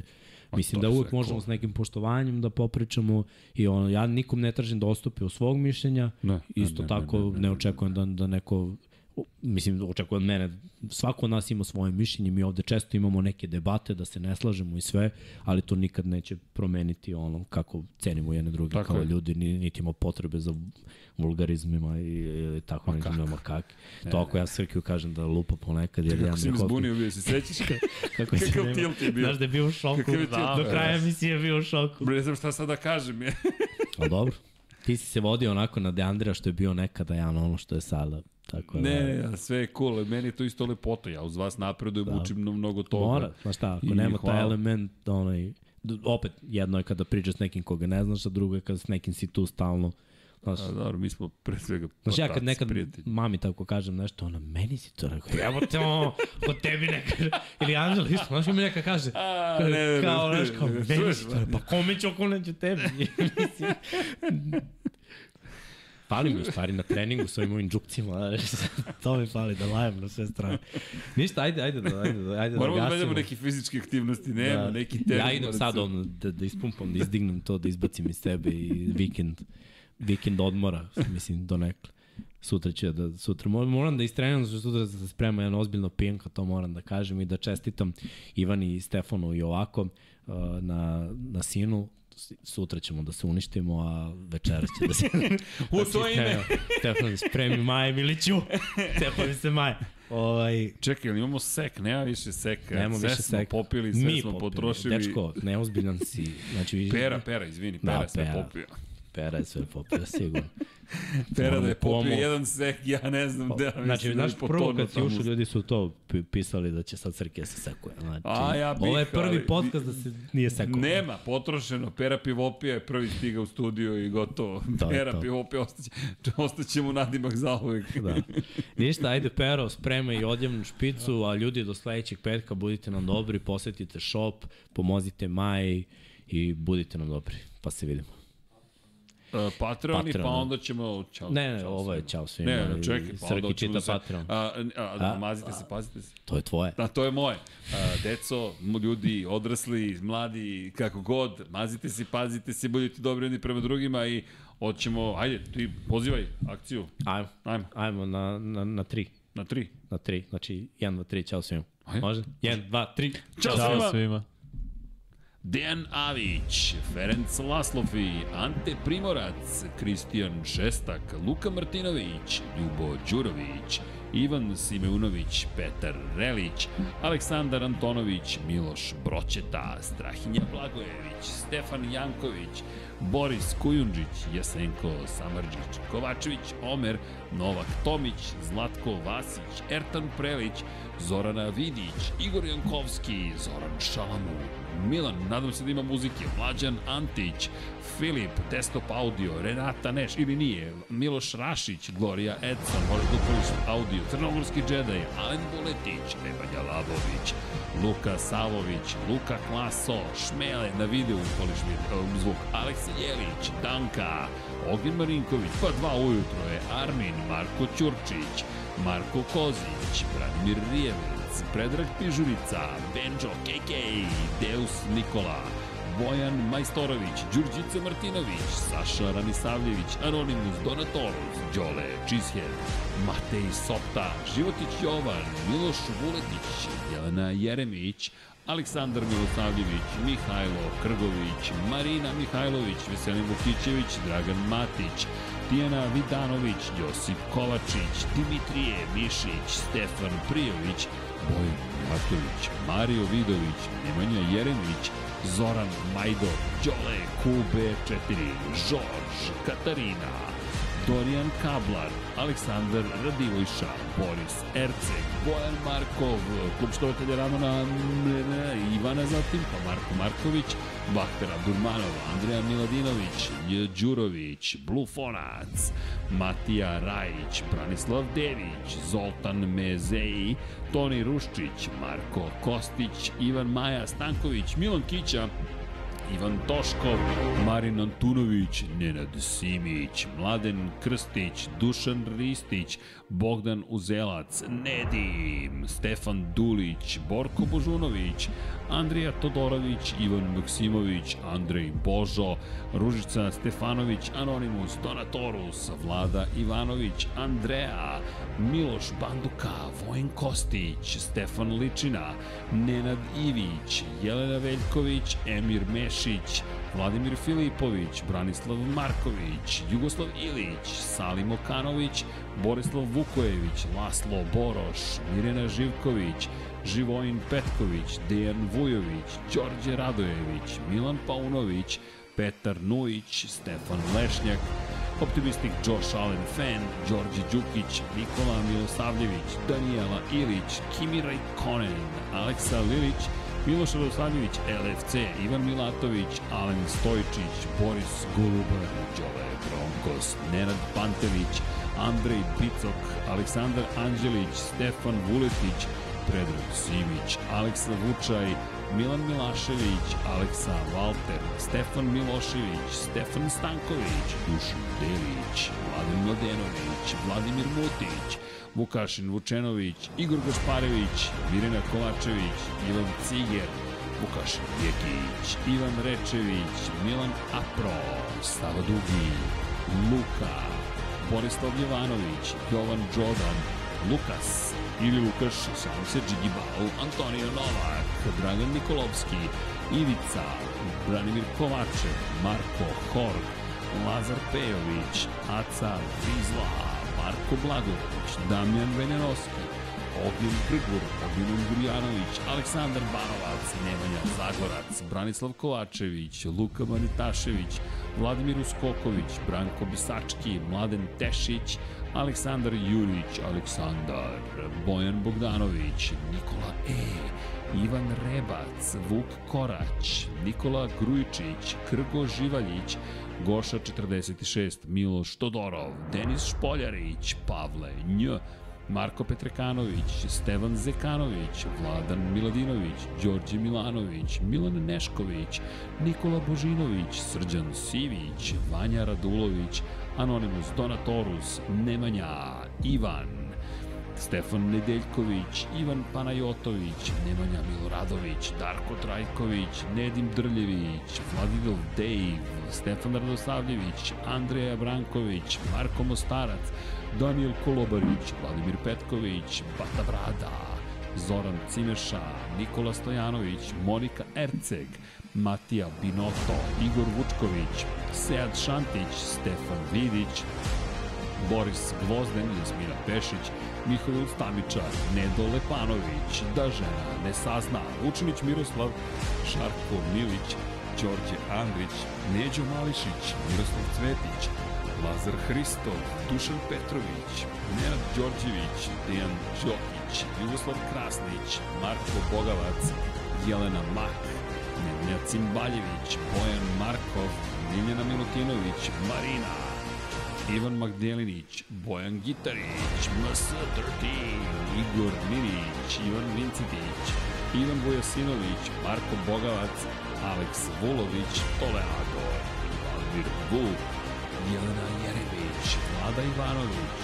Mensur Kurtagić, Aleksandar Nikolić, Kronobi 00, Omer Sarajvić, Milanka Marunić, Nemanja Miloradović, Voča Pero, Vladan Đurić, Milorad Renjević, Vladimir Subotić, Dinstero, Đera 7, Kosta Verić, Škundra ili Skundra, Josip Buljovčić, Miloš Zed, LFC, Tatjana Lemajić, Vojislav Tadić, Pavle Lukić, Bojan Pejković, Nemanja Bračko, Aleksandar Kockar, Milan Knežević, Nikola Božović, Drago Veković, Vuk, DJ Regi, Resničanin, Miloš Stanimirović, Nikola Vulović, Oliver Nikolić, Igor Ilić, Almedin Ahmetović, Branislav Dević, Uroš Čuturilo, Ivana Vesković, Mortal Kombat, Marko Stojilković, korespondent, korespondent, Đorđe Janjić, Dejan Plackov, Plackov, Aleksandar P, Dejan Janić, Galeksić, Anonimus Donatorus, Maksi, Nikola Kojić, Domagoj Kovač, Ivan Božanić, Uroš Ćosić, Koja 7, Nemanja, Alen Jesenović, Ivan Hornjak, Zlatko Marić, Saša Stevanović, Nikola Grđan, Nikola Niksi, Marakos, Petar Bjelić, Toni Soni 76, Bakadu, Vukašin Vučenović,